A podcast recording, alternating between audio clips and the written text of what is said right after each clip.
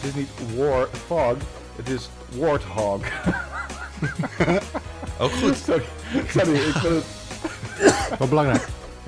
Zeker. Eh. Door, ik- eh, ik de- snap- mijn, mijn Warthog.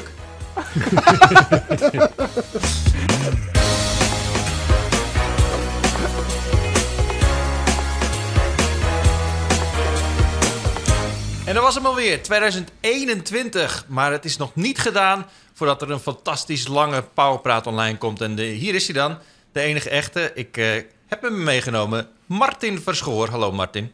Tada, daar ben ik. Nee, ik ben De niet host van overgelopen. de, de, host deze van gewoon in de tweeën. andere Powerpraat.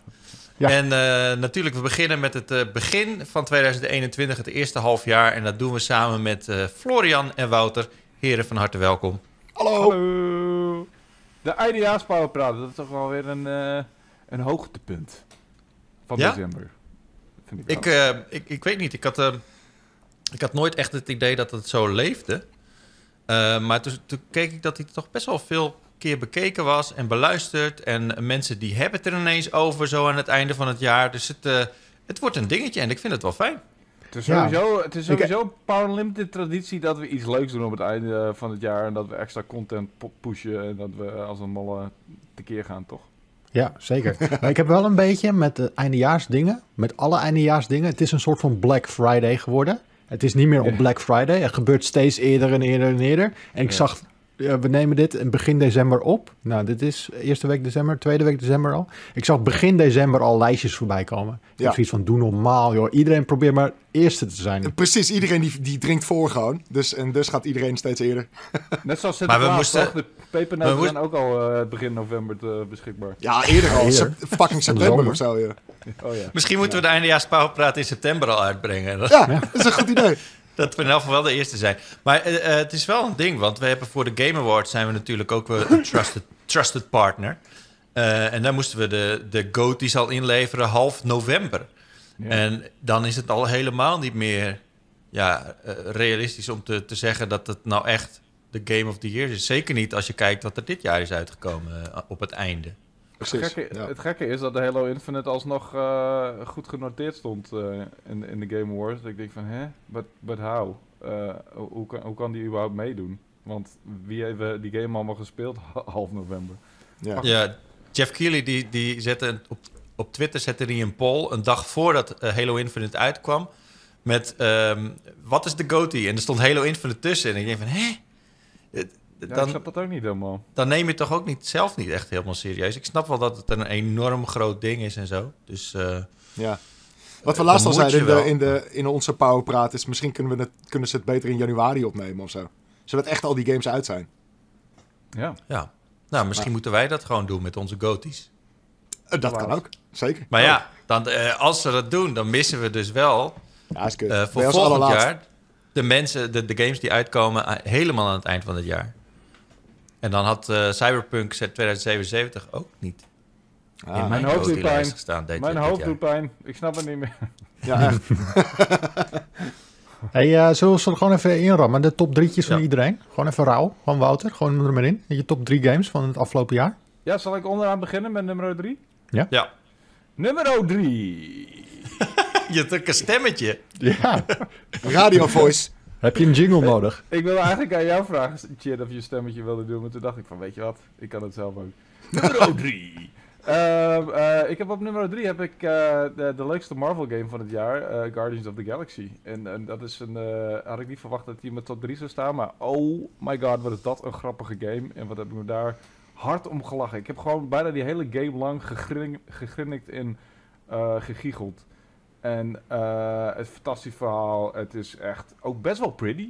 Echt zoveel kleuren in die game. Ik, heb, ik wist niet, sommige kleuren wist ik niet eens dat ze bestonden. Een soort van ergens tussen paars en roze in zit nog heel veel kleuren, eh, blijkbaar. Dat heeft eh, Guardians of the Galaxy me laten zien. En ja, echt, echt een leuke verrassing. Echt heel erg tof. Tof soundtrack, tof. Zoveel liefde zit er in die game. Dat merk je aan alles. En ik vond het erg leuk om die, om die uit te spelen.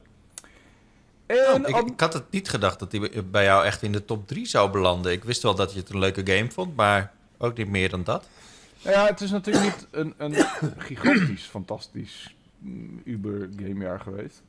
Ehm, Het is niet alsof de, de gamegoden stonden te sidderen van, van dit jaar. Maar ja, nee, dit, dit is echt wel...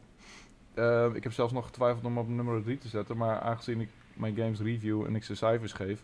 kom ik op sommige volgordes niet onderuit, weet je. Ben ik het ook meestal nog steeds wel e- mee eens. Behalve dan in het geval van nummer 2. Want die zou eigenlijk cijfertechnisch gezien zou die op nummer 1 moeten staan. Maar vind ik niet helemaal eerlijk, omdat het een, eh, een collectie is van remasters. Dat is natuurlijk Mass Effect Legendary Edition. Eh, die heb ik, ja, die heb ik een 9,5 gegeven. Gewoon omdat het zo'n classic ehm, eh, science fiction serie is. En ik moet zeggen, ehm, ik had dat cijfer misschien iets naar beneden, eh, naar beneden eh, aangepast. Als ik eh, wat langer Mass Effect 1 had gespeeld dan voor de review. Want daar zitten toch echt wel veel rare bugs in en dergelijke. En op een gegeven moment ben je wel een beetje klaar met die, met die combat. En nou, naar het einde toe. Als je echt alles uitspeelt zoals ik heb gedaan op stream. Ehm, maar voor de rest, Mass Effect 2 is fantastisch. Mass Effect 3 is, is, is een goed einde. Leuk einde. En die games zijn gewoon lekker opgekalefaterd. Eh, ze zijn best wel classics. Ik vind, ik vind 1... Ja, 2 is echt een classic. 1 is gewoon een, eh, ehm, een topper. En 3 is... is eh, ja, die breidt alles netjes aan elkaar. En, en samen is het gewoon... Er bestaan weinig games die ehm, zo, zo'n goed gevormde trilogie vormen, zeg maar. Die zo saam, samenkomen als trilogie. En weet je, qua keuzes, qua ehm, verhaallijnen, qua alles. Het is echt zo knap geschreven en zo knap gedaan. En zo vooruitdenkend zijn ze geweest met, met deze serie, dat ik dat echt... En, en het valt extra op in die Legendary Edition hoe goed ze erover na hebben gedacht. En hoe BioWare eigenlijk diep gezakt is in de afgelopen jaren is dan ook wel weer extra duidelijk. Maar een beetje, beetje pijnlijk, maar goed. Maar er was nog best wel wat, eh, toen Mass Effect 3 uitkwam, was er nog best wel wat gezeik over het einde, toch? Ja, zeker. Ja, Die hebben ze nog aangepast en daar hebben ze een director's cut van gemaakt. Klopt ja. Oh. Onder druk van de community hebben ze daar iets mee gedaan. Ja. Ja, En- dat was misschien wel het begin van, van, van, van de gesodemieter van communities dat die zoveel power kregen. Eh, want sindsdien eh, eh, ging ook bijvoorbeeld Star Wars steeds meer naar hun community luisteren, naar hun meest zure, ehm, zu- zure fan, fans en meest mondige fans. Wat niet necessarily de beste fans zijn. En het meest grote voorbeeld is natuurlijk eh, dat eh, op pu.nl mensen nu een edit-knop hebben. Ja, Hey, goed punt. ja. Scherp. precies, precies zo'n voorbeeld. Ehm, maar eh, ja, dit, ze hebben de, de director's cut hebben ze ervan gemaakt. En hebben ze het einde ja, marginaal beter van gemaakt. Eh, ze hebben gelukkig... uit het beste einde hebben ze in de vorm van een extra DLC hebben ze ge- gedaan. En daar hebben ze alle characters nog een soort van afsluitend iets gegeven. Zeg, want dat was wel... Vond ik het grootste probleem van Mass Effect 3. Dat ze... In Mass Effect 2 hebben ze al die characters helemaal opgebouwd. En het was het belangrijkste van, van die game. Weet je, die teams en, en eh, loyalty missions. En vrienden met ze worden. En allemaal, allemaal tof. En toen in 3 was het zo van... Oh ja, die gasten. Ah ja, die hebben we niet meer nodig. ja, eh, wat? But they are my friends. En dus hebben ze met een extra DLC... eh hoe heet die ook weer? Survivor of zo. Ik weet het niet meer. Maar hebben ze nog... ehm, dat, dat, die eindjes aan elkaar geknoopt. Ehm, dus dat op, op twee. En dan eh zal ik weer een stemmetje doen. Ja, ja. zeker, zeker. Nummer 1 is eh Halo Infinite. Ja. Verrassing. Holy Ja. shit. Surprising no one, I guess. Nou ja, mij wel, wel, want ik Halo 4 en 5... Nou ja, ik- hij, kreeg een 90 en je zei net dat, eh, dat Mass Effect van jou een 9,5 kreeg. Dus ja, ik vind het gewoon niet eerlijk om... Of ik vind het logischer om zeg maar een nieuwe eh, originele game... Of nou ja, origineel, het is natuurlijk een langlopende serie, maar... Om een nieuwe game op één te zetten in plaats van een re- remaster collectie. Eh, want het is meer in het verleden behaalde resultaten die, die Mass Effect Legendary Edition zo goed maken. En eigenlijk, nu ik erover nadenk, gaat dat ook wel een beetje voor Halo Infinite. Want die, die hebben natuurlijk gekeken naar wat Halo zo fucking goed maakte eh, de afgelopen, wat, 20 jaar. En hebben dat allemaal samengestopt in een nieuwe, gemoderniseerde game. En Halo is gewoon weer net zo fun als het was in deel 1 en in Reach. En in al die goede, goede Halo's, van, vooral van Bungie, sorry, 343. Ze hebben eigenlijk gewoon naar hun voorganger gekeken en ze- eh, gekeken van... Nou, wat, waarom hebben zij zo'n fucking goede serie gemaakt... en waarom hebben wij dat niet helemaal zo kunnen voortzetten? eh, heb ik het idee. En daar hebben ze ook zes jaar de tijd voor genomen om zo'n game te ontwikkelen. En mm, mm, mm. Jij hebt het ook gespeeld toch, Martin, inmiddels? Ja, maar ik, ik heb het nog niet uitgespeeld. Ik, eh, we nemen dit op eh, op de dag dat, dat eh, Halo Infinite is uitgekomen. Dus ik ben gisteravond begonnen. En het voelde voor mij een beetje als thuiskomen. Ik, ik, ik weet nog dat ik mijn eerste Xbox kocht.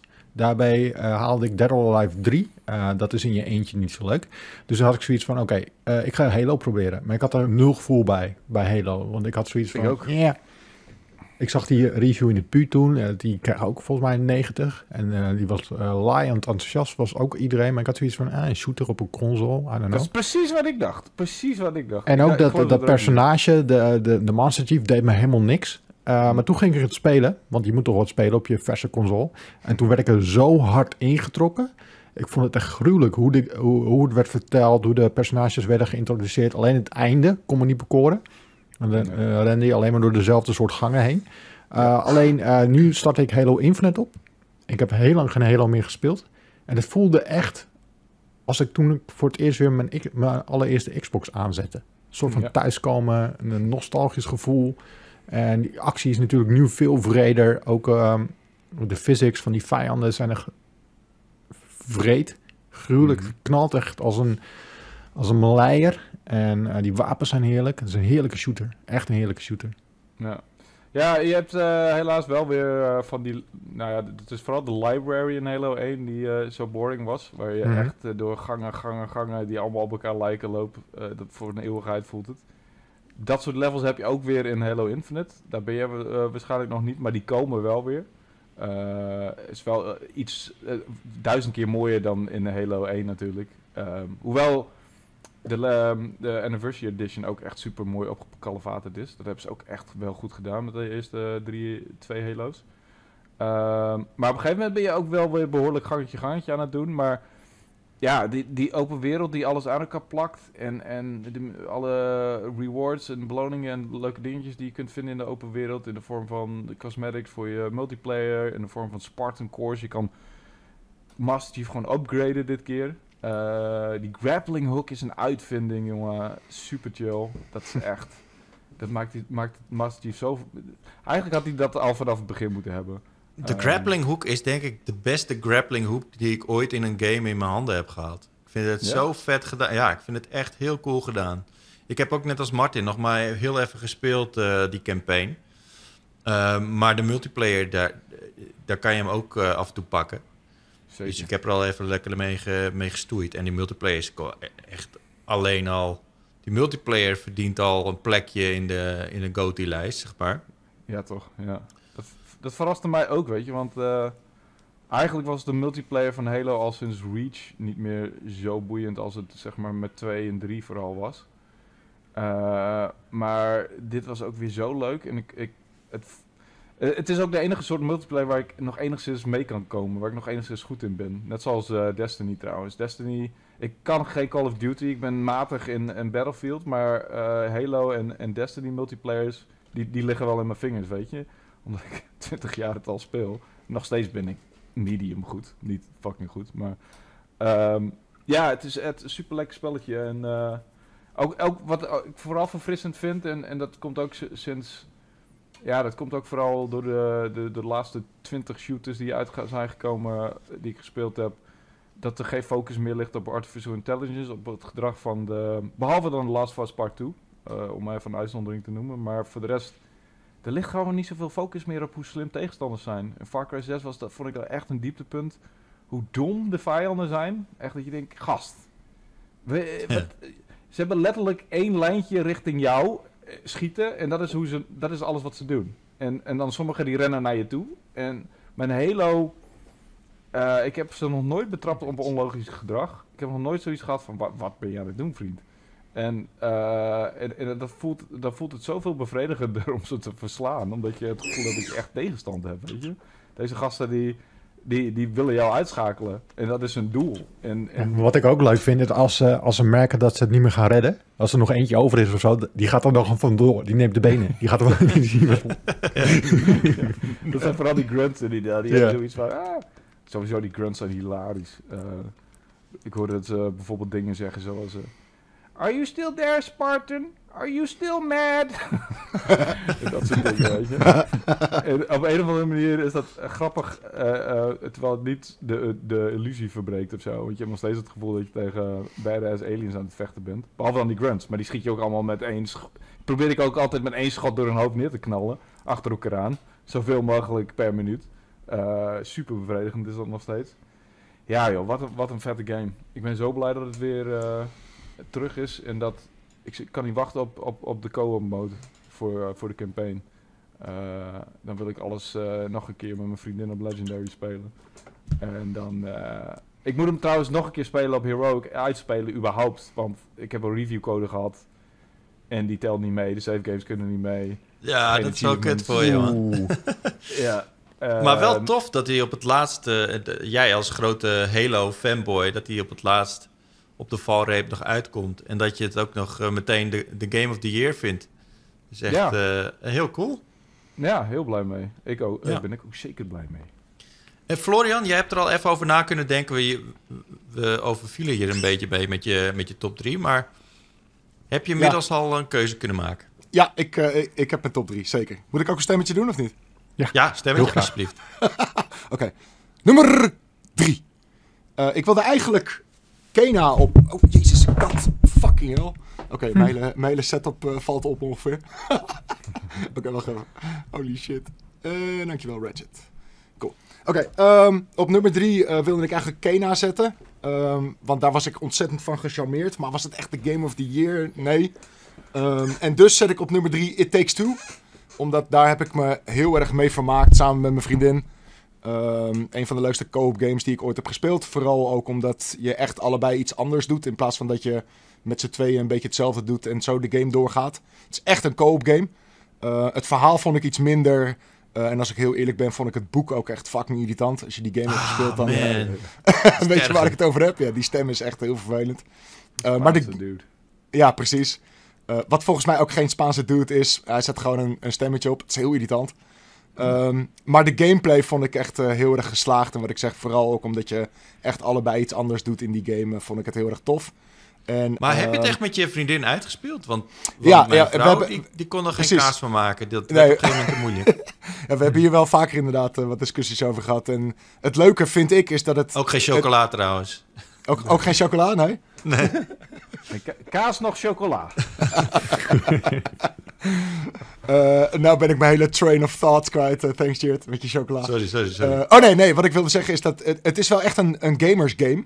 Eh, dus inderdaad, mijn vriendin die had wel af en toe op, op bepaalde punten het even moeilijk. Vooral als je en de camera en, en andere dingen moet, moet doen. Eh, maar we zijn er doorheen gekomen met z'n tweetjes en eh, dat was echt heel erg vermakelijk. Dus ja, It Takes Two op, op nummer drie. Op Ik heb nummer... hem trouwens ook niet. Wij, ik heb hem ook met mijn vriendin gespeeld, maar we hebben hem niet uitgespeeld. Op een gegeven moment hadden we zoiets van ja, I, I don't know. Het, het, het, het was niet heel, het voelde niet heel dringend meer om, om eh, Maar met- wil je niet dat het, dat het goed komt met het stelletje, met de, Eh, precies, de vader ja. en Ja, maar- moeder? maar gaan ze serieus dan hun eh, scheiding cancelen? Is dat Oh, wat het- gaat gebeuren? eh, Want eh, dat zou echt niet goed zijn. Het was zo zoetsappig, jongen. Echt, gadverdamme. Oh, oké. nou ja. Ik, ik- maar ik jongen, dat als, als de Book of Love zich ermee gaat bemoeien, dan ja, je oh wel. Ja, Ja, absoluut. maar ik had zoiets van, o- of ze gaan niet meer scheiden, en dat is, ah, ah, ik bedoel, de, het beste einde, maar zou super cliché en een beetje slecht zijn of zo. Een slecht, slecht signaal naar mensen, kinderen die ouders hebben die scheiden, want het, zo, zo zit de wereld niet in elkaar. Oké, gaan Ja, je, toch moet maar gewoon, niet scheiden. je moet samen gaan gamen, dan komt het goed. Precies. Ja, precies. Dat is de essentie, inderdaad. Of ze gaan wel scheiden en dan is het ook een kut einde. Dus ik had zoiets van, ja, eigenlijk, eigenlijk wil ik eigenlijk niet weten hoe het eindigt, weet je. Fuck dat. Nou ja, in, dat, in dat geval was het een kut einde. Oh, ja, en dan weet je nog niks. ik. Nee, precies. dat snap ik. Goed, op eh, nummer 2. Forza Horizon natuurlijk. Ja. Forza Horizon 5. eh Forza Horizon 4 vond ik echt al zo goed als perfect eigenlijk. En toen kwam Horizon 5 nog eens een keertje alles nog veel beter doen dan in deel 4. Mexico is echt veel vetter dan de UK. Eh, dus die omgevingen die zijn veel, eh, hebben veel meer variatie. Eh, die seizoenen die zijn natuurlijk weer terug. En, en, en het is nu een tijdje uit. En die ontwikkelaar Playground Games die is ook lekker bezig met content aan het pompen. Ehm, dus we krijgen elke maand krijgen we nieuwe auto's en nieuwe events. En Ik ben al lang klaar met die game, maar nog steeds start ik hem op om gewoon lekker een potje multiplayer te doen. Die Battle Royale mode is heel erg leuk in Forza Horizon. Of ik, ik ben gewoon races opnieuw aan het doen, puur omdat... En dat vind ik zo knap aan Forza Horizon. Ja, het is een racegame, uh, maar je bent vooral bezig met gewoon lol trappen of zo in die wereld. En gekke schansen aan het doen en, en van die borden proberen te pakken op onmogelijke manieren. Uh, en, en het is allemaal online en het werkt allemaal als een, als een, als een gek. En het, het draait super lekker op die Series X. Um, ja, Forza Horizon 5 is uh, pretty much de beste game van het jaar. Waar hij het is niet, Hij is, niet, hij is niet echt perfect, vind ik hoor. Ik, uh, tenminste, ik, hij staat ook in mijn top 3, maar uh, Forza Horizon 5, hij, um, het laatst had we weer een update. Mm -hmm. En toen hadden ze hem meer kapot gemaakt dan ze hadden gefixt. dat klopt, ja. Die, die laatste update was niet helemaal lekker, nee. nee, dus uh, op een gegeven moment uh, wilde ik een, een, auto kopen. Ik, ik, wilde een Warthog kopen. Ja. En, en dan kan je direct kiezen wat voor verflaag je eroverheen wilt hebben. Want dan heb je... dat sure, is wel ja. echt supergoed gedaan. Dat de community maakt dan iets en die kan je dan kiezen. En dan... Uh, dan heb je een Warthog gekocht en je kan meteen heb je, kan je hem aanpassen, zeg maar. Wacht, wacht, wacht, maar... wacht, wacht, wacht, wacht, wacht, even, wacht even. Ik, sorry, ik moet echt even de, de grammar-natie uithangen. Het is niet Warthog, het is Warthog. Ook goed. sorry, sorry, ik vind het... Wat belangrijk. Zeker, uh. Door, uh, mijn, mijn Warthog... dus ik had hem gekocht en die, die, wart, die Warthog... Ja. Die, uh, die krijg je, dus, dan, dan, gaan ze, dan gaan ze voor je klaarmaken. En vervolgens kom ik in een, een soort van eeuwige save loop terecht. Oh, uh, dat is echt super irritant. En ik, kreeg, ik, ik heb echt meerdere keren gewoon een eeuwige save loop gehad. Oh. Dat ik echt gewoon die hele game af moet sluiten. Gewoon hard uh, quit en dan opnieuw. Um, dat soort dingen. Ja, echt een beetje vervelend. Okay. Maar uh, ja, goed, gaan we verder. Je nummer 1, uh, Floor? Ja, mijn nummer 1 is, hoe kan het ook anders, Ratchet Clank Rift Apart. En ik weet dat Wouter en Cheert het daar zeker niet mee eens zijn, maar ik des te meer. die game die... Allicht, ja. die game die heeft mijn hart gestolen. Ik ben al sinds ik me kan herinneren ben ik fan van Ratchet Clank. mijn kat die heet potverdorie Ratchet. Dat is echt een toeval hoor. Dat vind dat ik echt toevallig. Dat is heel toevallig, ja, zeker. Um, maar ja, nee, die, die laatste game, die, uh, pff, het was magisch voor mij. Het verhaal vond ik heel erg leuk. De characters zijn fantastisch. Rivet vond ik heel erg leuk. Um, en, en ook gewoon de gameplay, weet je, die, dat, dat platform slash shooter. Uh, ik, ik weet niet, alles, alles in die game vinkt het voor mij af. Um, en het was niet echt lang genoeg, als ik heel eerlijk ben. Uh, maar eigenlijk is dat alleen maar een soort van goed teken. Ik wilde echt niet dat die game stopte. Ik vond de gameplay heerlijk. Grafisch was het echt een van de mooiste games die ik ooit had gezien. Het hele gebeuren met die, met die laadtijden natuurlijk, met die SSD. Het was echt next gen voor de PlayStation 5. Ik heb daar echt van genoten, van begin tot eind. En ja, zeker mijn Game of the Year. Het is ook de enige next gen game eigenlijk. Van ja, hè? ja, die echt zo'n next gen ja. feature had. Ja, inderdaad. Eigenlijk wel, ja. En nou ja, Returnal ook, maar... De... Ja, die heeft niet echt een, ja. een, een, ding waardoor het next gen maakt of zo. Die hadden, Precies, weet je, heel veel, heel veel games die hebben natuurlijk oh, ja. hele korte laadtijden nu. Wat, wat fantastisch is. Uh, ja. Maar Ratchet Clank die heeft het echt een beetje in de gameplay gestopt of zo. En dat ja, het is heel knap, heel vet. Loved it, echt, loved it. Hoewel ik laatst nog een of andere technisch artikel zag langskomen waarin stond van... Ja, er was waarom... een of andere idioot die zei dat het ook op de PlayStation 3 kon. Nou, echt. Ja, wa wa waarom, waarom zeg maar dat hele switchen tussen werelden eigenlijk helemaal niet zo technisch impressive is als het ja. Want dat was eigenlijk alleen maar een, een, een laagje verdis dat verwisselde. Maar heb je, ook, heb, heb je ook die reactie gezien van Insomniac? Oh, nee, nee, nee. Oh, oh dat, was heel, nee. dat was heel tof. Die, die bleven heel cool en die brandden hem echt af gewoon van... Oké, okay, dat kan echt niet, pik. Je bent echt uit je, uit je nek aan het spatten. ja, precies. Ja. Oh, nice. Ja, dat, ik, ik, ik, had, ik zag die kop langskomen en ik las de intro. Ik dacht van, nou, ik heb geen zin in dit, deze zure onzin. precies. Ja, was ook een beetje onzin. Maar goed, ja, dus okay. dat, is mijn, uh, dat is mijn top 3 voor het jaar. Wel bizar ja. dat jullie top 3's gewoon geen enkele game in ja. de overeenkomst hebben. Precies, dat bedacht ik me net ook inderdaad. Ja, ja, ja het is ook niet alsof Florian en ik dezelfde games smaak hebben of zo. Nee, niet echt. Ja, sommige dingen wel, maar... Ja, inderdaad. Wij hebben allebei genoten van Jurassic World, World Evolution dit jaar. Zeker, ja. Ja, dat heb ik geweten, ja. vier afleveringen Ja. lang. Daar zit Cheert al, eh, al maanden Ja? tussenin, inderdaad. Het is een leuke game, man. Ja, het is echt, het is echt. Speel je het ook, eh, Martin? Nee, Ja, man. alsjeblieft. Oh shit, laten we ik het heb even zo'n over hele grote raptor hebben. cage. En dan vind ik het leuk om al die rangers erop af te sturen in een jeepjes. En trekken die raptors, die trekken dan die hele jeep uit elkaar. Je speelt het een beetje als, als mensen die de Sims speelden en dan, de, eh, dan een trappetje Precies, uit het ja, zwembad klopt. halen, zeg maar. Klopt. Ja, ik had dat ook op stream. Er zei iemand van, ja, gooi eens even eh, wat dino's bij elkaar. Ik zei, nee, nee, nee, nee, nee, nee, nee. ze, Zeker. kunnen, ja, ze kunnen elkaar opeten. Ik zei, ja, nou en? Wat is dit nou? Weet je hoe duur die dino's zijn? Ja, die game is leuk, man. Het is echt heel leuk. Ja, ja, maar zeker. dit is ook iets voor jou, Chip. Maar jij hebt gewoon... Eigenlijk is het toevallig dat jij hem niet gespeeld hebt of zo. Ik bedoel... Ik kon gewoon Ja, ja, ja. Disaster. Ik ga dit sowieso niet op de console spelen, maar jullie spelen het op een of andere manier toch beide op console. Ik- vind het echt zo geen console Het game. stuurt zo goed op console. Ja, het speelt wel echt heel goed hoor. Speelt echt perfect. Ja, ik snap wat je Ja. zegt, maar... eh, Maar met, met, met muis is wel, is wel makkelijker. Nou, ik weet niet, man. Die controle met deze game werkt echt top. Ja, zeker. Het, werkt, Het is wel goed. zo dat zij, zij hebben dat, eh, die, die makers, eh, Frontier is het toch? Ja. Eh, Mhm. Die hebben dat wel echt eh, geperfectioneerd. Hè? Met Planet Coaster hebben ze ook een console eh, versie uitgebracht. En dat, dat Precies. hebben ze eigenlijk steeds beter weten te perfectioneren. En tot ja, hieruit komt dat mensen gewoon moedwillig op console zo'n game gaan spelen. dat is, echt wel echt genoeg. Ja, zij kunnen dat wel. En er gewoon vervolgens drie weken lang niet over stil kunnen zijn. Oh man, Nou ja, dat is hij, is toch net ja. niet mijn top 5. Want we hebben natuurlijk een top 5 gemaakt voor, eh, voor de eindejaarslijsten. En hij heeft nog net niet mijn top 5 gehaald. Want ik heb... eh, Mm. op 4 heb ik Returnal en op 5 heb ik... eh, Oké, nu ben ik het weer even kwijt dat ik op 5 had. Ja, het is wel Oh, lastig. Forza Horizon 5. Forza Horizon 5 heb ik op 5. Dus, Oh, ja.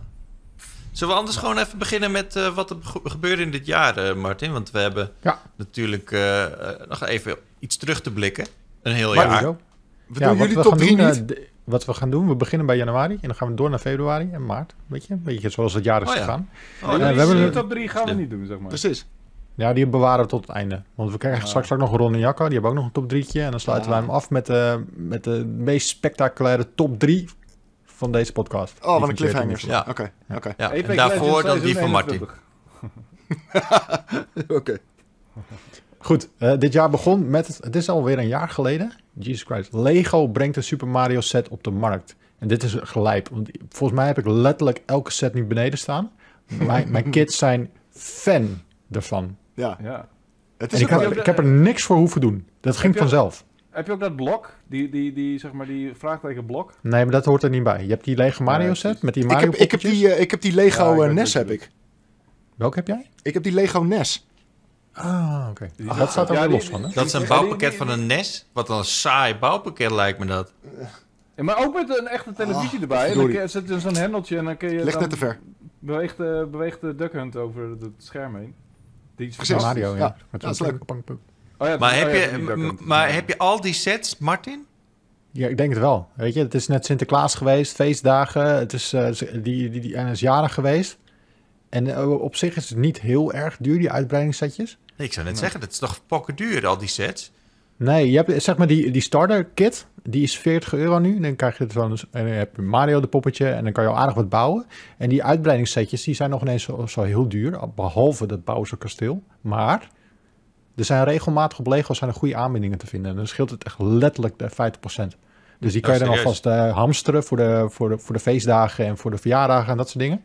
Maar eh, ze spelen er elke dag mee. Ik, ik had zoiets van, oké, ik, ik wil je best wat geven, maar volgens mij speel je er één keer mee en dan is het klaar. Maar elke dag, gewoon, ze zijn hun eigen levels aan het maken. Ze spelen gewoon letterlijk Mario na. Oh, wat? Ja, heb, ook, cool, heb je ook al die pakjes? Heb je ook gewoon eh, de, de v- Schiet Mario en, en eh, Kanuki Ja. Mario, Ja. hoe heet die? Ja. Raccoon Mario. Ja. Oké, cool. En dan krijgt hij toch andere powers of zo? En dan kan Ja, hij- dan heeft hij andere powers, maakt hij andere geluidjes. En, ze, Ja. ja. Ik vond het, eh, ja, ik heb er zo'n artikel vet. over geschreven. Ik vond het echt wel eh, heel cool. En eh, dit is echt wel een goed idee om dit... eh, Ja, Nee, voor mij voelde het heel erg gimmicky aan. Ik zag, ik zag dat, dus, dat ze dat aankondigden. En ik, ik deed daar eigenlijk niks mee. We hadden een keer zo'n testsetje hier binnengekregen. Ik had ernaar gekeken. Ik had, ik had het gebouwd. Ik had het expres niet aan mijn kids laten zien. Dan had ik zoiets van, oké, dan willen ze het hebben. mm. Maar ze hadden één keer een reclame gezien op tv. En toen had hij zoiets, oké, ik moet het hebben. Dus ik, toen kon, ontkwam ik er niet meer aan. En toen had ik die basisset voor, voor de oudste gekocht. Maar juist de jongste, die speel, speelt er het meeste mee. En, maar ze blijven ermee spelen, dus eh, dat heeft Lego weer heel erg goed gedaan. Ja, Ze hebben die- toch ook die, die augmented reality eh kart. Eh, ja, maar de- volgens mij is dat, eh, was dat een soort van natte scheet. Die was ook wel oh, heel daar spelen duur. zij ook niet meer mee? Nee, die heb ik, eh, die heb ik hier ook niet. Eh, Ah, die is uiteindelijk bij Jurjen beland, volgens mij. Hmm. Eh, die eh, behandelde hem voor de pu. Ehm, Maar dat... Ik hoorde echt letterlijk niemand meer over. Af en toe zie je Nee, nog een precies. video voorbij Maar komen dat op- zag er wel heel internet. cool uit. Ja, het, het werkt ook goed, maar het is wel... Als je daarmee wil spelen, eh, je moet het echt gaan bouwen. Je moet alle stoelen en tafels aan de kant doen. Je moet die poortjes gaan neerzetten. Dan moet je een baan gaan tekenen. Je bent echt wel even bezig voordat je los kan gaan. En als je dan eindelijk los kan gaan, dan is je autootje weer heel snel leeg. En dan moet je weer gaan opladen en dan kan je alles weer gaan afbreken. Ah, ja, ja, ja. Het leek een beter idee dan, dat, eh, eh, dan die Mario Bouw level set, maar dat is dus, blijkt dus andersom te zijn. Ik vind Ja, wel en grappig, het is ook die duur, hè? En die, ehm, die, die vraagtekenblok, dat zijn echt van die, van die, die, het zijn echt van die volwassenen sets, zeg maar. En dan heb je gewoon, dit is gewoon voor de kinderen en dat Ja. is eigenlijk wat, toch stiekem waar Lego voor bedoeld is. Nou ja, als je... Ik zag laatst ook weer, eh, om, tijdens Black Friday had je al die eh, ook Lego aanbiedingen. En dan zie je ook wel die grotere sets voorbij komen. En je ziet dan toch wel eh, trots volwassen mannen de sets delen die ze hebben gekocht. dan. Ja hoor, Tuurlijk. Tuurlijk. zeker. Dus, ik heb eh, ook nog zat Lego hoor. Ik heb, Volwassen eh, kinderen vinden de Lego ook zeker leuk. Ja joh, Ja. hartstikke leuk. Zeker. Mooi spul. Mooi Ik spul. zou het toch wel graag een keer weer zo'n set willen kopen, maar aan de Ja, andere is echt kant. leuk. Ik heb houden je niet oh, tegen?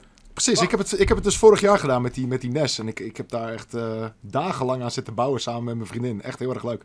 Ja, ze werkt een soort van eh, therapeutisch. Ja, relaxed. bijna wel, ja. Ja, di- dit soort dingen bedoel ik, ja. Oh, hij heeft die Thanos. ehm, voor de mensen die niet kunnen kijken, maar Wouter heeft die Thanos eh, handschoen. De Infinity Gauntlet is dit, ja. En eh, ja, die heb ik gekregen op mijn verjaardag. Ja, van, de eh, handschoen klinkt iets minder episch inderdaad. Ja. De- Deze heb ik onder andere van eh, eh, ex-video eh stagiair ehm, Jurjen Bakker en eh, onze schrijver Peter Koelewijn gekregen. Wat vet. Cool. En de- die, die kan ook echt, dit, ze hebben hem zo gemaakt dat je gewoon die, zeg maar, de Infinity Stones als laatste erin moet drukken zo. En eh, ja, de vingers kunnen bewegen. Ik bedoel, dit is ook gewoon grown-up fucking Lego. Ik bedoel, laten we wel weten. Ja. De middelvinger eens omhoog. Zo. Oh ja, natuurlijk. Kan, kan gewoon shit, als jij dat wil. Uiteraard. Verbaast me dat het niet zijn standaard pose is. Oké, leuk. Ehm, de helft van het universum.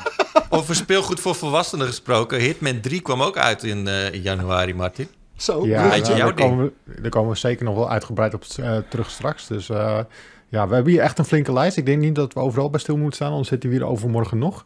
Maar laten we even de, de, de pareltjes eruit pikken. En, maar Hitman 3 komt zeker weten voorbij. Zeker ja, maak je geen zorgen. Dat is, al, het is ja, begin van dit jaar. En wat er ook uitkwam in het begin van het jaar, op 28 januari, The Medium. Oh, ja, en die heb ik ik had, eh, voor mijn gevoel is dat, eh, was dat echt vorig jaar ergens, maar dat is, eh, Ja. was dit Ja. jaar gewoon. bijna. Dat is ook heb- een beetje uitgegaan met een, eh, met een sisser, hè, die, die game. Ja. Het was ook niet een hele bijzondere game. Het had een heel tof sfeertje en het, eh, het, het was niet super eng ook. Het was... eh, het had een enigszins leuk concept van dat je in verschillende soort van dimensies eh, kon vertoeven. En dat je, de- daar hadden ze een aantal puzzels mee verzonnen. Maar ik, ik dacht echt dat die game erop zou hangen. Maar op een gegeven moment waren ze dat ook een beetje vergeten of zo. ik dacht van oké, de hele gimmick van die game is eh, op, een- op een gegeven moment niet meer de gimmick van de game. Dus ik, het was een, een grappige, een grappige game. Het was oké. maar het was niet de system seller voor de Xbox. Daar moesten we nog even elf maanden op wachten, zeg maar. ja, Nee, precies. Ja. En voor de rest, eh, ja, eh, wat, wat is er nog meer aangekondigd toen? Of, de, of, of, of uitgekomen? Yakuza Remastered Collection. Ehm, kwam ook nog in januari uit. Ja. Ja, als ik, als ik een, een, een, een 100 uur extra in de week had, dan had ik die waarschijnlijk wel gespeeld. ja denk ik wel. Zeker. Maar ja, voor, voor de rest is januari altijd wel een beetje een rustig jaar. Dat zal in 2022 ook zijn. In februari gaat het vaak weer los. Maar het was natuurlijk ook... We zaten toen nog in het eh glazer van Cyberpunk.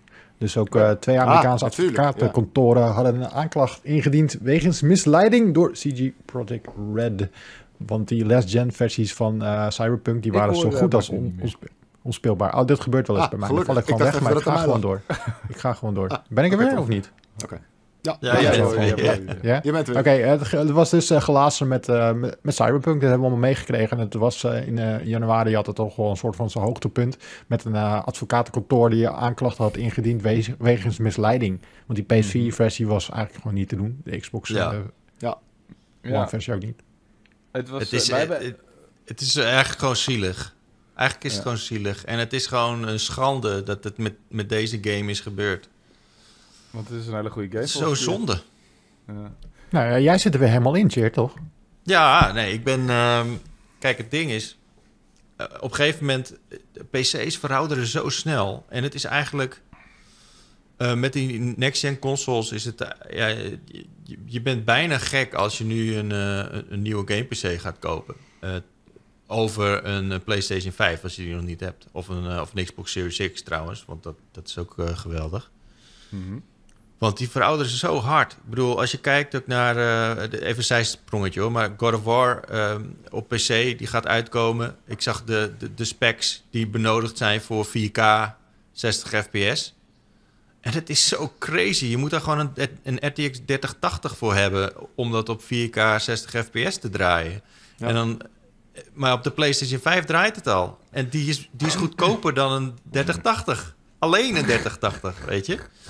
Dus eh, dat even terzijde. Maar ik heb dus wel eh, gelukkig wat, eh, wat lijntjes bij, bij bepartner, bevriende partners van hardwarepartijen. En zo heb ik gedurende het jaar wat, wat gaming laptops weten te testen. En ehm, daarom ben ik ook begonnen op Twitch met een, met een Cyberpunk-serie. En ik ben zo verliefd op die game geworden. Het is echt ongelooflijk, zo fantastisch. Eh, we komen daar straks wel even op terug. Maar het is zo doodzonde dat er zo'n grote smet op die game zit... vanwege die belabberde eh, eh, old-gen console release. Ja. Het is, niemand met zijn juiste verstand zou dit uitbrengen op die consoles. Maar toch hebben ze het gedaan vanwege druk of wat dan ook. Maar het is, het is zo zonde. Het is, die, die, Weet je wat het gekke is? Het is namelijk niet vanwege aandeelhouders. Want volgens mij is CD Projekt Red een niet een beursgenoteerde... eh, het, is, het is eigenlijk een soort van indie nog steeds. Het is niet eh, afhankelijk van, van aandeelhouders wat dat betreft. Dus het is niet de druk van aandeelhouders geweest... die verwachten bepaalde weet je, ehm, winst te maken. Dus dat vind ik het gekke eraan. Ja, maar indirect misschien wel, weet je. Ik bedoel, als je geld op is, dan is je geld op. Of je nou indie bent of niet. Ja, Weet je, en, en, en de investeerders die gaan op een gegeven moment gewoon zeggen van... eh what the fuck? Maar Dus- dat is het, weet je. je. Je hebt misschien niet officiële aandeelhouders... maar er zijn wel investeerders. Ja, Eh, zeker. en, en daar heb je afspraken mee gemaakt. En Precies. ehm, eh, ja, ik denk dat zij gewoon, ondanks dat zij best wel groot, grote meneren zijn. eh, als je kijkt naar de release van The Witcher 3, wat echt fantastisch is gegaan. En eh, ze, ze hebben niet de kracht gehad om de rug te rechten en Het te zeggen van ging ook jongens. niet helemaal lekker, toch, met de Witcher? nee, Nee, nee, de- The Witcher 3 was precies. ook... eh, Was ook drama, hoor, op het release, begin. hoor. Ja. Dat is de Oh, reden zo, oh ik ja, het nee, maar ik 88 bedoel dat die game, eh, ik bedoelde meer dat die game gewoon ontzettend goed was. En dat dat Oh, zeker. ja. Eh, dat iedereen eigenlijk wel lyrisch over die game is, eh, is geweest. Maar die hebben gewoon niet de, de, ja, de moed gehad om te zeggen van jongens, dit kunnen we niet uitbrengen, we gaan het gewoon niet doen. ja. Nee. Op de, op de PlayStation 4 en Xbox One. En, en het is wel gebeurd en het is, ja, ik denk dat ze een jaar na dato kunnen ze hier nog steeds hun zelf extreem voor de kop slaan. Want het is gewoon eh, een, een enorme smet geweest. Zeker. Het is, eh, Cyberpunk is denk ik de meest besproken game geweest in ons, eh, onze side of de Powerpraat. want we hebben het Ja. zo vaak langsgekomen. E- Eerst aan het begin door al, al die keren dat het in het nieuws kwam. En toen nog een keer later omdat Cheert hem opnieuw aan het spelen was. En ik heb hem ook nog een tijdje gespeeld. En uiteindelijk brandt die game wel een beetje. Ik heb hem nog steeds op mijn Series X staan. Zo van, ik wil hem nog een keer verder spelen. als ik op magische... Als ik, als ik zo'n eh tijd ehm, eh, machine heb als eh, Go- Goku heeft in Dragon Ball Z. Vet. Ehm, eh, Of professor Barabbas in Suske en Wiske. maar- nee, nee, nee, hij- Goku heeft zijn apparaat en ik ben even de naam kwijt. Met die- De Hyperbolic Time Time Chamber. Chamber, ja baby. En daar staat de tijd echt stil. Dus Ja. dan kun je trainen als een mal en dan, en dan ben je binnen een seconde kom je eruit en dan heb je fysiek. En dan kan je ook met games doen, lijkt mij. Yep. Wat, die wil ik ook. Ja, die wil ik ook zeker. Echt de shit. Dan, dan zou ik hem zeker verder spelen, want ik ben nog steeds wel nieuwsgierig. En op het moment... Die game wordt ook gewoon vet gemaakt door de aanwezigheid van Keanu Reeves. Gewoon het feit dat je... Jij vindt hem een lul, hij is een lul. Maar hij is wel een soort van... eh, hij is echt, echt een, een, een, ehm, eh, een interessant onderdeel ervan. En, en ik vond de hele tijd... Zat ik weer te wachten tot hij weer langskwam. Met dat, hij, dat je met hem kon hangen of zo, weet je. Het voelt een beetje alsof je privé onder ons je zet met een met Hij is een echt een enorme lul. De vorige keer dat we het over hem hadden, dat, dat, dat het echt een enorme lul is. Hij is nu echt nog in de kwadraat gestegen in lulheid, zeg maar. Ongelooflijk. Kan ik me ergeren aan die guy. Dat is toch cool? Ik vind dat heel tof. Ik vind Wat heeft ook- Keanu Reeves jou het aangedaan dan? Ja, ja. Nee, eh, het is mij niks aangedaan. Ik vind hem gewoon een ontzettende eh, koekenbakker. Een waailap. Een, eh ik veel. De cha- character in de game, hè? Niet de Ja. acteur. Hoe heet hij ook alweer? Ah. Eh, Johnny... Johnny... Johnny? Silverhand. Mm. Silverhand, oh ja, oké. Maar Maar goed, we komen hier zeker nog wel even op terug op, eh, op Cyberpunk. Ja. Want hij staat in mijn top 3. Oh, echt waar? Spoilers. We stampen door naar februari en toen kwamen er weer, weer wat games uit, zoals Destruction All Stars.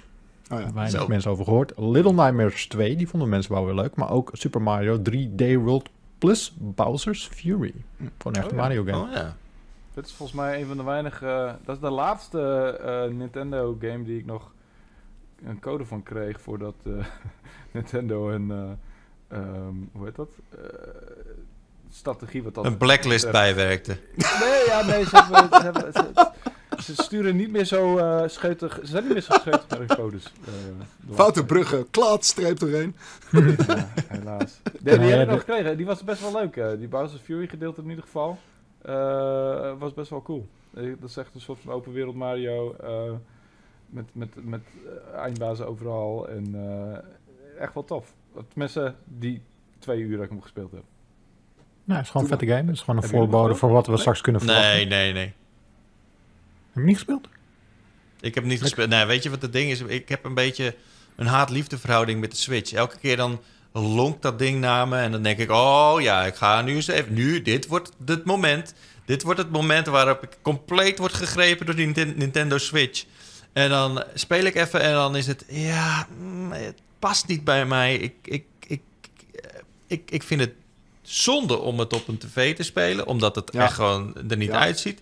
Eens. En, eh, en ik vind het gewoon niet lekker vasthouden als ik hem, als ik hem, eh, als ik hem vasthoud in de trein of in de. Ik, zit sowieso nooit in de trein, maar het, hij past gewoon niet lekker in mijn hand. Het, het zit niet lekker. Ik, ik, heb het, eh, ik heb het echt geprobeerd ook weer dit jaar met Metroid Dread. En het is echt een leuke game. Alleen, ja, gewoon de, de switchheid of it all. Ik heb precies hetzelfde. Nintendo maakt echt fantastische games, maar hou op met hardware maken echt. Ja, dat heeft, Ik denk eh, niet dat, ja, dat ze dat gaan doen. dat, dat is inderdaad de unpopular opinion van Florian. inderdaad. Yes? Ja. Maar hey, eh, de Swoled is wel vet. Dat is een mooi schermpje. Sure. Mooi. Ja, maar het is zo priegelig. Het is, het is niet gemaakt voor mijn handen. En, het, eh, eh, en ik, ik ben echt iemand, ik moet, eh, ik moet een groot scherm hebben of ik moet er echt super dicht op zitten. Maar Zodat als je je er een kleedje overheen kan hangen. Ja, nou, als ik, als ik eh, mijn, mijn vrouw Lekker, ergens heen moet brengen en ik moet wachten in de auto... en je ziet, je ziet mij in de auto zitten met zo'n scherm echt zo vol voor mijn gezicht... en mijn vingers helemaal verkrampt. Ah, jongens, daar word je toch niet gelukkig van. Ergonomisch, eh, klinkt ergonomisch niet helemaal oké, nee. Chits Nee. fan. Maar, eh, Nee, maar, nee, maar ik heb dus deze ook niet gespeeld. Maar ik, ik gun het iedereen van harte. En ik snap echt zeker wel dat, dat, eh, dat de Switch voor heel veel mensen een uitkomst is. Zeker voor mensen met kinderen. Ehm, maar voor mij... eh, En ik vond Metroid Dread staat ergens in mijn top 10 sowieso. Ik vond het een eh, goede game. Ehm, Top 10 maar, dit ja. jaar is niet enorm veel credit, to be honest. nou, hij, hij staat ergens... Ik, ja, ik, ik ben een beetje aan het schuiven, maar... Hij staat bij mij ergens eh, rond eh, plek 6 of zo. Ik ben nog wel benieuwd naar de Metroid Dread, maar nog nooit eh, tot de aanschaf overgegaan. Het is niet alsof ik Ja. een groot Metroidvania-fan ben of zo, of dat ik daar een, een historie mee heb. Maar Ik dus Ik wel. Ik vind het wel echt. Ik vind het echt wel heel cool. Maar Metroid Dread is dat ook zeker. Is ook zeker heel cool. Ehm, maar hij heeft voor mij niet het, de, het element waardoor ik steeds terugkom. kom. En dat heeft misschien wel een beetje te maken met het eh, hele Switch gebeuren. Maar dat- Maar jullie komen vast nog terug op Metroid Dread, aangezien die pas in oktober uitkwam. En eh Ja, wedden dat, eh, dat een Ron of zo, of misschien wel een Jacco, die wel... Ja, allebei. Die vinden dat fantastisch. Ja. Maar Ja. eh, weet je, zij zullen ook wel niet ophouden over Halo Infinite. Vooral Ron niet. Dus eh, die, komen, die, die komen straks zeker nog wel een keer voorbij. Ehm, Daarnaast kwam in eh, februari, februari ook het nieuws eh, voorbij... dat Gina Carano van de Mandalorian is ontslagen... na een social media post. Er Ja. waren wat geruchten, weer geruchten over Silent Hill. Dat- Die zijn al het hele jaar door. En eh, die begonnen alweer een beetje in februari. Ja. Mensen waren boos over microtransacties in Assassin's Creed Valhalla. Wanneer zijn mensen niet boos op Ubisoft? Precies. Ja, Huh? precies. En op microtransacties. Maar wel- Ja. 26 miljoen 401.000 en 443 mensen tegelijkertijd op Steam. Ja. Dat is echt crazy, toch? Valhalla. Nee, Nee, gewoon in totaal. Gewoon. Oh, 26 zeggen, miljoen mensen. 26,5 miljoen tegelijkertijd. En dat, een dat, re- dat record dat was in, in februari. Dat is inmiddels wel weer aangescherpt. Maar holy shit, man. Dat is Ja. echt eh, veel. Ja. Zodra het eh, over 1 miljoen heen gaat, dan eh, sch- sch- schakelt mijn eh, ik snap niets mode in. Oké, maar misschien weet je nog wel voor hoeveel eh, geld eh EA Codemasters heeft verkocht. Maarten. ja, nu weet ik het toevallig wel, ja. 2,1 miljoen. Nee, andersom 1,2 was het. Ik krijg gewoon het antwoord ingefluisterd. Wat is het, een half uur geleden? En vervolgens verneekt hij het nog steeds. ik, ben zo slecht in getallen, dat is echt niet normaal. Holy Ik zou, shit. ik zou verkeerd kunnen zeggen tegen mensen wat ik verdien, gewoon letterlijk. Nee, maar Opla- eh, heeft van de natuurlijk Codemasters weer verkocht. Dus komen die ook met de eerste race games. Dus eh, daarvan Ja. is eh, Formule 1. Die, ehm, die game eh, beviel goed. Mensen zijn er, eh, vinden dat leuk. Ehm, Ze maken ook Dus dat- dirt. En, maar 2K wilde die, die Codemasters toch kopen? ja, dat hadden ze ook al een beetje. Er was al een bericht naar buiten gestuurd, volgens mij, dat ze daarmee Ja. bezig waren. En ze waren ook. eh, ik, eh, wij, wij kennen mensen. eh, die waren ook al mensen aan het aannemen. omdat Codemasters eh, eh, bij de club zou komen. En toen Ja. ineens kwam jij om de, om de, Ja. om de hoek zeilen. Ja. nou ja, die vonden 2000 toch iets te weinig. Dus eh ze gingen toch voor het bod van 1,2 miljard. Ja, Eh, wat nog meer gebeurde in februari is... ehm, eh, Ubisoft bleek aan een nieuwe Star Wars game te werken. Oh ja. En, eh, en dan was dat niet tegelijkertijd aangekondigd met het feit dat... Of was dat vorig jaar alweer, die Indiana Jones game? eh, Nee, dat was al een tijdje geleden, ja. Ja. Dat is vorig jaar, ja. Ja, precies. Oké, ja, ja. Nee, ja, dit wordt een, eh, door de makers van de Division, als ik me niet vergis. Eh en ja, Jar is nog niet helemaal bekend, dacht ik. Maar of was het nou die open wereld Star Wars game? Nou, hoe dan ook, het is van de makers van de Division, dus het zou ook zomaar een MMO-achtige constructie kunnen worden. Dus Moet je in een toren eh, klimmen. uit- ja, ik ben benieuwd wat voor toren ze verzinnen voor, eh, voor Star Wars. Eh, Maar dat is al lang niet meer zo natuurlijk, hè. Met die, Nee. met die open wereld Ubisoft games. En Zelfs Loki, niet. Loki is eh de Division echt best wel een sterke gamereeks. Er zit echt een ontzettend loyale spelersbase zit erachter. Eh en die eh, wordt best wel goed bediend ook met, met nieuwe updates en zo. Dus dat is, dat is zeker niet een te onderschatten studio hoor. Nee. En Nee, zij doen zeker niet. world build, eh, worldbuilding doen zij echt super goed. Ik bedoel, eh, New York en later ook Washington in de Division 2 ziet er gewoon echt fantastisch uit. Ehm, En dat is echt heel cool gedaan. Ik vind, ik vind het staaltje van Division gewoon, het is, wat, wat het in feite is, is New York ehm, eh, tien jaar na corona of zo. En eh, het, het voelt voor mij net niet sci-fi genoeg. Maar het is inderdaad, eh, ja, een goede MMO toch? Ik bedoel, we hebben het ook nog wel, Division 1 hebben wij ook nog wel een tijdje gespeeld. Heb ik dat nou met jou gespeeld, Cheert, of niet? Ja, ja, ja. Het, Ja. het jammere van, van die game was die bullet sponges eindbazen, maar voor de rest, ja, het, het, het zat qua, opbouw van, van, en levelen en wapens en dergelijke en, en en dat soort dingen zat het echt goed in elkaar. Division 2 nooit aangeraakt, Zeker. maar goed. ja. Ik ben benieuwd wat ze gaan maken van Star Wars. Sowieso ehm, eh, is Disney, ja, het is niet Disney die zeg maar alle beslissingen maakt over hun properties. Eh, er is een aparte divisie van Marvel, Marvel Games, zeg maar, die besluit wat voor Marvel games er komen. En Ehm, de, de Star Wars games worden weer door een andere divisie Ja. LucasArts. Ja, Hm. ja LucasArts natuurlijk, ja. Ehm, maar over het algemeen zijn ze bij Disney... Er is vast iemand boven beide studio's of beide eh, de- departementen die zoiets heeft gezegd van... Weet je wat? Al die mobile games, daar eh, hebben we nu al geprobeerd. Laten we nu even gewoon weer AAA-games laten maken. En laten we gewoon goede studio's optrommelen om met onze franchises toffe shit te doen. Is toch echt echt- een hele goede strategie, toch? Ik bedoel, ik word Ja. er wel blij van.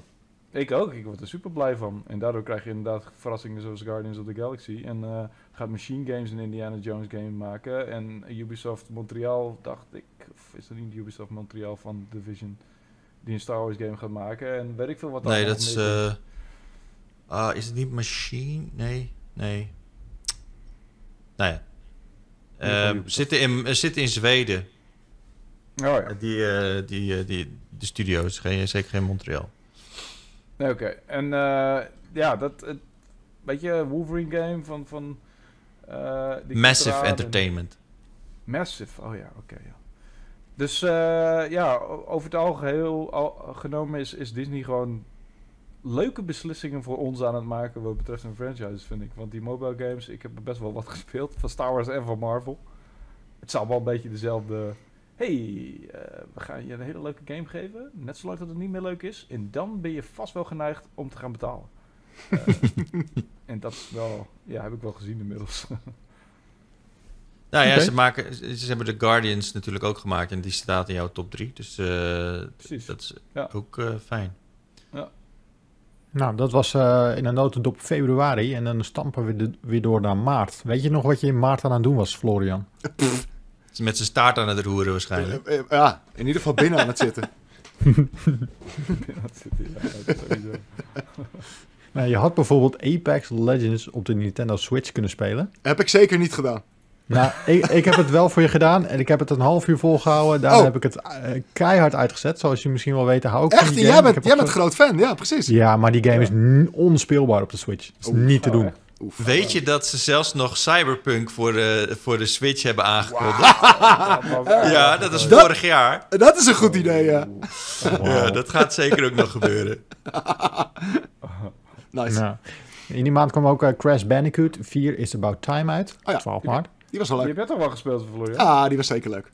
Moeilijk Ja, ook. leuk. Poh. Ja, Leuk, heel, heel leuk, pittig. leuk spelletje. Ja. Eh, ook kwam er uit Monster Hunter Rise. Nou ja. Nou, dat, eh, dat, Niet zo heel die veel gespeeld. Altijd, we moeten altijd, die, dat is echt een franchise waar, eigenlijk, waar ik voor de pu eigenlijk geen echte fanboy van heb. Dus die wordt echt Hm. naar de een naar de andere geschoven. Eh, ik heb een keer een deel gedaan. Marvin doet hem wel eens. Jurjen doet hem wel eens. Volgens mij heeft Sam ook wel eens eentje gedaan. Het is echt zo van, oké, ehm, wie gaat dit keer? En dus hebben we ook Monster Hunter Stories. Terwijl die juist wel heel erg leuk eh, is. Hebben we die überhaupt wel gereviewd voor pu? Want die is er ook volgens mij tussen een maas van net gevallen door, om die Mhm. reden. Terwijl dat Ja. juist wel echt een hele toffe game schijnt te zijn. En heel iets anders dan Monster Hunter. Maar goed, dat is een andere game. Die dingen gebeuren. Eh, It Takes Two, 26 maart. Nou ja, die, eh, die werd net al genoemd natuurlijk. En eh, wat hebben we nog meer gehad? Overcooked, All You Can Eat. Oh ja. Maar- Ja, is wel Ja. leuk in co-op ook. Of in Ja, Wat, multiplayer. hè? Overcooked 2? Was toen pas uitgekomen? Nee, Overcooked All You Can Eat is zeg maar Precies. een soort van eh, bundel van alles wat Ja. er is uitgekomen voor Ja. Overcooked. Deel 1 en 2. Overcooked. Ja. Ja. Love Overcooked. Ja. Ik, eh, is wel een van mijn meest gespeelde co-op games eh, Ja. thuis. Zeker. Ja. Ja, lekker- dat blijft lekker leuk. stressen. En ook op, op de, de Sinterklaas streams trouwens een welkome gast. Oh, Sowieso. sowieso. Ja. Sowieso. Maar ik denk het grootste nieuws van de afgelopen maart was toch wel dat de Xbox eh, de aankoop van Bethesda eh, heeft gedaan. Ah, juist. Right. Hoeveel, weet je nog voor, hoeveel ze daarvoor hebben betaald, eh, Wouter? man. 5 miljard! Jezus, 5 miljard. Dat is wel een hoop geld. Nee. Ik vind het een hoop geld, maar ik, ik weet het ook niet. Ik dacht misschien weet jij het niet. Maar eh, Oh, serieus? Oh, ik ben nu, nu ben ik benieuwd. Je kan het Precies, niet ja. beloven en dan niet, niet dan. leveren, Martin. 5 miljard is best wel veel. Maar als Codemasters al 1,2 is, dan is 5 miljard toch niet... 2,5. ik, ik gok 8. Wow. 7,5 miljard. Holy fuck. Oeh, als je naar boven afrondt, vind ik goed. Jeetje. Ja, je hebt, je hebt gewonnen inderdaad. Oh man, doe mij er eens eentje. Holy shit. Ja, het is wel echt... eh, ja, doe mij eens 1 miljard. om, te, om te beginnen, hè. Precies, ja. Ja. Maar goed, Wel grappig dat Bethesda de eerste game die ze daarna uitbrachten was Deadloop. Exclusief voor de PlayStation. ja, dat is een mooie actie inderdaad. ja. Inderdaad, ja. Die trouwens wel heel erg cool eh, schijnt te zijn, maar... ehm, Ja, is niet helemaal waar natuurlijk. Ze- eh, De Game Pass is helemaal volgestampt met, eh, met toffe Bethesda games. Eh, dus zeker. dat is wel echt heel fijn. Maar ja, het is wel Deathloop. Het is een fijne game. Het is echt, eh, echt een goede game. Ik heb hem op PC gespeeld. Ehm, Ja. maar ja, het is, ik heb hem niet op de PlayStation 5 gespeeld. Ik ben wel heel benieuwd hoe die daarop speelt. Want het is best wel een zware game natuurlijk voor PC. Dus ik heb hem niet in, met alle toeters en bellen aan kunnen Oh, spelen. Nee, het is best wel... Misschien heeft hij inmiddels wat, eh, wat eh, updates gehad... zodat hij wat beter is geoptimaliseerd. Maar, ehm, maar vooral het verhaal was heel erg indrukwekkend. Hoe dat is eh, verteld. Ik weet niet wie van jullie hem heeft gespeeld. Ik heb dus net echt een, eh, een code aangevraagd omdat ik die nog mee wilde nemen met de eindejaarsdingen, maar was, eh dus Te laat. nog wel spelen. ja, vette game hoor. Heel goed. En aan het einde vond ik hem wel een beetje... eh, had ik het wel gezien, maar... Vond het wel heel vreed. Knalt lekker. Ziet er Ja. fantastisch uit. Hij staat, eh, hij staat bij mij op eh, nummer... Zeg ik nog niet. Komt zo. Oeh, spoiler. Oh, staat er in je top 3? Ja. Oké, Ja, nice. Ja, Ja, hele toffe Ik zal zo uitleggen waarom. Goed, we, we gaan door naar april. En in april kwam Outriders uit. En die, Ja. eh, die zag ik ook. We hebben natuurlijk die lijst ook ingeleverd voor de Game Awards. Aangezien we jury zijn. En ehm, ik zag ook een aantal mensen die die game in hun eh, top 5 Oh, ja. hadden staan. Dan heb, je Wat? echt twee, dan heb je echt twee games gespeeld. eh nou ja, goed. Dan heb je vijf games gespeeld. Ja, nee, ja, ik bedoel, het is helemaal geen slechte game hoor. Ik, vond hem, ik heb hem gereviewd. eh, het is echt wel, eh, echt, wel- echt wel leuk. Eh, best wel oké. We hebben ook samen nog gespeeld hier trouwens. Ja, ja, zeker, zeker. Qua co-op is hij ook echt wel tof. Ehm, er zitten wat leuke powers en classes in. Maar uiteindelijk was het wel een soort van mm, Gears of net niet, zeg maar. Gears, Eh, Gears of War, maar dan inderdaad met, eh, met, met extra powers erbij. Ja. Het Hm. voelde alsof het een Gears of War Destiny moest zijn, maar dat was er niet, want het MMO-gedeelte wa- was, eh, nou niet non-existent, maar wa- het was niet echt een, een, een service as a game, zeg maar. En zo voelt hij wel een beetje. Het voelt een beetje eh, alsof, alsof dat, dat de bedoeling was, maar eh, dat ze dat idee hebben laten varen, eh, I guess. Dat had ik ook trouwens met Borderlands aan het begin. Dat voelde ook als een MMO, maar dat was het niet. Ehm, maar ja, de actie is, is best wel cool. Maar ik snap ja, ik zou dat. Ja, die heeft niet eens. misschien nog niet eens mijn top 10 gehad van, de, van Hm. dit jaar, denk ik. Hij het kwam was wel op wel dag een beetje- 1 naar eh, Game Pass, toch? Die game. Ja, zeker, Ja, zeker. Je wel, kon hem ja. vanaf het begin gewoon op Game Pass spelen. Weet je, het ding met, met Outriders is dat hij gewoon verrassend goed is. Maar je, dat komt omdat het eigenlijk redelijk middle of the road allemaal uitziet. Ehm, Ja. Maar het is niet iets wat- ja, nee, je- het, het verraste mij wel hoe, hoe, hoe, eh, lekker het speelde. Terwijl ik dat helemaal niet had verwacht. Nou ja, als je Ehm, kijkt naar de ontwikkelaar, eh, die gewoon Gears of War ook heeft gemaakt. En die heeft, ehm, hoe heet die, eh, die game ook weer, je combo's in moet maken. eh, met kills. I don't know. Maar in ieder geval, die hebben ervaring met third-person cover-based shooters. En Bulletstorm? Bulletstorm inderdaad, ja. Die is dan weer niet third-person, die is dan weer niet cover-based volgens mij. Nee. Maar hoe dan ook, die hebben echt ervaring daarmee. En ze hebben gewoon hun... Die, die gameplay die zij al eerder in games hebben gestopt... hebben ze gewoon één op één bijna overgenomen met wat powers erbij. Dus ik, eh, ik, ik, ik vond het niet verrassend dat die game zo lekker speelde. Aangezien ja, ik eerdere games van hen had gespeeld. En ehm, ja, wat, wat dat betreft... Ik vond, het, ik vond het vooral verrassend hoe uitgebreid het verhaal aan het begin was. Ja. Eh, super veel cutscenes en dit en dat en al. En wow, en toen een tijdsprong en wow, wat gebeurt er allemaal? En nou, uiteindelijk kwam er af en toe nog een cutscenetje, maar was het, was het niet zo heel belangrijk meer.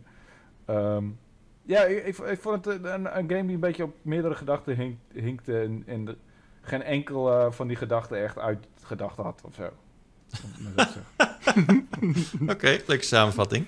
Eh, het kwam er nog meer uit in april. Eh, nieuw Pokémon Snack. Snap? Snack? Snack. Dat hebben we alle vier niet gespeeld, denk ik. Nee. Nee, nee, nee. Nee. Eh, eh, en Returnal Ja, Ja. op 30 april. Ja. Daar zat ik op te wachten. Dat, Ja? eh, ja, die heeft, die heeft mijn top 5 wel gehaald, zeg maar. Die vond ik echt wel vet. Eh, moeilijk, ongenadig moeilijk. Ik heb echt, eh, dit was mijn lastigste review van het jaar, sowieso.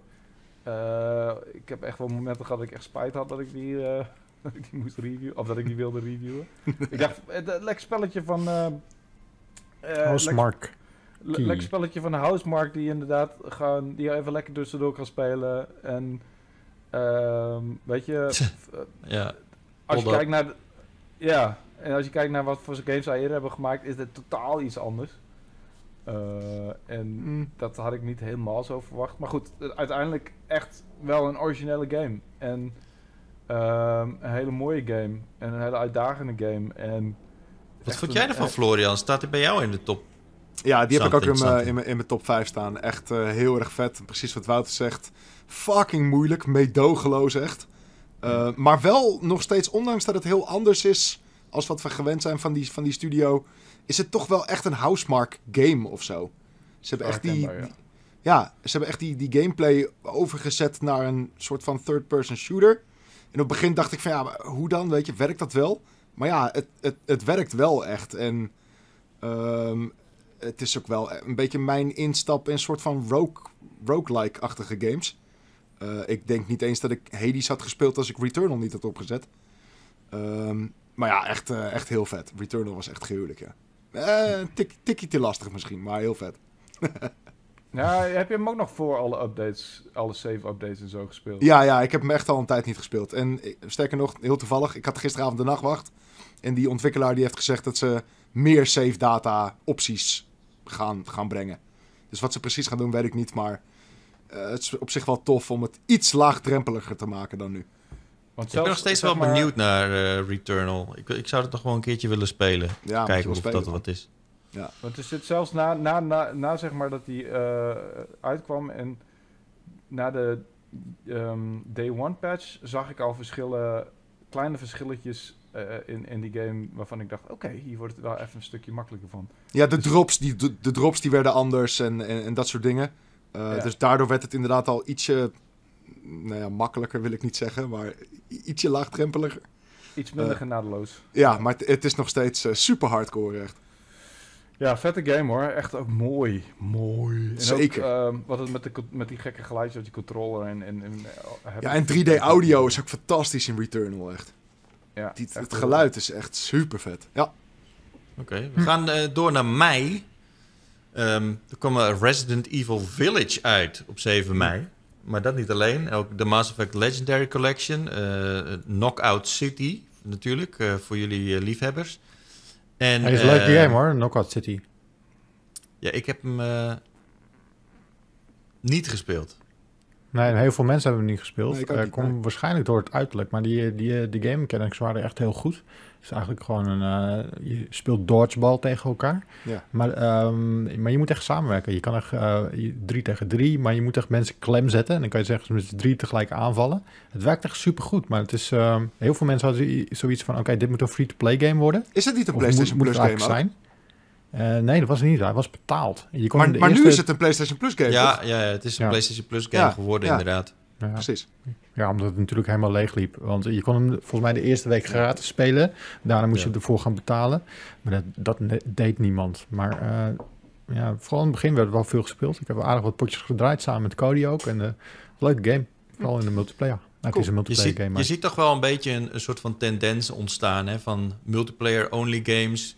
Mensen die verwachten bijna dat het een free-to-play game is. En als je er echt voor moet betalen, dan is het al heel snel toedeledoki. En Ja, dan is je de, hebt ook gewoon wel- de playerbase niet goed genoeg. En ja, maar je hebt ook genoeg. uh, super goede free-to-play alternatieven. Dus ja, waarom zou je nee, dat doen? precies. Ja. Dat is, dat is nu eigenlijk ook een beetje gaande met, eh, met Battlefield bijvoorbeeld.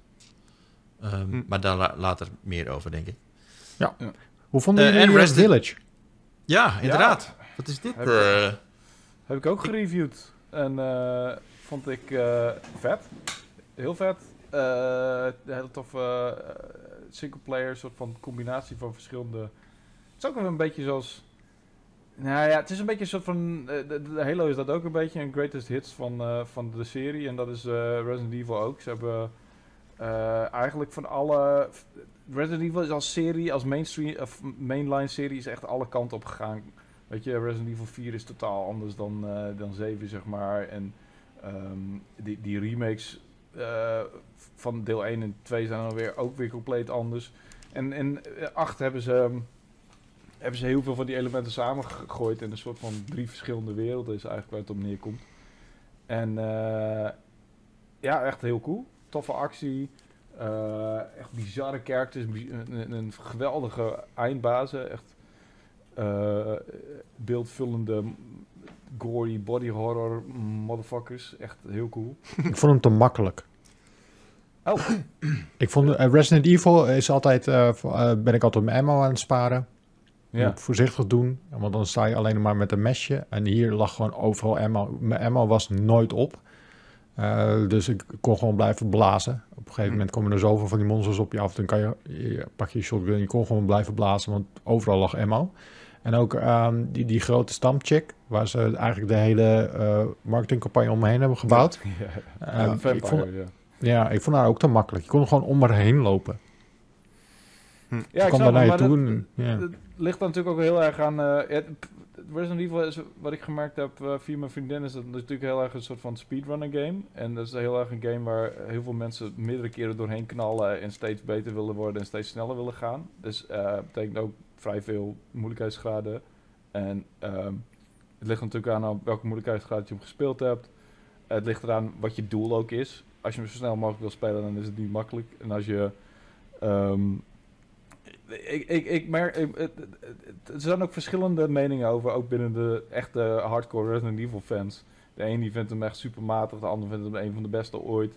Het is, eh, en dat komt vooral omdat hij zoveel dingen heeft geprobeerd ook, weet je. Het, ze hebben echt, ehm, eh, ze hebben alles wat, wat Resident Evil tof maakt erin gestopt. En dat betekent dat er wel, weet je, gedeeltes voor sommige mensen zijn eh, die niet zo boeiend zijn voor sommige mensen. En andere gedeeltes die wel heel erg boeiend zijn. Want het begin is heel erg actiegericht. En het hele gedeelte met eh, de Vampire Lady, hoe heet ze ook weer? Lady Demet Dimitrescu. Dimitrescu. Ja. Eh, is, is best wel actieachtig. En, en het laatste gedeelte ook. Maar er zit tussenin zit een soort van, nou ja, eigenlijk een, een, eh, een horror house gedeelte. Wat, wat dan weer een hele andere toon aanslaat. Ehm, en ik vond het allemaal wel cool. En ik vond dat het wel goed samenkwam. En het is ook lichtelijk open wereld weer. En je hebt eh, de villages, zeg maar, de hubwereld. En ik, ik vond dat er heel veel toffe keuzes in zaten. Maar het is, wat mij betreft, zeker niet de, de beste Resident Evil ooit. Eh, maar goed, eh, wat dat betreft heb ik ook een hele afwijkende mening. Want dat is deel. nou ja, ik, de meeste tijd heb ik gestapt in Resident Evil 5. En de meeste mensen vinden dat echt de kutste. Ja. Eh, Ja. maar ik, ik vind die qua ehm, Mercenaries mode en qua co-op en vind ik die heel tof. Eh, dus ja, ik, ik kan moeilijk zeggen van ik Resident Evil 4 het beste. Terwijl ik, daar, terwijl ik die één keer gespeeld heb en, en Resident Evil 5 echt kapot gespeeld heb. Dus ehm, ja. Het is in ieder geval niet Resident Evil 6, dat weet ik wel zeker. er zijn ook weer andere meningen over. Dus en, en dat is grappig van Resident Evil als serie. Er zijn zoveel verschillende meningen over. Er zijn zoveel verschillende manieren van spelen. En eh, het, het is echt een, eh, het is echt een, een, een- fanbase op zich. En, eh, en daar ben ik dit jaar wel best wel een beetje ingedoken. Samen met mijn vriendinnen. Dat was best wel tof. En daarom heeft de Resident Evil Village ook best wel een warm plekje in mijn hart dit jaar. Maar hij heeft niet mijn eh, top 5 gehaald. Oké, oké. Maar die Nou, voor voor mij de rest niet. was het eh, vrij rustig in de maand mei. Er was eh, er wel de rechtszaak, rechtszaak natuurlijk van eh, Apple versus eh, Ja. Epic Games. Dat is nog steeds gaande. Fortnite. Ja. En Dat, eh, ja, die is nu klaar, maar volgens mij eh, komt eh, Fortnite pas over vijf jaar terug op iOS-platformen. Oh ja. Oh, serieus? Ja. Ja, want dan is echt alles pas afgerond. Het duurt echt zo pokkenlang. Bizar, ja. Wauw. Oké. Ja. Nou ja, ik denk eh, dat is wel jammer voor Epic, want niemand speelt Fortnite meer. Dit was ook wel... Dit was ook wel echt een partijtje eh, kinderachtige bullshit zeg, van Epic Games, vond ik. Maar goed, ik, de, de manier waarop ze hun, hun, hun fanbase achter zich aantrokken en, en weet je, dat al die, die jongetjes, weet ik veel, al die kindertjes stemmen op iets waar ze echt geen flauw idee van hebben, waar ze nou eigenlijk, eh, waar het nou eigenlijk over gaat. Ik weet niet, ik vond het echt een beetje eh, stijlloos modder smijten dit. En Ja. waar, ging het, waar ging het nou eigenlijk om? Om, om nog een extra fucking Om miljard geld. op die miljarden die ze al verdienen? It's all about the money. Natuurlijk, ik snap het. het is, eh, dat is waar het hele industrieleven om gaat. Maar ik denk dat Epic Games weinig te klagen heeft wat dat betreft. Ehm, ze voelde zich een hele rebel tegen Apple, heb ik het idee. Ja. Ja. Dit is zeg maar twee grote zakken geld die, die tegen elkaar aanbonken en eh, beide Ja, geld verloren. En eh, niemand die maakt er wat uit, want ze, ze hebben nog steeds knetterveel geld. ja. Zoet. Ehm, juni van dit jaar is Oh. zoals altijd weer de E3-maand. En Ja, ehm, dit, dit was mijn lievelingsmaand van het afgelopen jaar. Oh, echt? Ja, Door de E3? ja. Ik vond het zo gruwelijk. Ja. Niet normaal. Ik denk een van de leukste E3's die we hebben gedaan. En we waren nog ineens in LA. We zaten in Leiden of all places. Ja, Fantastisch. LA ook. L, L, Ja, het, is, eh, ja, eh, het, was, het was een bijzondere E3. Ja, vorig jaar hebben we helemaal overgeslagen. Dit jaar dus niet eh, vanwege onze compound in Leiden. En het was eigenlijk nog steeds eh, wat corona wat de klok sloeg. Ja.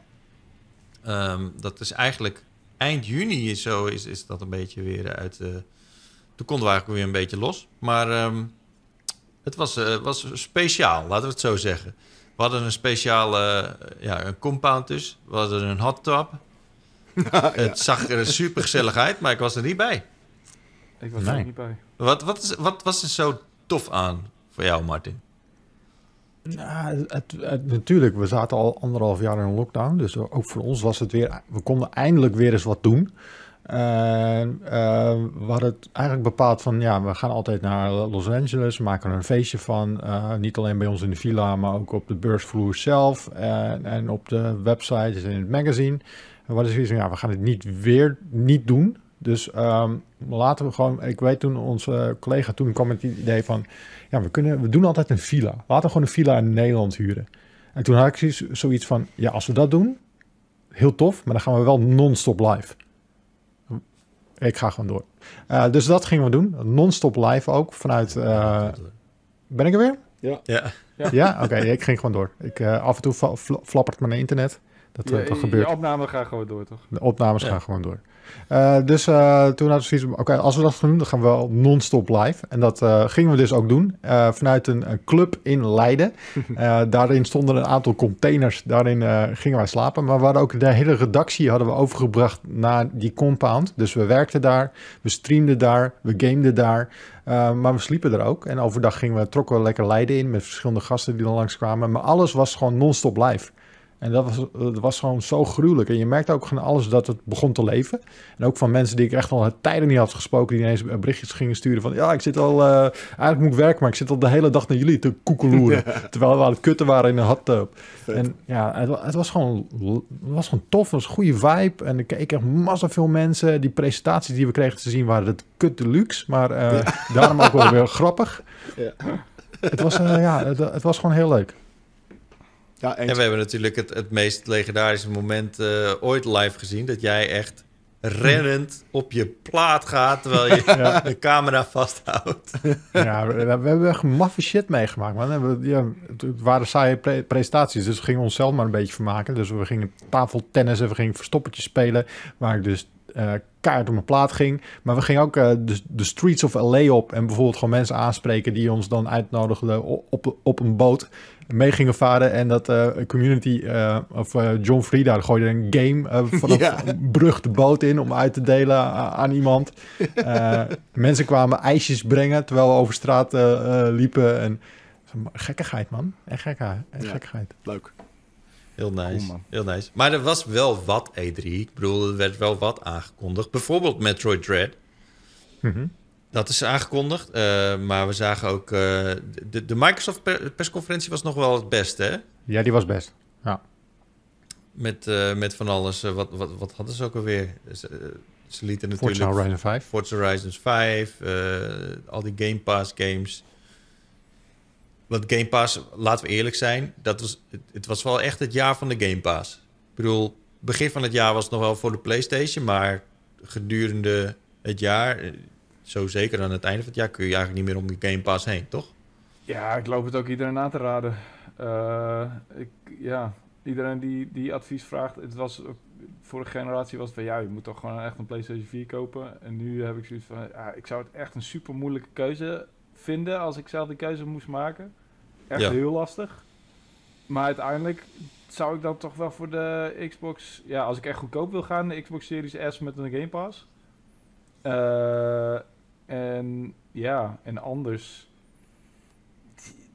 Ja, kun je echt met, met, zeg maar, als iemand een keuze moet maken, kun je hem echt de PlayStation 5 aanraden, op, met goed geweten? I don't know. Het, het ligt eraan of je God of War wil spelen, Spider-Man, al die games. Zo niet. En je wil gewoon echt zoveel mogelijk games spelen en je wil ja, veel keuze hebben, dan, ja, dan kom je toch vrij snel de Game Pass uit, lijkt me. Ja. Dus ja. En helemaal eh, dit jaar. Ben ik zeker wel met je eens. En aan de andere kant is het ook zo, en dat vergeten we soms wel eens een beetje. Als jij PlayStation Plus abonnement hebt en je koopt de PlayStation 5, krijg je wel echt mega veel vette games erbij. Eh, en dan heb ik het over eh, games die voor de PlayStation 5 ook eh, mooi zijn gemaakt. Ja. The Last of Us, God of War. gewoon games die, waar je eigenlijk niet omheen kan. Nee, dat is het. Dat is, dat, daarom is die keuze ook zo moeilijk. Ja, maar dat, zijn- dat, wordt, dat wordt wel af en toe... Dat wordt eigenlijk altijd wel een beetje vergeten. Eh, op het moment dat je voor de PlayStation 5 kiest... Je, je neemt er sowieso al een PlayStation Plus bij. Dus als je dan dat doet, dan krijg je wel echt hele vette games bij. Ja. Maar ja, eh, je kan er natuurlijk zeker niet heen om het feit dat de Game Pass gewoon wel eh, verre... bij far gewoon superieur is qua aanbod en qua fun die je eruit kunt halen. eh, Ja. en, het, en dat wordt alleen maar meer. Ik heb ook gewoon, we hebben natuurlijk elke maand ook gespeeld, de rubriek. Ehm, ik moest, eh, tot voor kort moest ik nog heel veel kleine PR-bureautjes en, en mensen aanspreken om te zorgen dat die rubriek gevuld kon worden. nu is het bijna een kwestie van, nou, even kijken op Game Pass en dan, dan vul ik daar gewoon soms wel drie, vier games eh, van de ook gespeeld, vul ik gewoon met wat er qua aanbod op de Game Pass staat. Want dat zijn ook gewoon vaak best wel interessante games, weet je. En ook echt weirde dingen. En sommige eh, kleine, grote titels. Ehm, het, het is convenient, het is verrassend, het is... eh, eh, ja, het, het is het dichtstbijzijnde wat, ba- voor, bij Netflix voor games wat, er- wat er is op dit moment. Zeker. Het Zeker. heeft zelfs mijn hele, hele, hele manier waarop ik game ook gewoon veranderd, weet je. Ik speel bijna geen games meer uit. Eh, wat, op een, eh, nou ja, wel als ik ze moet reviewen, maar anders. Ja, dan probeer ik gewoon dingen. En, en, en, en ik drop games ook makkelijker. Ehm, volgens mij is Florian het hier niet mee eens, want die wil alles nog platinum. Maar Dat is sowieso is- lastig op de Xbox natuurlijk. Ja, maar je kunt wel duizend games score halen. Maar het, Maar het, dat het, is- het klopt wel. Ja. Ik speel gewoon meer verschillende soorten games door Game Pass. Games die ik normaal gesproken nooit zou aanklikken of kopen of, of fixen of whatever. eh, klik ik nu wel aan gewoon omdat het zo makkelijk is. En omdat je dan gewoon een beetje benieuwd bent of op een avondje zoiets hebt van... eh, ik weet niet zo goed wat ik moet spelen. Daar is het echt fantastisch voor. Dus Mm, eh, ja, Game Pass is, is awesome. En natuurlijk backwards compatibility, wat ook bekend is geraakt hè, voor, voor, voor de Xbox. Dat is echt een grote, een grote reden ook voor mensen. En het Ja. is ook echt de reden waarop ik ineens dacht van... Fuck, ik heb al mijn Xbox 360 games weggegeven.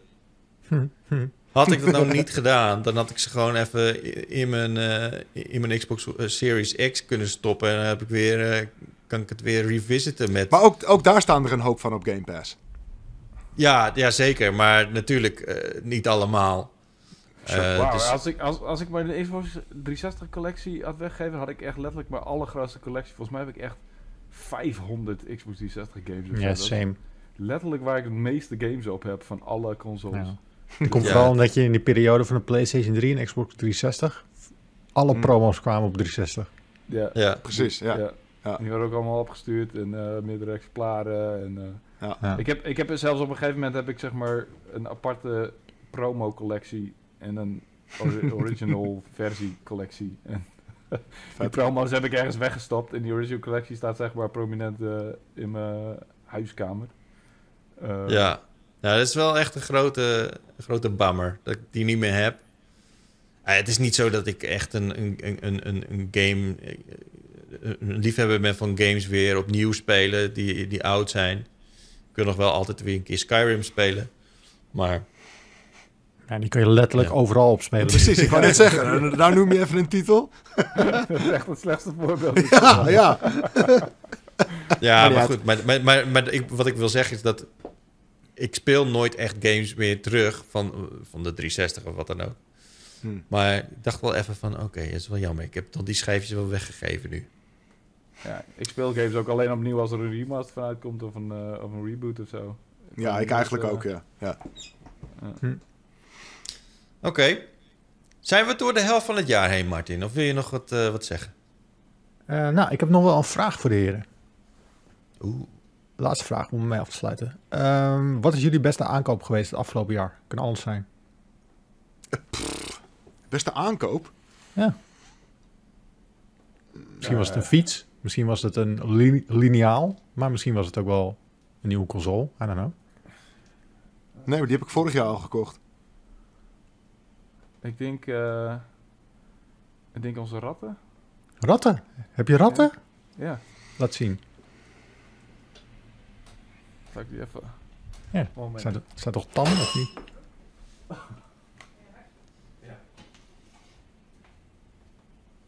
Spannend. die op zijn sokjes, hoor. Ja.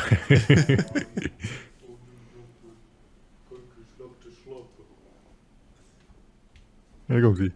Kijk eens. Oh, man. hey, hoe zit, het, hoe zit het eigenlijk met de ratten? Ik hoor je hoort me niet. Ja, je hoort me niet. Ik had toen, toen ik jong was, had ik ook ratten. Maar die beesten gingen allemaal dood aan kanker. Oh, Oh, echt waar? Allemaal. Oh. Ja, het is allemaal dogfok natuurlijk. Dus op een gegeven moment krijgen ze Ah, allemaal ja. van die gezwellen. En ja. super zielig. Maar vooral voor die beesten. Yep. Leuk, Wouter. Het is een beetje gek om ze aankopen te noemen, maar... Ja, het is het. Maar-. Ja. Eh, heb je dan ook minder last van muizen of zo als je, als je ratten hebt? Sowieso in dit eh, appartementencomplex eh, eh, heb je geen muizen. Want eh, het is een nieuwbouw en... en ja, ja, zouden ratten muizen wegjagen? Know. Geen idee. Ik Mijn dat je gevoel alleen- wel. Ik denk dat je alleen last van muizen hebt als je echt in een gebouw van ouder dan de jaren 80 woont of zo. Want anders wordt het, kopen die beesten niet. Dan hebben ze daar ingebouwde, hoe heet dat? Pest control in of zo. Ja, dat zou kunnen. Zou kunnen. Hm. Jij, Florian? Wat is je favoriete aankoop? Ik vind het moeilijk, man. Want ik heb, nu ik erover nadenk, eigenlijk dit jaar niet hele grote aankopen gedaan. Want vorig jaar heb ik mijn tv gekocht en de, en de nieuwe consoles natuurlijk. Dus voor dit jaar weet ik het niet zo goed. Dus ik, ik ga een beetje flauw zeggen, ja, Philips Hue lampen. Want ik blijf mijn huis uitbreiden met, met lampen. Ik heb er inmiddels eh, bijna 30, geloof ik. Oeh. Eh, en dat, eh, dat blijft gewoon doorgaan. En eh, ja, dat dan maar, I guess. Ik weet het niet zo goed, man. Ik heb niet zoveel eh, grote aankopen gedaan dit jaar. Ik weet trouwens iets beters, eh, maar dat is nog niet helemaal concreet, dus dat ga ik nog niet jinxen. Heb je een huis gekocht? Trouwring. Oeh, oeh. Bij deze gejinxed. Helemaal kut. Yes. Ja, gejinxed. Lekker. Waar ga je wonen? Eh, nou ja, we hopen in eh, een nieuwe gein. Mm, Nou, Lekker man. Gefeliciteerd. de- de- soort eh, van. die- Nog niet, maar bijna. vet. Ja, de hypotheek moet nog zeg maar goed gekeurd worden, maar er zit weinig kans in dat het mislukt. Maar eh, Heel nice. dat het zou bod is tof zijn, man. aangenomen. Lekker, man. Lekker. Maar goed, niet jinxen. Het eh, dat heb ik niet gezegd. Ik Niet heb het niet gezegd. Oké. Nee, eh, Florian en Chert komen je binnenkort helpen verhuizen. Ik kan niet, helaas. Lul. Ha- ik haat verhuizen. Jezus. Duidelijk. ja. En eh, mag ik jullie bedanken voor het eh, aanrollen van deze, bij deze Powerpraat special. Misschien eh, jullie- willen jullie nog iets zeggen? Iets delen? Eh, Zin in volgend jaar. Want di- dit was best een oké jaar, maar het was niet heel fantastisch. En het, het lijkt er toch wel op dat 22 echt gaat vlammen. En eh, ja, van mij mag het beginnen. En ik heb een eh, goed, eh, ik, ik wil even een goed voornemen aanbieden aan iedereen. Ehm word lid van Power Unlimited in 2022. Lijkt me echt een heel goed voornemen. Moet je doen. Dan krijg je een fantastisch blad voor, 10 keer per jaar. En eh, er staat eh, eigenlijk onze beste content in, laten we wel wezen. Eh, dus, Het is toch allemaal ik- gekopieerd van Reddit? Wat? Wie zei dat ook alweer? Wie zei dat ook alweer? Dat was echt heel grappig. Ehm, maar eh, nee, dat doen we elke maand weer. Nou ja, tien keer per jaar. Dus eh, enorm hard ons best op. Eh, waaronder dus Floria, jullie al, wij alle vier trouwens. Ehm, en het is toch wel de basis van, van het merk Power Unlimited. En het is still going strong. En ik wil ook heel graag dat het sterk blijft gaan. Zeker. Ook in 2022. Lijkt me heel fijn. Heel goed, heel goed. We zien jullie eh, snel weer. We gaan over naar Jacco en Ron. Hatsa. En alsof het helemaal geen enkele moeite heeft gekost, ze zijn hier gewoon. In de tussentijd is, eh, is er een stagiair echt eh, drie uur bezig geweest om al die, eh, die camera's goed te leggen en de, de stemmetjes eh, goed te leggen. Maar eh, Jacco en Ron zijn in één keer in. Wow. Eh, ja. Hey allemaal. Hallo, welkom allemaal. Vrolijk kerstfeest. Is het kerstfeest, jongens? Ik weet Nee, het is al geweest. Ah, shit. Wat doe je dan met mijn kerstboom? ja, slinger die het raam uit. Je kan hem nog dan hebben om- maken het kerst... tot drie koningen. Kooltrui uit. Ja, Ja. dat wel. Ik zit ik hier helemaal met mijn, met mijn kerstoutfit. Nou goed. Ik, eh, ik hou de kerst weer erin. Ik Tot drie kerst. koningen mag je nog best wel eh, feestelijk zijn hoor. To- Wanneer is drie koningen? 6 januari. Oh, oké. dat weet jij goed. Eh, ja, want het is, in Spanje is dat best wel een grote feestdag. En dan ga je echt Oh. all out met eh, cadeaus. Ja? Een Ze hebben zelfs een intocht van de drie koningen. Wat? Ja. Sick. Wauw. Dus dan heb Wat je, doen de, ze dan? eh, je hebt dan zeg maar een, een eentje met een eh, rode baard. Een witte guy met een rode baard. Een witte guy met een witte baard. En een eh, zwarte guy zonder baard. Oké. Maar hoezo de ro- een rode baard? Geen echt rood geverfd? Nou, meer ginger. Oh, op die fiets. Oké, ik snap hem. Ja. En die komen dan alle, allemaal op een aparte praamwagen komen die de, de stad binnen en dan gaan ze snoep gooien in iedereen. Ja. En lekker zijn kleedjes over alle tv. Ja. Inmiddels, inmiddels heb ik, eh, heb ik gewoon, ja, gewoon zonwering in huis. Dus, eh, Weet je wat jij moet doen, Eh. Tjeerd? Jij moet gewoon speciale tv-kleedjes gaan verkopen. Ja, met puur logo's erop en zo. En Ja. eh, Hoe? puur gerelateerde dingen. Hondkons en zo. oké. Ja. Gaat in de markt. Voor de 55 inch, voor de 65 inch. Betere investering dan, eh, dan bitcoin. Ja. Zitten Misschien weer, wel. we zitten in- weer in een bitcoin kracht, hè? Gaan we nu, gaan we, gaan we nu al de coincast worden gelijk? Nee, Ja. omdat jij je koltrui aan hebt getrokken, worden we wel een soort van ingezogen. Ja. ja, ik zei voordat we begonnen dat het voelt alsof Jacco mij op ieder moment crypto-advies gaat geven.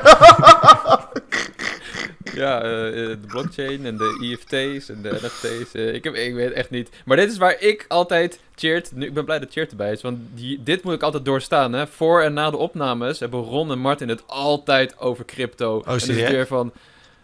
Oh, dat is ja, echt helemaal niet waar. Hoe kom je Dat hier nou weer mee? Ja, heb ik de, de, de Dogecoin dit en de, de IFT dat. En ik zit, daar, zit ik erbij. Denk, jongens, ik dacht dat we hier over videogames gingen Serieus? praten, maar nee. Ja, bij, bij elke Wouter en. Florian moet ik altijd, moet ik me altijd slaan door, door drie uur Jurassic World Evolution gelul. Ja, dan heb ik liever dat dan fucking crypto. Want daar snap ik gewoon niks Het gaat helemaal nooit over crypto, dude. Serieus. Jawel. Nee. Nee, echt niet. Ik weet echt oprecht ook niet waar je het over hebt. Ja, en als het slecht gaat, zijn jullie ook zagrijnig. En dan beginnen we ook anders de podcast. Wat, Ron is nu letterlijk aan het lachen. ik weet ook helemaal niet waar het over gaat. Grappig. Ik weet wel, we hebben, we hebben het wel eens over. We hebben het er net nog over gehad, maar ik bedoel niet echt. I don't give a shit, man. De helft, de helft van de week weet, vergeet ik dat ik het heb. Hm. Ik heb ook niet veel. Dus. Nee, helemaal nu niet meer. ja, dat bedoel ik. Daar gaan we. Daar gaan we. Nee, eh, wat we wel gaan doen, eh, Jacco, is jouw top 3 van het afgelopen jaar even eh, doorlopen. Je mag beginnen bij nummer 3. En wat Wouter en Florian heel leuk deden, was een stemmetje. Een stemmetje met de naam van de game. Nee, op nummer 3. Zoiets. Oh, oké. Ja. Op nummer 3. Oh. Ratchet Clank Rift Apart. Ehm. Ik, ja, ik, ik heb best wel moeite met me, überhaupt mijn toplijst samenstellen dit jaar. Maar als ik kijk naar... Ik ben gewoon dit jaar gaan kijken naar welke games vond ik nou echt leuk om te spelen. En ehm, achteraf gezien is Ratchet Clank Rift Apart misschien geen... Niet de beste Sony exclusive, maar het was wel de game die ik het meeste nodig had op mijn PlayStation 5. Ik, ik was heel naarstig op zoek naar een game die echt een beetje next-gen aanvoelde. Want eh, eh, sinds november, de, de, de consoles waren er, Series X, PlayStation 5, ik had ze in huis. En het was iets mooier. En de framerates waren hoger, maar ik had nog niet echt een nieuw gevoel. En eh, Rift Apart was voor mij eindelijk een warm bad. Dat ik dacht van, hè, deze game snapt het. Eh, hij heeft een, eh een raytracing performance mode. Dus hij heeft een hoge framerate, speelt soepel. Het ziet er mooi uit. Dus het is, heeft het beste van beide werelden. En, ehm, en eh, het is niet eens, niet eens dat next-gen gevoel wat ik erbij had, denk ik. Want ik was al heel lang... Ik wacht al heel lang op gewoon een nieuwe Ratchet Clank. Die remake vond ik vet. En eh, daarvoor vond ik eh, Crack and Time heel vet. En deze game deed me daar ook aan denken. Er gewoon heel veel variatie in de werelden. Heel veel vette gadgets. Ehm, die hoverboots zaten erin, waardoor de movement ook heel smooth was. Waar Insomniac natuurlijk ook steeds beter in was geworden. Dus uiteindelijk is het... De, de lengte is ook perfect van deze game. En dat is wat ik zoek. Het, het speelt gewoon als een trein. Je bent er een acht uur doorheen. En het is gewoon een heel leuk, lekker avontuur. Waar je niet heel lang over na hoeft te denken. Dus eh, vandaar nummer drie. Moet, moet ik doorknallen of gaan we naar rond? Ja, nee, stap Ah. hem door. Oké, komt-ie. Eh, deze game had ik zelf niet verwacht op nummer 2. Marvel's Guardians of the Galaxy. Toen deze game werd aangekondigd, dacht ik... Wow, ik weet niet of ik dit leuk ga vinden. Ehm, en er kwamen trailers en gameplaybeelden. En het was allemaal heel erg lineair. En het deed me denken aan Marvel's Avengers. Een game die ik echt best wel ruk vond. Omdat het co-op was. Eh, het bleek geen co-op te zijn. En eh, het bleek heel erg verhaal gedreven. En Ehm, mijn eerste keerpunt kwam toen ik die game mocht spelen een tijdje geleden. Eh, Wout had het ook gespeeld, we een preview opgenomen. En zat ik te spelen, toen dacht ik, eigenlijk is dit wel heel erg grappig. Eh, het is eigenlijk wel een hele leuke game. En toen kwam die uit en toen kreeg iedereen was opeens lijst enthousiast. En ik had hem al afgeschreven eigenlijk. Eh, toen ben ik hem gaan spelen en het is inderdaad gewoon eh, bijna net zoals Ratchet Clank gewoon een hele leuke game om te spelen. En wat ik vaak belangrijk vind in games, zeker verhalende games bij Marvel, is dat je een beetje aan de hand wordt gehouden. Dat je constante dialoog hebt, constante eh, grapjes, constante actie. Eh, Marvel Spider-Man doet dat wat mij betreft ook heel erg goed. Eh, en ik heb gewoon constant gelachen om deze game. En de gameplay is niet eens super goed. Ron heeft laatst nog een stuk geschreven over waarom je met fucking niet-machines schiet. Klopt, klopt allemaal. Het is allemaal waar. En qua gameplay, ik denk als ze hier een vervolg op maken, dat ze nog zoveel kunnen verbeteren. Ehm, maar je hebt gewoon het gevoel dat je onderdeel bent van die bende misfits. En ehm, er zitten zulke komische momenten in. Dus één moment wat ik bewaar voor de eindejaarscontent. Misschien weten jullie wel welke het is, maar eh, ik heb gewoon echt keihard gelachen om deze game. En dat is ook echt lang geleden. Dus eh, Guardians of the Galaxy is wat mij betreft echt de verrassing van het jaar. Wauw. W- wilde je iets vragen, Tjeer? Nee, ik wil alleen maar eh Oh, wauw zeggen. Oh, sorry. Ja, Oké, bij deze. en dan op nummer 1. Ethereum. Oh, sorry. Op nummer 1, ja, deze zie je aankomen, Metroid Dread. Eh, er is geen betere game die ik dit jaar heb gespeeld dan Metroid Dread. Eh, ik, ik vond het niet een super goed gamejaar. En het is ook een beetje persoonlijk, want er zijn echt wel hele goede games uitgekomen. eh, maar weinig wat mij heel erg goed lag. En daardoor raakte ik steeds minder gemotiveerd op de gamen. En op een gegeven moment was er geen game meer die me echt vast wist te houden. Totdat Metroid Dread uitkwam, die me echt instant hoekte. En die heb ik gewoon, nou niet in één ruk, maar echt gewoon in een paar dagen eh, zo snel uitgespeeld. Omdat die flow van die game zo lekker is. En wat je, wat je vooral achteraf merkt, is dat die game niet eens zo vrij is als je gewend bent van een Metroidvania. En veel Metroidvania's kun je echt wel alle kanten op en dan moet je een beetje zelf ontdekken. Eh, maar deze game leidt je best wel subtiel al een beetje de goede richting op. Met die kamers, met de Emmy die er dan achterna zitten. Eh, en ik ben echt een kneus als het gaat om de weg vinden. Ik kan nooit de weg vinden in games. Dus ik had het gevoel dat ik heel goed was. En dat de Metroidvania dat voor elkaar krijgt bij mij is al heel tof. Maar ehm, de, de, spanning die daarbij komt kijken en het gevoel van progressie met alle gadgets die je krijgt als Samus en eh, die Emmy die je steeds achterna zitten en dat je van begin tot einde eigenlijk eh, in een rechte lijn omhoog gaat wat betreft abilities. Dat vond ik heel goed aan die game. En eh, daarbij is hij ook nog best wel pittig. Eh, eh, je moet echt wel het uiterste uit jezelf halen om op een gegeven moment verder te komen. Dan krijg je op een gegeven moment een eindbaas. En er ging constant dood en constant dood. En dan als, als, als een soort van puzzel, wat je misschien ook hebt in games als Dark Souls, eh, leer je een beweging en dan denk je, ah, als ik hier nou onderdoor schuif, of die dan pareer, dan kan ik hem wel pakken. En dan versla je die en dan eh, eh, misschien een uur later moet je tegen twee of drie van diezelfde eindbazen tegelijk vechten. Dan denk je, holy shit, hoe kom ik hier ooit overheen? En dan ga je dat hele proces weer opnieuw. En dat is eh, wat Metroid Dread voor mij zo vet maakte. Ehm, en ja, er is, er is gewoon niks beters wat ik dit jaar heb gespeeld. Dus vandaar mijn Game of the Year.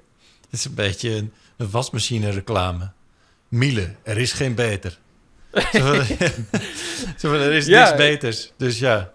Maar uiteindelijk, eh, wat jou betreft, is gewoon het gamejaar niet je van het. Dus eigenlijk is het een beetje een poor man's goatee voor jou. Nou, ja, Metroid Dread is wel echt een hele goede game. Maar bijvoorbeeld een Guardians of the Galaxy en misschien zelfs een Ratchet Clank... die hadden eh, in een ander soort jaar misschien niet in mijn top 3 gestaan. En wat ik ook heel erg mis is...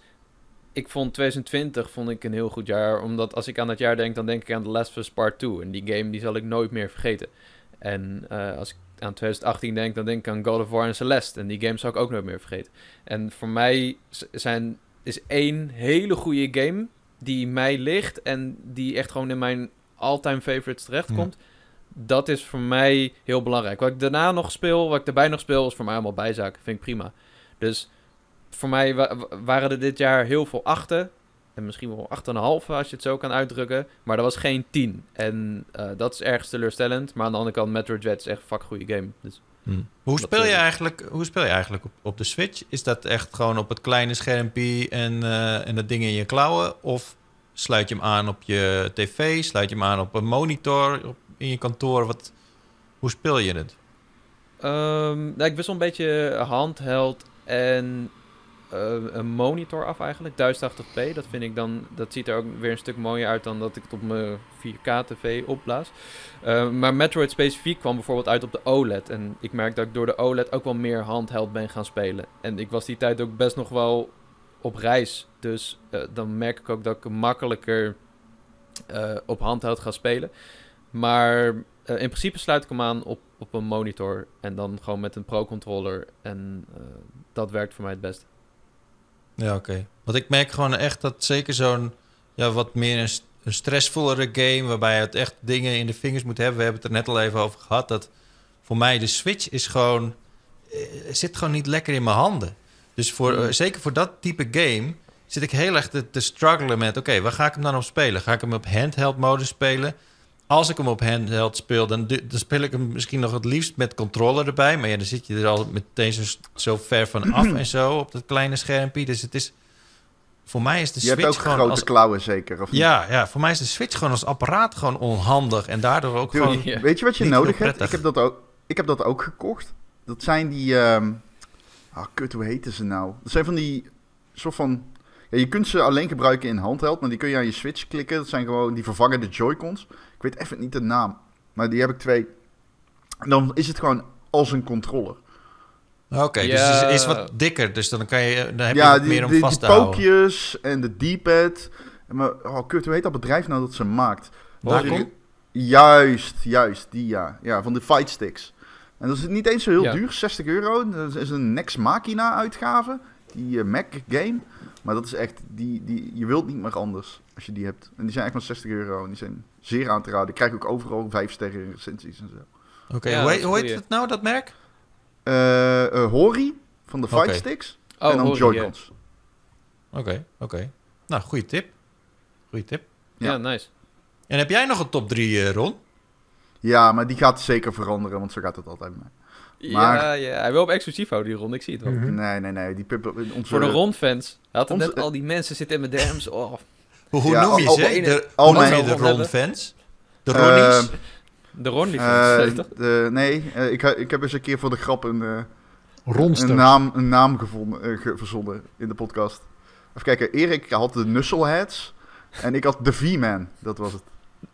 Oh, V-Man Ja, en nice. Weet je dat ik gewoon Ja. altijd dacht dat het Verschrikkelijk. Oh, Ik haat dat zo erg. Ik dat, dat Ronnie V-Man, dat is jouw nickname op, eh, op Xbox. Twitch. Dus ik, ik, Ja, ik oh kom ja, je af en toe ook wel eh, tegen op, in Forza Horizon. En ik dacht dus altijd, gewoon heel erg lang, jarenlang, dacht ik dat V-Man, dat het een beetje een funzige, puberale ding was. Dat jij de Vagina Man was. Ja, ja, ja. Ik, eh, je bent niet de enige die dat denkt. Ik snap niet waarom. Dus dat is jou, ja, je bent niet de eerste die dat zegt. Ik weet niet waarom mensen dat denken. Maar het is dus gewoon je achternaam. Maar ik vind het zo grappig de hele, tijd, de hele tijd te denken dat jij dan een soort van... Dat het al vanaf je zestiende of je vijftiende of zo... dat je dan, of de, veer- dat je dan de, de, de V-Man... De soort van de gangster rapper. I'm the V-Man. Ja, die naam is natuurlijk ook tering cynisch en sarcastisch, voor de duidelijkheid. Maar, ja, nee, eh, maar, ja, daarom. Ja. Nee, ik vond het... Ik het, vind eh, zo het had gekund, hoor. Ja, maar de gekund. dat zijn dus... de- De dat is V-Man zijn jouw- de jouw grondfans. possie. Ja, dat is natuurlijk nogmaals niet serieus zo, voor de duidelijkheid. Ik zeg het er maar even bij. Ik weet nog Nee, wel, dat eh, lange Frans, mijn- die mijn- had natuurlijk zo'n zo'n nummer met de B-Man. Die man was het. Oh, die man? B-Man? B-Man, toch? Want ze kwamen uit Demon. Dat was de grap. Oh, De wacht, D-Man. serieus? Oh, Ja. jezus, mind blown. Dat was toch dat het feestje met Brutus. En Brutus was, ja, was zijn, zijn broer, Was die volgens mij niet, niet, Ja, niet al te snugger was. Nee, die was eh Jos Lange Frans, die, die heeft talent, zeg maar.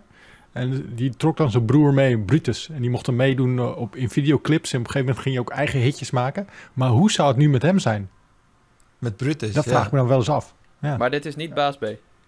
Nee, nee, Bas B Oh. is een of andere, die heeft nu een eh, meubelbedrijf of zo. Oh, serieus? Ja, die is gewoon een heel succesvol eh, meubelzaak, heeft hij. Maar hoe gaat het met Tropical Danny en Guillermo? Goede vraag. Goeie Ja. vraag. Dit zijn de vragen. Dat, dat zou echt leuk zijn als je die gewoon tegenkomt in een, in een, in een Zoom-call of zo. En met een of ander eh, bedrijf. Ja. Nee, maar mijn top 3, die staat overigens niet achter een betaalmuur, voor de duidelijkheid. Ehm, ik, eh, ik, maar die gaat wel veranderen. Maar oké, laten we hem even toe hoe die nu Maar staat. hoezo gaat die wel veranderen? Wat is Ja, omdat ik, hem, omdat ik hem eh, net heb, ik heb hem net pas gemaakt. Ik heb eh, 20 games in de lijstje staan. Maar goed, oké, want wij doen altijd een top 10 aan het einde van het jaar met de podcast. Eh, met onze podcast. Andere. Maar eh, ik, eh, ik heb op 3, 3, 3, 3, 3, 3, 3, 3. Hell Let Loose. De eh multiplayer. Wow. Ehm, ja, ik eh, denk dat Hell Let Loose... ah. Dit is sowieso voor mij een beetje het multiplayer jaar waarin ik gewoon zo lerend multiplayer games heb gespeeld. Halo, maar dus ook Hell Let Loose. En ik vind Hell Let Loose, zeg maar... eh, eh, eh, toen ik hem de eerste drie keer speelde, begreep ik gewoon niet wat mensen hier in hemelsnaam leuk aan konden vinden. Het was heel ver lopen en ik was maar aan het lopen en ik begreep het niet. Totdat ik gewoon begreep, het is gewoon 64 tegen 64 en je hebt een frontlinie en iedereen moet naar de frontlinie. En toen begreep ik een beetje hoe het werkte. En dan is het een soort van, ik weet niet man, het is een jongensdroom in een game voor mij. Omdat je, ik, ik, ik eh, ik beginnend recensent was en zo, schreef je altijd in Call of Duty recensies van, oh je ligt met de neus in de modder en de hectiek en het Hollywood geweld. En deze game is dat zeg maar echt. Deze game voelt, deze shit kan gebeuren man. Deze game voelt echt echt. Je hoort zeg maar teammates naar je schreeuwen van dat er bombing runs aankomen. Communiceren is super belangrijk voor de duidelijkheid. Het is een Tweede Wereldoorlog game. Je speelt 64 tegen 64 multiplayer. Je bent onderverdeeld in squads. Iedere squad heeft een eh, officier. En officiers die communiceren weer in een apart voice chat kanaal. eh, met de commander en die kan eh bombings en zo inroepen. Dus je bent continu, vindt er macro en ehm, op macro-schaal, maar ook op kleine schaal binnen squads overleg plaats. Je bent continu tactieken aan het bedenken van hoe kunnen we de vijand schalken. En die shit is zo fucking vet en gek toegankelijk. Het is heel raar, op een, een of andere manier is het toch toegankelijk. En ik speel het gewoon op de PS5. Daarop was die gratis. Ik heb hem ook op de PC. Ik speel hem het liefst op de PS5. Want dan praat ik gewoon in mijn controller. Ik doe niet eens een headset op. Ik heb hier dan zo'n setje aanstaan, weet je. En overal om me heen hoor ik explosies en geweerschoten. En dan hoor ik mensen kermen van de pijn. En soms dan lig je gewoon echt op de grond. En dan roept een teammate van, oké, volg Ron. En dan moet ik zeg maar door... Dan ga ik een, een weiland over. En aan de andere kant van het weiland staan twintig nazi's op je te knallen. En jij kruipt door dat weiland en je hoort echt overal tat, tat, tat, tat, tat. En je wordt suppressed en je hele scherm trilt. En je hebt echt een missie om naar de overkant van het weiland te komen. En soms duurt het gewoon half uur. Maar die shit is zo vet. En dan, roept je, dan roep je naar je officier van... Oh, alsjeblieft kun je een, een, eh, een bombing run op E5 richting de commander gooien. Want ik heb hem echt nodig. Want er staan hier twintig van die mafkezen op mij te knallen. En dan hoor je zo in de achtergrond... Ja, en als dan die, die, die explosies op je scherm... Ik, heb, ik speel hem in 4K op een OLED. Dat is echt, jongen... je- je- dat, als je nog geen PTSS hebt, dan krijg je het wel van deze game. Fantastisch. Ik hou Nice. echt insane veel van maar ziet het er ook goed uit? Want ik heb die game nog Ja. helemaal niet aange, aangeslingerd. Maar Het- het- ik, ja, ik had altijd een beetje het gevoel dat het een beetje... Dat het heel erg hing op de gameplay en op de grootsheid. Maar niet echt specifiek op hoe het eruit zag. Maar Nee, het is heel mooi. Het is echt heel mooi. Het is zo mooi dat de PS5 het af en toe niet aan kan. Het is zeg maar, je komt soms door een bos en dan is eh, dat is half verschroeid. Ehm, en dat ziet er zo insane schitterend uit. Soms onweert het, dat is zo mooi. En explosies zijn echt waarschijnlijk de mooiste explosies die ik ooit in een game heb gezien. Bombing runs zijn zo intimiderend in die game. Je ziet ook lichaamsdelen gewoon door de lucht vliegen dan, hè. Als er een bombing run is. Omdat zeg maar er wordt echt overlegd door die officiers van waar moeten we de bombing run doen. Dat is echt een belangrijk tactisch wapen. Dus ja, een goede en bombing dit is, run. en dit Ik is heb voor jou een jongensdroom. Ja man, vind Ik zelf. ik weet- vet. Dit is wat online Dit is een gamen soort is, van man. eh, Eindhoven tijdens de coronaprotesten was dit, toch? Of wat, wat waren die rellen in eh, Zo, Eindhoven was een ook paar bij. maanden Dat was aan het geleden? begin van het jaar, hè. Toen moest ik verslag van doen. Ja. Vlogen er gewoon messen door de lucht. Zei die agent tegen mij, kijk even uit. Ze gooien met messen. Toen zei ik, ah oké, cool. Ga je weer naar huis. Ja. Maar ben je ook Hell wel Let eens... Loose the game ben, was dat. ben je ook wel eens de officier in, in, eh, in Hell Let Loose? Of... eh, De eerste, ja, ja, ja, je kan gewoon een eigen team maken. En de allereerste keer dat ik eh, als officier speelde, roep ik zo naar die commander. Ja, doe maar een eh, bombing run. En hij zo, waar? Ik zo, eh, E5. Ja, een hele squad gewiped. Officer One en de V-Man. Fr- Friendly Fire staat natuurlijk gewoon aan. Naar E5. Ja. Maar het is wel... eh, ja, het Ronnie is, eh, V-Man en de V-Man, die eh, zijn dood. Dat roept de game dan ook om. V-Man alert. V-Squad. De V-squad alert. Vagina man.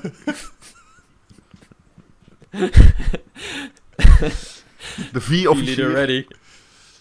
Ja. Nice, ja vet man. Ja, ik had hem al een beetje op mijn radar, maar ehm, ik moet hem Ja. ook proberen. Het is gewoon, het is even heel anders dan Apex en zo, maar het is wel echt super vet. Het is echt genieten. Hm. Nummer 2, 2, 2, 2, 2, 2, 2, 2. It Takes Two. Nee, ga weg. Wat? Eh, nou, vertel meer. Of je weg wil gaan. Ga jij nou zeggen dat je It Takes Two geen goede game vindt? Ja, Oh, ik vond wat het heb je veel ik te vond het leren. wel een goede game, Kom maar, maar. ik vind het toch zeker Nee, geen nee. go-to-materiaal, t- eh, Ron. Oh, cheert, cheert toch. Dit is gênant. Oké, nou vertel, waarom niet? Ten eerste, The Book of Love. Dat, is- dat zijn drie woorden. Vier. Ja, maar ha- had ik, had ik een beperkt aantal woorden hier? Wat is, Nee, is nee, maar wat concept ik- veranderd? Ik dacht er komt nog... Nee, ik dacht er komt een argument. Maar ik... Vaatwasmachine. Nee, The Book of Love. Maar je weet toch ook serieus dat dat, dat gewoon echt, echt een van de meest irritante personages in een game dit jaar was. Alleen daarom vind ik het al niet in een top 3 passen. Maar vertel jij vooral waarom je het wel leuk vond. Ik denk dat dat een beter Ik eh, denk dat de beste co-op game ooit gemaakt is. En een fantastische platformer. Ik denk dat dit echt puur vakmanschap is. Deze game straalt echt ambacht uit. Ik heb zelden een game meegemaakt die zoveel ambacht uitstraalt als deze game. Vanuit game design filosofie is dit denk ik... Ik vind het echt een bijna nagenoeg perfecte co-op game. Ik zou niet weten wat ik er beter aan zou kunnen doen. Hoe, hoe heb je hem gespeeld? Lokaal of? Ja, lokale co-op, ja. Oké. Ja, ik vind het echt zo knap hoe die game zichzelf maar blijft innoveren. Hoe je iedere vijf minuten weer het gevoel hebt dat je iets nieuws aan het doen bent. Hoe die game mensen motiveert om co-op te spelen. Hoe je het kan spelen met iemand die nooit games speelt ook. Dat vind ik ook heel erg fijn. Ik eh, heb hem ook gespeeld met mensen die gewoon niet weten wat, hoe je een controle vasthoudt, zeg maar. Ja. En dat kan maar ook dan gewoon. is het toch wel een beetje te lastig. Want tenminste, ik heb dat wel meegemaakt. Want mijn vrouw, die, ja, die vindt het dan gewoon op een gegeven moment te lastig. Want er zitten best wel wat gamey mechanics in die eh, die echt lastig zijn om onder de, onder de knie te krijgen op het moment dat je nooit een game speelt. Of, of vrijwel nooit. Nee, daar kan, ik niet, eh, daar kan ik niet over meepraten. Ik heb die game gespeeld met iemand die werkelijk nog nooit een game gespeeld heeft. En zij heeft ook... ehm, zij werd door die game een beetje geprimed natuurlijk voor andere games. Omdat alles zit er een beetje in. Er zit een beetje shooter in, er zit een beetje platform in. Maar ja goed, ik kan natuurlijk niet eh, over... eh, ik weet niet hoe jij... ik kan natuurlijk niet eh, invullen hoe dat voor jou is geweest en je vrouw. Maar ja, bij, bij ons ging, ging dat echt vrij fantastisch zou ik zeggen. Ik vond die game ook goed geschreven. Ik vond hem echt grappig. Bij Vlagen. Ik vond hem ook hard. Dat vond ik wel tof. De scène met de olifant. Iedereen die de game gespeeld heeft bij zijn gebleven. En ehm, ja, ik weet niet. Deze game, ik, ik, wat ik hier zo knap vind aan deze game, want die vorige, met die twee ehm, ontsnapte gevangenen, dat was echt zo'n scheidgame. Die was zo slecht geschreven. Ehm, en deze, die, eh, hier, ze hebben er duidelijk van geleerd. Ze hebben een game gemaakt die zoveel verschillende scenario's op je afvoert, en, eh, afvuurt en zoveel verschillende gameplay gebruikt. Dat je gewoon, je bent echt werkelijk continu nieuwe dingen aan het doen. Ik, eh, ik, ik, ik zou zonder al te veel controverse durven te stellen dat de afgelopen paar jaar de beste platformer is die ik heb gespeeld. Wauw. Ja. Oké. Maar Cheert Ah, vindt het dus geen GOTY-materiaal. Maar ik heb, ik krijg de indruk dat dit echt by far de, go- de GOTY gaat winnen af, eh, Serieus? vanavond. Ja, nee, ik denk Ja. het niet. Maar, maar dit, ja, weet je, dat is met, met zo'n co-op game heel erg eh, natuurlijk, natuurlijk. Dat je je ervaring met de game staat of valt met je co-op ervaring. En, eh, en voor mij was dat gewoon, ja, viel het voor mij een beetje tegen. Ik, vind, ik ben het wel met je eens hoor. Dat, dat, ehm, het pakt gewoon wel heel veel verschillende genres. En het, het, het, het, het schudt eigenlijk het matras continu op. Dus dat het, eh, Ja. dat het interessant Ja. blijft. Dus dat, dat begrijp ik wel. Maar ik vond het verhaal vond ik eigenlijk eh, ja, behoorlijk tenenkrommend, een cliché. En ja, ik vond hem. eh, ja, ik vond hem vermakelijk. Maar ik, eh, ja, ik, ik vond dat Nou ja, het ik- boek gewoon heel erg irritant. En ja, ik- voor, mij echt, ja, voor mij is het gewoon. eh, nou ja, goed, ik, ik, begrijp, ik begrijp nu iets meer. Maar dat heeft denk, denk ik ook heel erg te maken met. Ja, de, de koopervaring die je ervan krijgt. En ja, Ja, dat denk ik ook. Dat wat denk ik ook. plezier je Ik- eruit hebt gehaald op dat vlak. Ja, dat, dat, dat denk ik ook. Zeker. En ik, ik, Bij Nogmaals- mij was het gewoon vooral, ik ben, eh, ik ben een redelijk doorgewinterde gamer. Ik, ik vind het wel leuk om daar doorheen te komen, maar mijn vrouw die vond het veel te moeilijk en te stressvol. En eh, het is ook lastig als je met koop... ehm, wat, wat ik altijd heel erg tof vond aan bijvoorbeeld Rayman, als je dat samen speelt, dan kan je op elkaar wachten en je kan elkaar een beetje helpen en zo. Maar dat was hier veel minder, omdat je continu iets anders aan het doen bent. Dus je kan ook niet echt echt een soort van bijspringen op een moment dat iemand struggelt. ja, het is, ja, dat, dat is echt opvallend. Ik heb precies het tegenovergestelde. Hm, Ik heb echt werkelijk precies het tegenovergestelde. Eh, ik, ik zou liegen als ik zou zeggen dat het anders was. Maar ja, goed, wat ik al zeg, ik, ik geloof dat het absoluut anders kan uitpakken. Maar, dat vind ik wel ten voordele van deze game. Qua pacing, zeg maar gewoon puur van game design pacing gezien. Holy shit man, het is zo goed gedaan. What the fuck. Ik, heb het, eh, op, ik ben niet cynisch. Ik, heb, of, ik probeer niet te overdrijven. Ik denk niet dat ik ooit een game een betere pacing heb zien hebben, zien hebben dan It Takes Two. Oké. Vet. Mhm. Eh, nummer 1. 1, 1, 1, 1. De- deze vond ik heel tricky, omdat ik hem niet heb uitgespeeld. Maar het is wel een game eh, die mij deugd doet, en dat is Halo Infinite. Ehm, Oeh. ten eerste Microsoft absolutely slaying it. Holy shit. Dit jaar, eh, ik denk volgend jaar een beetje matig wordt. Misschien, maar 2023 gaat Microsoft knallen. En ik, ik weet niet, ik vond... Ik weet niet of jullie dat artikel hebben gelezen van Jason Schreier. eh, staat achter een betaalmuur, maar bij Bloomberg. En hij heeft, eh, hij vertelt heel veel over het ontwikkelingsproces van die game. En ik weet daar ook wel wat dingetjes van intern, hoe dat is gegaan. En het komt er gewoon heel erg op neer dat Joseph Staten, die toen eh, aangetrokken is, eh, wel bekend vanuit eh, de Halo eh, scene, destijds meegeholpen aan de eerste delen, onder Bungie. Hij is gewoon heel erg... Hij heeft heel veel impact gehad op hoe die game nu in de winkels ligt. Of beter gezegd, hoe je die game gaat spelen als je Game Pass hebt. En ehm, ehm, ik weet niet. Dat, hij is ook degene die ervoor heeft gezorgd eigenlijk dat de game een jaar is uitgesteld. En als je die game speelt, die game is zo extreem gepolished. Ehm, dat is best wel een groot contrast met toen we die beelden te zien kregen op, eh, die, eh, op dat Xbox-event. Zo, ja. Maar ehm, ik weet niet, man. Ik, eh, ik, de multiplayer is natuurlijk fantastisch. Ja, iedereen heeft het erover. Daar hoef ik niks meer over te zeggen, denk ik. Heb ik hier ook al eens in de podcast gezegd in de pauwpraat. Maar ik weet niet, man. Ik was gisteren, want voor de duidelijkheid, niet gisteren, maar hij, hij is natuurlijk niet lang uit. Ehm, ik was graag emotioneel gisteren, toen, toen ik speelde. Ik weet niet waarom. Ik, ik, eh, het is voor Halo is voor mij zo'n nostalgische trip. En er zijn heel veel games een nostalgische trip. Maar Halo heb ik echt van begin of eind altijd heel veel gespeeld. En gisteren, ik weet niet, het, eh, die muziek en zo en hoe het eruit ziet. Ik, eh, ik ben zeer, zeer verliefd op deze game op dit moment.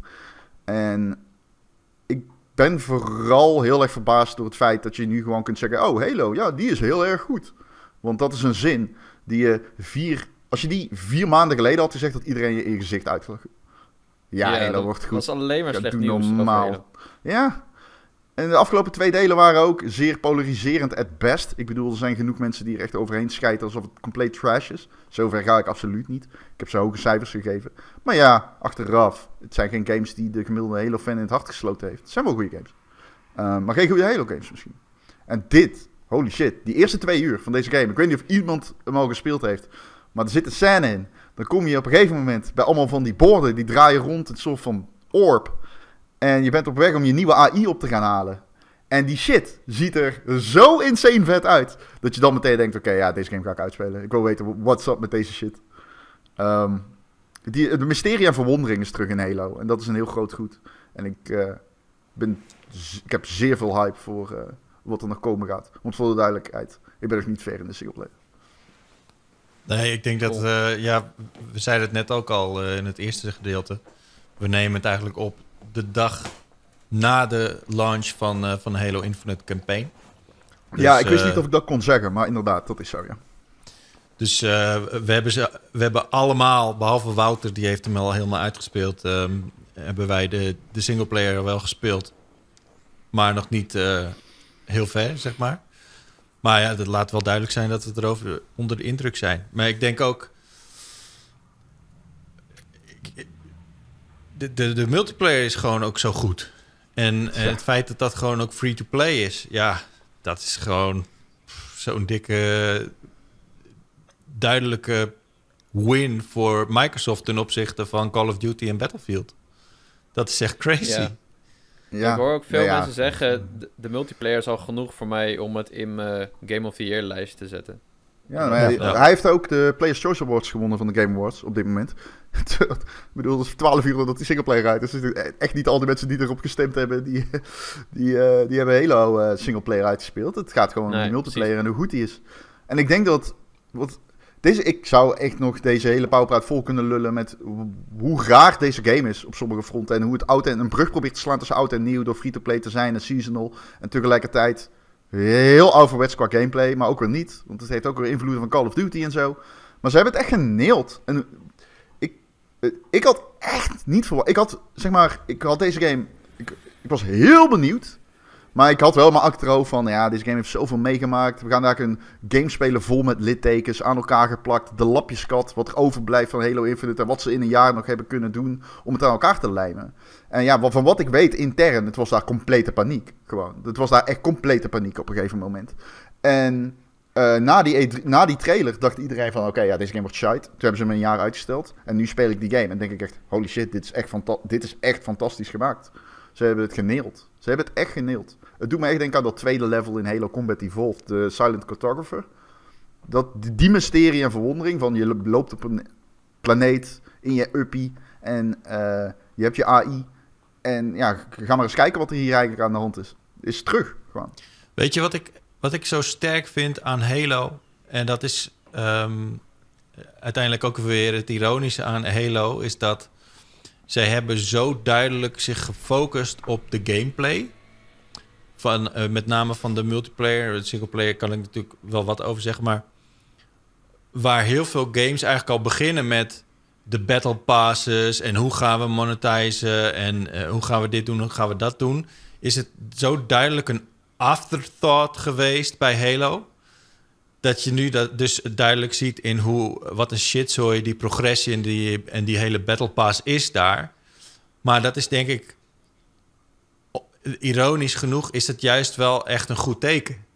Zeker. Om- het moeilijkste bij free-to-play games is zorgen dat mensen je game spelen. Daar Ja. begint het. En dat is al gebeurd. Dit komt allemaal goed. Dit is, Ja, precies. goed. Dus eh, ik kan hier ook zo moeilijk echt boos om worden. Omdat ik, natuurlijk, ik hou van progressie. En dat is de afgelopen jaren wel echt ingeslagen door al die verschillende free-to-play games. Maar als je ziet hoe goed het speelt, maakt dat eigenlijk alles wel weer goed. En dat, dat hele progressiesysteem, dat komt wel goed, weet je. Ja, Zolang de gameplay ook maar gewoon lekker speelt en, en, en dat het niet pay to win is. Of, weet je, dat is zo belangrijk. En ik denk dat ze dat goed in de gaten hebben gehad. En ik denk dat dat ook echt een groot com- compliment is naar eh 343 Studios die, eh, die deze Halo hebben gemaakt. Ja, en Ja. ik ben heel blij, want dat is het laatste wat ik erover wil zeggen. Na, aan het einde van, ik, in mijn recensie van Halo 5 een paar jaar geleden zei ik... Ja, je kan, zeg maar, we kunnen hier lang over debatteren of het een goede Halo is. Alleen uiteindelijk, is, wat het belangrijkste is, is dat het einde van Halo 5 impliceerde gewoon heel erg dat ze Halo Infinite met een clean sheet konden beginnen. En dat is precies wat ze hebben gedaan. Heel die Bungie-last is gewoon van die schouders afgevallen. Want ze kunnen nu gewoon eindelijk hun eigen plan trekken en hoeven niet te letten op allemaal fucking... Ze moeten wel letten op de lore. Eh, Halo gamers zijn fucking anal over sommige dingen. Alleen, ehm, ze kunnen eindelijk, ze kunnen eigenlijk opnieuw beginnen. En dit is niet deel 3 van de tweede trilogie. Dit is niet de afsluiter van de tweede trilogie Halo. Dit is gewoon een fresh start. Ze gaan niet voor niets die game me- naar een meerjarenplan tillen. Ze hebben gewoon echt een super sterke fundering. En ik denk ook gewoon, er komt hierna geen Halo Infinite 2. Als, er komt, ze gaan gewoon seasonal singleplayer content maken, denk ik. Dat, En- dat vraag ik me af. Dat wilde ik vragen. Van, impliceert die singleplayer dat nu op een manier dat er meer bij komt? Of heeft het echt een begin en een eind voor iemand zoals ik die we gewoon lekker de campaign wil spelen? Halo eindigt altijd open.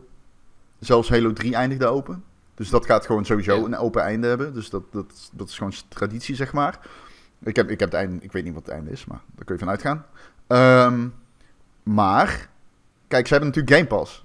En het zou uitermate logisch zijn om seasonal content updates te maken voor een game als je Game Pass hebt. Want je wilt gewoon dat mensen de rest van hun leven 15 euro per maand betalen. Ja, Dus daarom alleen al denk ik dat ze dat wel gaan doen. Ja. true. Ja, ik ben benieuwd. Ik zat klaar dinsdag. En toen zag ik een tweet van Halo. En toen zeiden ze... Ja, morgen om 7 uur gaat dit live. En toen dacht ik... Fuck, het is geen 8 december. Vandaag het is 7 december. En toen Ja. had ik geen tijd. Gisteravond. En nu heb ik nog steeds niet gespeeld. Maar Nee. ik heb er wel veel zin in. Oh man, hij is mooi ook. Ik, eh, ik stond er echt van. Ik weet niet of iemand hem hier gespeeld heeft, maar het was heel mooi. Ja, Ja, ja. Behalve Jacco volgens Ja, mij. behalve. Jacco, ja. Oké. Ja, shit. Wat vind jij eigenlijk van, Martin? Ja, ik vind het gruwelijk. Ik, eh, hadden het er net al over gehad, dus ik ga niet zelf... Ah, review, oké, sorry. eh, Nee, ja, dat weet ik niet. Sorry. Maar het voelde voor mij in, het- in het kort weer als, eh, als thuiskomen. Alsof ik weer voor het eerst mijn allereerste Xbox aan het opstarten eh, was in de Halo in, de, in die gleufdij. Ja, man. Ik was, Magisch. ik was raar emotioneel. Serieus. Ik weet niet waarom. Ja, Nou, die was, jij was ook, echt die- aan het, die- eh, het, het emotie-twitteren, was je dag van tevoren al. je Ja, man. Ik weet het niet. Ja, ik weet niet hoe dat komt. Ik heb dat nooit, hè. Ik misschien... Ik, ik weet niet. Ik denk dat ik Halo-fan ben. Blijkbaar. Ben je toch fan? Ja, dat moet wel. Ik was serieus... Ik moest bijna huilen, man, bij de main menu. Ik zweer het je. Ja, dat, oh, ik heb dat ongemakkelijke moment ook wel eens gehad. Maar dan in de bioscoop, toen, eh, toen die eerste Star Wars eh, de, de, de Afterbubs eh, kwam. Toen zaten we, zat ik met uh, Therese in de bioscoop en toen, kwam de, en toen kwam de muziek en toen moest ik huilen. En ik had zo van, Jezus Christus, dit is echt gênant, man. Volwassenen mogen huilen. Cheert. Ja, nee, het. maar eh, huilen vanwege een, een, eh, een soundtrack. eh, eh, lichtelijk dubieus, maar ja. ehm, ik snap, ik, ik, ik wil, wat ik wil zeggen, ik snap je gevoel wel een beetje. Ik, ik had het Ja. niet bij deze Halo. Ik ben ook nooit echt een Halo-fan geweest, maar ik heb het altijd wel weten te waarderen. Het zou mooi zijn als we alle vier gewoon gaan hui- gaan huilen bij de main menu van Halo. heb, je dat, heb je dat niet bij het, eh, bij het, bij het intro-muziekje van Powerpraat? Nee, wel bij Head Let Loose. Als al die ledematen. Dan begin ik te huilen. Dan zeg ik, oh, dear Oh, V-man. Dear V-man, don't fall. Oké, laten we verder gaan met het jaar. Want eh, we zijn eh, gestopt bij eh, de maand juni. Tenminste, aan het einde Ja. van de maand juni. En we gaan eh, het tweede deel van... We, hadden, we hadden net gesproken met mensen die eh, eigenlijk, behalve Florian, niet op onze E3-compound waren geweest. Jullie wel. Nog even heel kort. Was dat de leukste maand van het jaar of niet? Yeah, man. Dat was echt de leukste maand van het jaar. Zo hard genoten. Bakla Pilsrol. ja. Ik vond het zo leuk dat wij die, eh, ik eh, met Ron, die, die, die game shops in, inliepen. Oh, en ja. gewoon vroegen aan die guy. Weet jullie wie we zijn? Ja, Game Kings! Yay! Hey! Doorlopen. hey, top. ja, top. En eh, toen eh Jacco van- eh, op zijn op zijn sub was... eh, Oh ja, jouw na- mijn naam stond op jouw bicep. ook Oh dat. ja, dat ook nog de hond op streamen. Ja, nee, Ja, dat was echt mooie momenten. VR. Goed, we, we stampen door naar juli. He- heb je daar een, veel reacties op gekregen, Jacco, van eh, vrouwelijk schoon? Nee, eigenlijk mannen alleen. Oh, is that Dat je ja, daar heb ik niet zo heel van. Ja, maar dat heb je wel eens, eh, vooral via Instagram. Martin zei toen eh, in zo'n story van... eh, ja, en dan wil jij een OnlyFans aanmaken voor Jacco. En toen kwam al DM's. Dan denk ik, wow, wat? Ik, weet, ik wil hier niks mee te maken hebben. Maar nee, geen, geen vrouwelijke reacties, helaas. Maar ik denk ook niet dat Twitch daar echt het platform voor is. Hmm, Oké. Oké. Denk ik hoor, ik weet niet. Ja. Maar het was wel lachen. Het, was eigenlijk best bij wel bijzonder hoe, hoe matig de aankondigingen tijdens de E3 waren. Hoe legendarisch het toch is geworden dit jaar, de E3. Dus Ja. ehm, heel vet. Ja, het was heel vet. Ja. Ja, we hebben gewoon met de pizzabakker van Lowlands gesproken. hè. Die heeft pizza's voor ons gemaakt. Zeker. Ja, de Nice. echte. ja. Is hij, hij nu een van de V-man? Ah, hij mag erbij. Moet je wel Patreon-lid worden. Betalen. Oké. Nou, misschien moet je dat doen, eh Jacco. Patreon, alleen voor de mensen die betalen in de hot tub springen. De hot tub stream. Ja, ik weet het niet. Ik heb het idee dat het een beetje... Zie, doen mensen nog hot tub, hot tub streams nu? Nou ja, het is minder, maar eh, het gebeurt heel Oh. af en toe nog. Ja, ik denk dat, het niet meer echt, hot. dat de categorie niet echt heel eh, druk bevolkt meer is, inderdaad. Maar ja, we is- moeten gewoon iets nieuws vinden, man. Dat is zeker waar. Laten we verder gaan met jullie. Eh, Formule 1 2021 komt uit. The Legend of Zelda Skyward Sword in HD komt uit. En Microsoft Flight Simulator komt naar de Xbox Series X en de Xbox Series S. Dat was lijp, jongen. Ik heb, eh, die maand was fantastisch. Jullie? Ja, voor- door Microsoft Flight Simulator. Ja, ik vond, het het, eh, gruwelijk. ik vond het dus eh, heel erg tegenvallen wat hij deed op de, op de Series X. Hij, hij draaide bij mij echt waardeloos. Ik, was, eh, ik, ik heb, hem, ik heb eh, twee, twee vluchten gedaan. Zeg maar dat, eh, dat ik dan boven Italië ergens vloog. Dat was heel cool. En toen op een gegeven Ja. moment dacht ik... oh, ik ga van Schiphol ga ik boven mijn huis vliegen. En dat wilde ik dan wel in real time doen... met het echte weer en alles. Dus het was donker. En ik vlieg dus vanaf Schiphol over Haarlem. En die framerate, jongen, die gaat echt naar, naar standje... ik ga nu kotsen. Eh, ik had een soort van gekke, wazige shit in beeld ineens. Nou, het, het, het sloeg nergens op. En Therese zat naast me, die, die, die kon er niet naar kijken. Die, werd gewoon, die moest echt bijna kotsen. Ik denk is van, holy shit. Ja, Ja, die, die Klinkt als framerate was immersive verschrikkelijk. Mensen betalen Ja. hiervoor. Nee, maar ik heb dat ook gehad. Toen, eh, ik was toen eh Years aan het streamen bij Lucas. Op Series X ook, Flight Simulator. Maar hij dacht dat het de PC-versie was of zo. Er was een muis in beeld. En ik zit daar met mijn controller in mijn handen, gewoon hè, netjes geconnect. En ik denk, huh, wat, hoezo is er een muis in beeld? Maar hij deed het, hij deed het ook gewoon niet. De, echt 80% van de knoppen werkte niet. Ik kon alleen op A drukken en dan zat ik in een flight. En, en dan kon ik sturen, maar naar het menu ging niet en terug ging niet. En dan crash je en dan moet je terug naar het hoofdmenu. Heel weird. Ik weet niet of het nu zo nog steeds is hoor. Waarschijnlijk Ehm, is en hij wel weet dat- ge- gepatcht, inderdaad. Maar ik, het viel Ja, mij in ieder geval dat zal tegen. Ik heb hem toen direct ge-uninstalled en dacht van, nou, oké, balen. Ja, ik heb, ik heb nog een paar van die eh, flight lessons gedaan. En dat vond ik ook wel heel vet. Maar ik Ja, merkte ook wel dat je daar heel veel tijd in moet steken om Ja. het echt een beetje te kunnen. En dat is, dat is natuurlijk ook een compliment aan de game. Eh, ik vond de, die lessen vond ik echt heel leuk. En ze nemen je echt bij de hand. En het is echt eh, gewoon grappig gedaan, lekker luchtig. Eh, maar het is natuurlijk ook heel realistisch. En daardoor kost het veel tijd. En toen ben ik op een gegeven moment opgehouden. Maar ik snap wel de appeal van deze game. Want het is wel fucking vet als je gewoon zelf zo'n vliegtuig bestuurt. En het, het ziet er heel mooi uit. Ik heb hem Ja. alleen gespeeld op de PC, maar daar draaide die, ja, los van het feit dat, die, dat je een NASA-computer nodig hebt eh, om het een beetje Ja. fatsoenlijk te kunnen draaien. Maar Ja, gewoon vond ik het wel echt heel erg vet. Wat ik ik heb ook dus- een is- Eh, Het vetste aan Microsoft Flight Simulator vond ik op een gegeven moment... Ik, eh, je kan dan een soort van quick launch doen. En ik, ik zat toen op... ik dacht van, oh, ik ga daar boven Sicilië ga ik starten. Dus ik startte daar boven dat eiland. En daar hebben ze... En, en dat is echt zo vet. Gewoon het idee dat het echt bestaat. Ik, ik kwam er zo vanaf de zee, kwam ik zo op dat eiland aanvliegen. En dan zie je van die vette kliffen en zo. En dat eiland eh, doemt dan op. En dan zag ik zeg maar aan de rand van de klif was een voetbalveld. Gewoon echt zo vet gedaan. En het, ja. het enige wat, wat daar was, was een voetbalveld. En ik, ik ging er overheen en ik dacht van... Wauw, dat is gewoon echt. Dat is gewoon niet bedacht door een of andere guy. Maar natuurlijk wel in het echte leven van... Oh, laten we daar een voetbalveld mee. Maar niet voor, voor de game. En toen dacht ik... Ik ging daarnaast, daarna ook googlen van...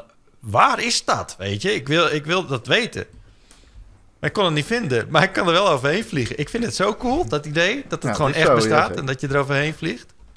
Ja, het is natuurlijk eigenlijk een 2010 game, hè? Of eh, 2020 bedoel ik. Maar ehm, ja, ik, nee, ik ook. Ik- En gewoon dat je Google Maps ernaast had en zo. Dat ik naar mijn huis probeerde te vliegen vanaf Schiphol. Dat ik dacht, oh, dat ligt er Maas. En dat ligt daar Eindhoven. Weet je. wel. Ik heb zo hard gelachen ook om Martin met zijn flight set. En dat jij zo met je een cam had op, op je voeten, met je sokken, op die pedalen. Dat je zo, zo zat te Oh ja, dat weet ik nog. Heb je gewoon de zo'n opname. flight setup? Ja, maar ook Ja, man. drie cams. Pedaaltjes, wat had ik? Stuurtje en eh meerdere cameraatjes erop. Pa, Ja, pa, ik, was stick, helemaal, toch? ik was helemaal Ja. aan het gaan. ik heb zo hard gelachen toen. Ja, dat is ook wel echt die experience. En Ja, Cheert is nu jaloers. Je mag ze wel een keer lenen. Ja, is dat aan te sluiten op de Series X of eh, is dat PC? Ja. Nee, voor de Series X. Oké, oké. Ja, ik wil dat wel. Ja, dat dacht ik wel. Ik zal ze voor je meenemen. Kijk eens. Goed. eh, in eh, juli begon ook eh, de rechtszaken tegen Activision. Vanwege giftige werkomstandigheden. Met name tegen vrouwen. En dat loopt nu nog steeds. Natuurlijk, eh, het begint nou echt uit de klauwen te lopen. Of Ja. eigenlijk gebeurt er niks, want die guy blijft gewoon zitten. Ja, Wat maar het is niet alleen die te- guy natuurlijk, hè. Het is echt... eh, het is gewoon echt een breed probleem binnen dat bedrijf. En Ja. niet alleen dat bedrijf, hè. Laten we wel even eerlijk zijn. Ik bedoel, er zat... eh, ehm, die Game Awards, er werd druk op Jeff Keighley gelegd... om, om um, Activision eigenlijk de soort van te, uit te sluiten van die hele Game Awards. Maar er is bij Riot ook iets gelijkwaardigs aan de gang. Eh, bij Ubisoft eh, is natuurlijk eh, sinds vorig jaar ook al hommeles in de tent, weet je. Eh, ja, er moet duidelijk echt iets gebeuren, maar het is it's not pretty, man. Het is echt, eh, het is gewoon zo deprimerend dat, eh, dat het Ja. gebeurt, weet je. Ja, Ja. het is problematisch. Je raakt er ook een soort van desensitized door. En ehm, het is... Ja, ik weet niet. Het komt nu zo vaak voorbij. Dat als je het ziet, dan denk je... Oh, daar gaan we weer. Het is... Je, ja, het, pas als je echt de verhalen leest... De persoonlijke verhalen van mensen die het anoniem vertellen... Dan snap je waar het over gaat, zeg maar. Tenminste, dat heb ik. Dan, dan, heb je het, dan snap je ook echt dat er mensen achter de game zitten die wij spelen. En eh, dat, dat die werkomstandigheden gewoon soms echt heel slecht zijn. Zeker voor bepaalde groepen. Ehm, en eh, dan snap je ook dat het niet zomaar overdreven is. Zeker als de staat Californië opeens aankondigt in juli... hey, wij hebben nu twee jaar onderzoek gedaan naar dit bedrijf. Eh, dit is niet oké, zij moeten iets veranderen. En dat het op zo'n grote schaal wordt opgepakt... dan dat, dat laat wel zien dat er echt iets mis is. En ja, inderdaad, Ja. Bobby Kotick moet gewoon oprotten. Dat is Nee, een beetje dat hele board of directors moet... de, Ja, Ze moet, er is een complete ousting nodig hier. Dit eh, slaat echt nergens meer op, man. Sowieso, Activision, wow. Wat een verschrikkelijk tactisch gamejaar. Dat is A. Maar B, deze hele situatie, dit staat er natuurlijk los van, maar hele, deze hele situatie hebben zij zelf in de hand. Ze hebben dat staande gehouden. Dus iedereen is verantwoordelijk aan de top. En kijk, op dit moment is het- de druk bouwt zich langzaam op. Want ik dacht in het begin ook, ja, als Bobby Kotick nou niet opstapt, stapt hij nooit meer op. Maar ik moet zeggen, nu met die walkouts en zo. kan dadelijk heel snel gaan. Zeker als er druk komt vanuit op, op de board of directors. Want dan is Bobby Kotick de eerste die weg moet. En dan gaat... Ik denk niet dat het daar gaat stoppen. Ik denk niet meer dat het Nee. daar gaat stoppen. En dat, wordt dat wordt interessant. Kijk, zij bepalen, bepalen natuurlijk ook het lot deels van Bobby Kotick. Maar het... ehm, ja, nogmaals, als het tot rechtszaken komt en al die documenten, zoals dat gaat in Amerika, liggen dadelijk op tafel, hebben we ook gezien tussen Epic en Apple, gaat, kan heel snel gaan dan, kan heel snel gaan.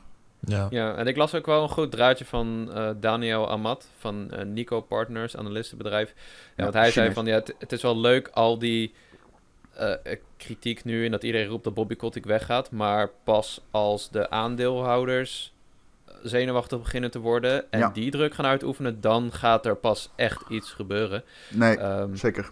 en dat zou best wel kunnen gebeuren, indirect, als je kijkt naar die walkouts. En als je ziet dat, eh, de, als ze bang zijn dat de financiële prestaties van de games in gedrang komen, dan zou het best wel kunnen gebeuren. Dat Ehm, laatste, dat laatste is nodig. Wat nodig is, is pressie vanuit aandeelhouders. En voor de duidelijkheid, aandeelhouders geven alleen om het aandeel. Dat, daar moet je gewoon eerlijk in zijn. Ja, Maar, nee. En, maar die pressie ontstaat natuurlijk door maatschappelijke druk. En eh, aandeelhouders doen gewoon wat het beste is voor het aandeel. Dus als Bobby Kotick op moet rutten, rotten omdat hij dan eh, een leuk persbericht eruit kan sturen, dan is dat wat nodig is. Ja. Ehm, wordt, moet ik zeggen, wat nodig wordt.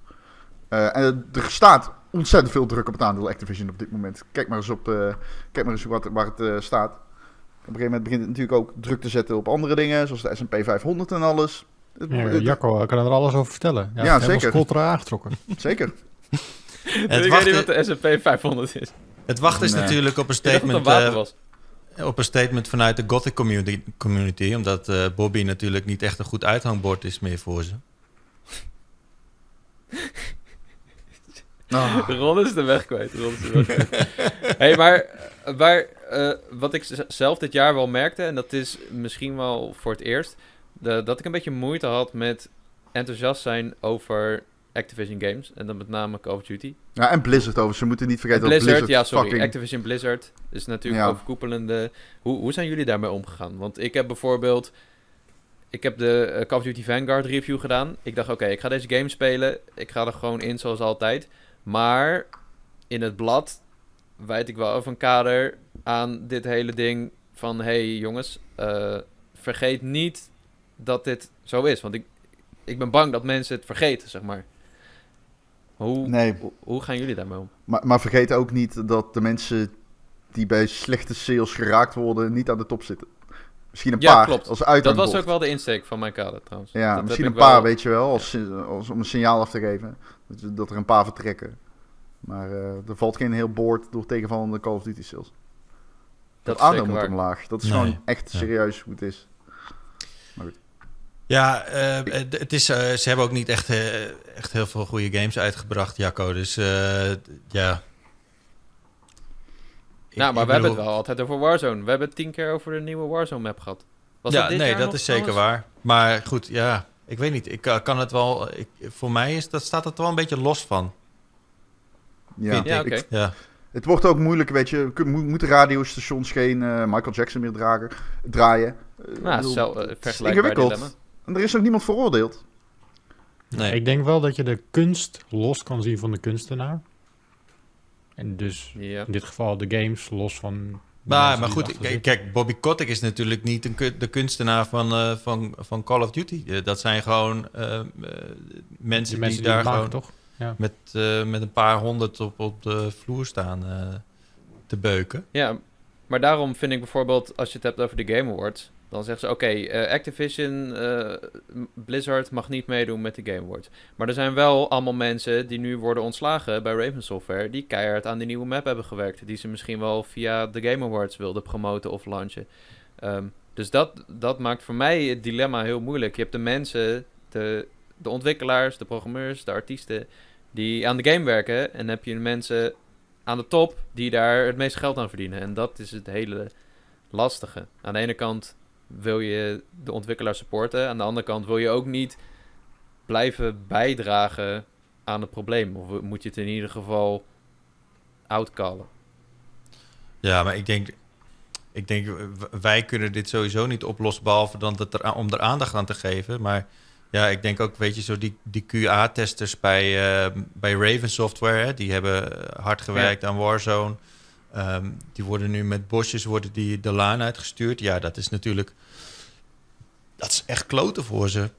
En daar kunnen wij eh, dingen over schrijven. Maar ja, gaan we daar Warzone minder om spelen? Ja, dat lijkt me ook niet. Moeten we dat doen? Ja, Ja, vind stop je? met Warzone spelen. Ga een betere Nee. game spelen. Dan Oh ja, ga Nee. Takes toespelen. Sorry. ja. Oh, It Takes Two, een er betere game dan Warzone. Oké, wat gebeurt er nog meer in jullie? Eh, we hadden natuurlijk... Eh. ehm, ja, wat hadden we nog meer? De remake van Dead? Space wordt aangekondigd. Oh ja, Mhm. dat was leuk. Ehm, Oeh ja. Ghost of Tsushima. uh, jacco naar boven, hè? Dead Space. De Ghost of Tsushima Director's Cut was aangekondigd. Ehm, Microsoft had gezegd dat ze de DualSense functionaliteiten misschien wel willen overnemen. Ja, er gebeurt voor de rest niet zo heel veel, zie ik. Nou ja, in eh, de, de GTA-modwereld eh was er wel eh, paniek. Want eh de- Take-Two verwijderde de, eh, eh, allemaal oude GTA-mods. Dus eh, dat vonden mensen niet leuk. Sukkels. Ik denk Love dat we daar later nog op terugkomen. Over Dat denk eh, ik ook. Dat denk ik ook wel. Goed, we stampen door naar augustus. Een mooie maand om vakantie te gaan. Heb ik gedaan. Was leuk. Maar Nice. 12 Minutes kwam ook uit in, eh, in die periode. Eh, Jezus. daar keek ik zelf heel erg naar uit. Ja, ik Ja. ook, man. Over een slecht geschreven game gesproken. Holy shit. Holy shit. Dat was echt wel... Dat was wel... eh, dat was wel echt heel slecht. Maar... Ja, slecht man. geschreven. Ja. Ja, het was echt heel slecht geschreven. Holy shit. Ik vond hem vooral gewoon heel... Ja, ik vond het gameplay of zo, die, het game design niet fantastisch. Ik vond Nee. het, de concepten vond ik wel vet, maar het Ja. was zo erg trial and error dat, dat het Ja, heel frustrerend werd. Op een gegeven moment liep je tegen een muur aan en dan, dan, was het gewoon, dan zat je gewoon twee uur vast dat je niet wist wat je bedoelde. En dan, en dan kwam je erachter wat je moest doen en dan dacht je, oh, fuck. Ja. Ja, en als Ja, je dan verder het- komt, vind ik het dan wel weer tof. Ik heb het niet uitgespeeld, hè, maar ehm, ik vond het niet per definitie heel slecht geschreven. Ik denk, het is gewoon Oh. echt vooral, vooral lastig om, eh, om, om dat te doen met dit concept. Om, om dat een beetje overeind te laten eh, staan, zeg maar. Al de dialogen en, en het verhaal, dat, dat moet allemaal wel kloppen met, met die hele, het hele loop-ding. Eh, maar Het ja, einde? was goed geacteerd. Het einde van die game is, als ik het uitleg, dan geloof je het waarschijnlijk niet eens.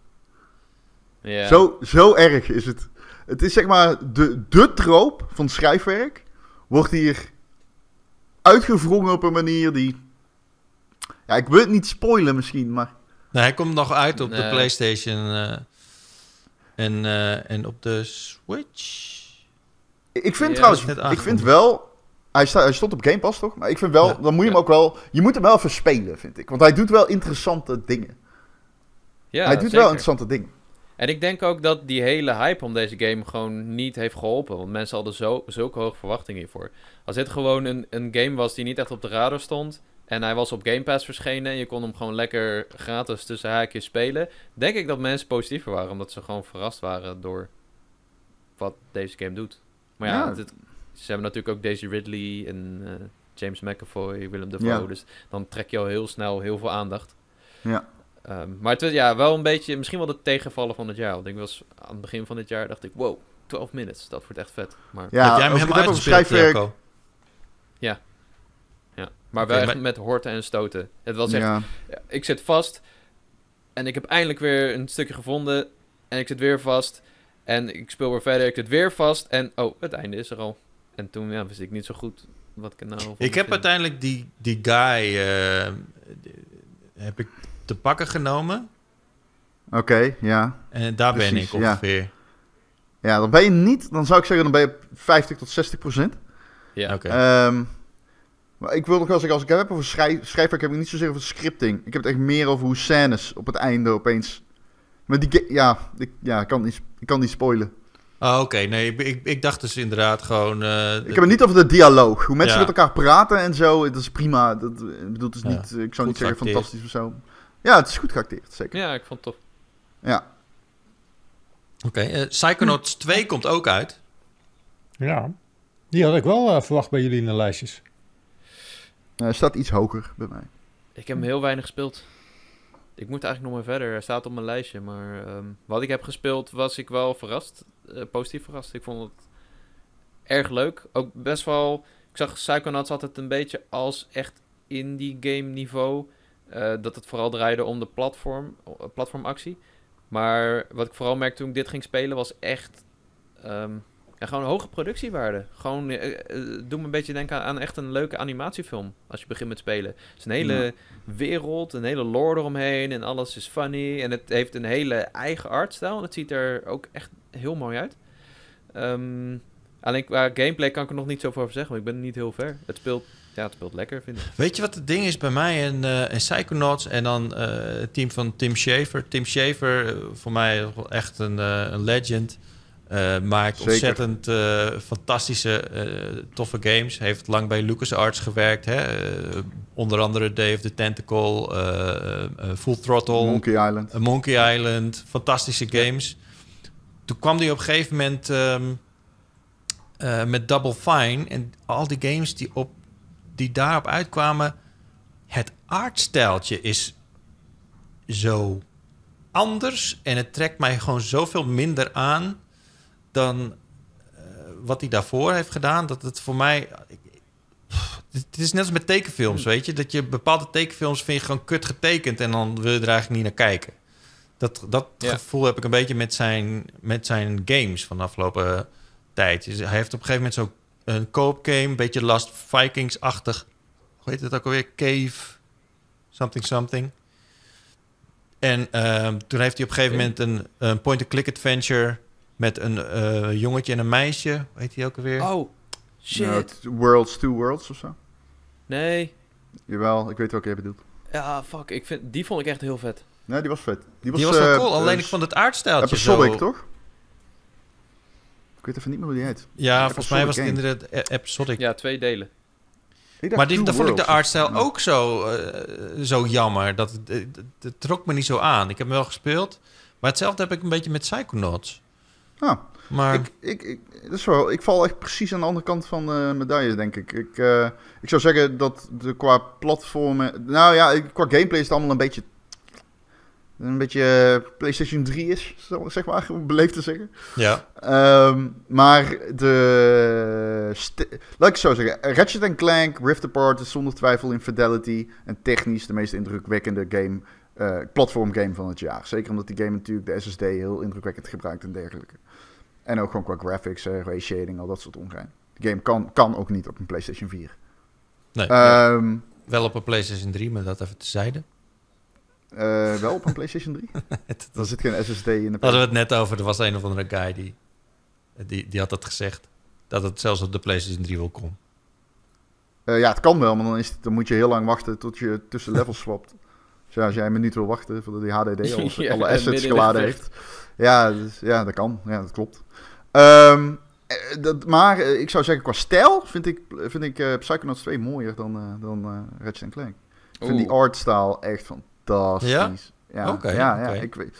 Ja, ik, het, het, het is ook al die leveltjes. je duikt dan in het brein van allerlei mensen. En al die levels zijn heel anders. En bijvoorbeeld, ja, op een gegeven moment duik je in het brein van iemand die dan alcoholist is.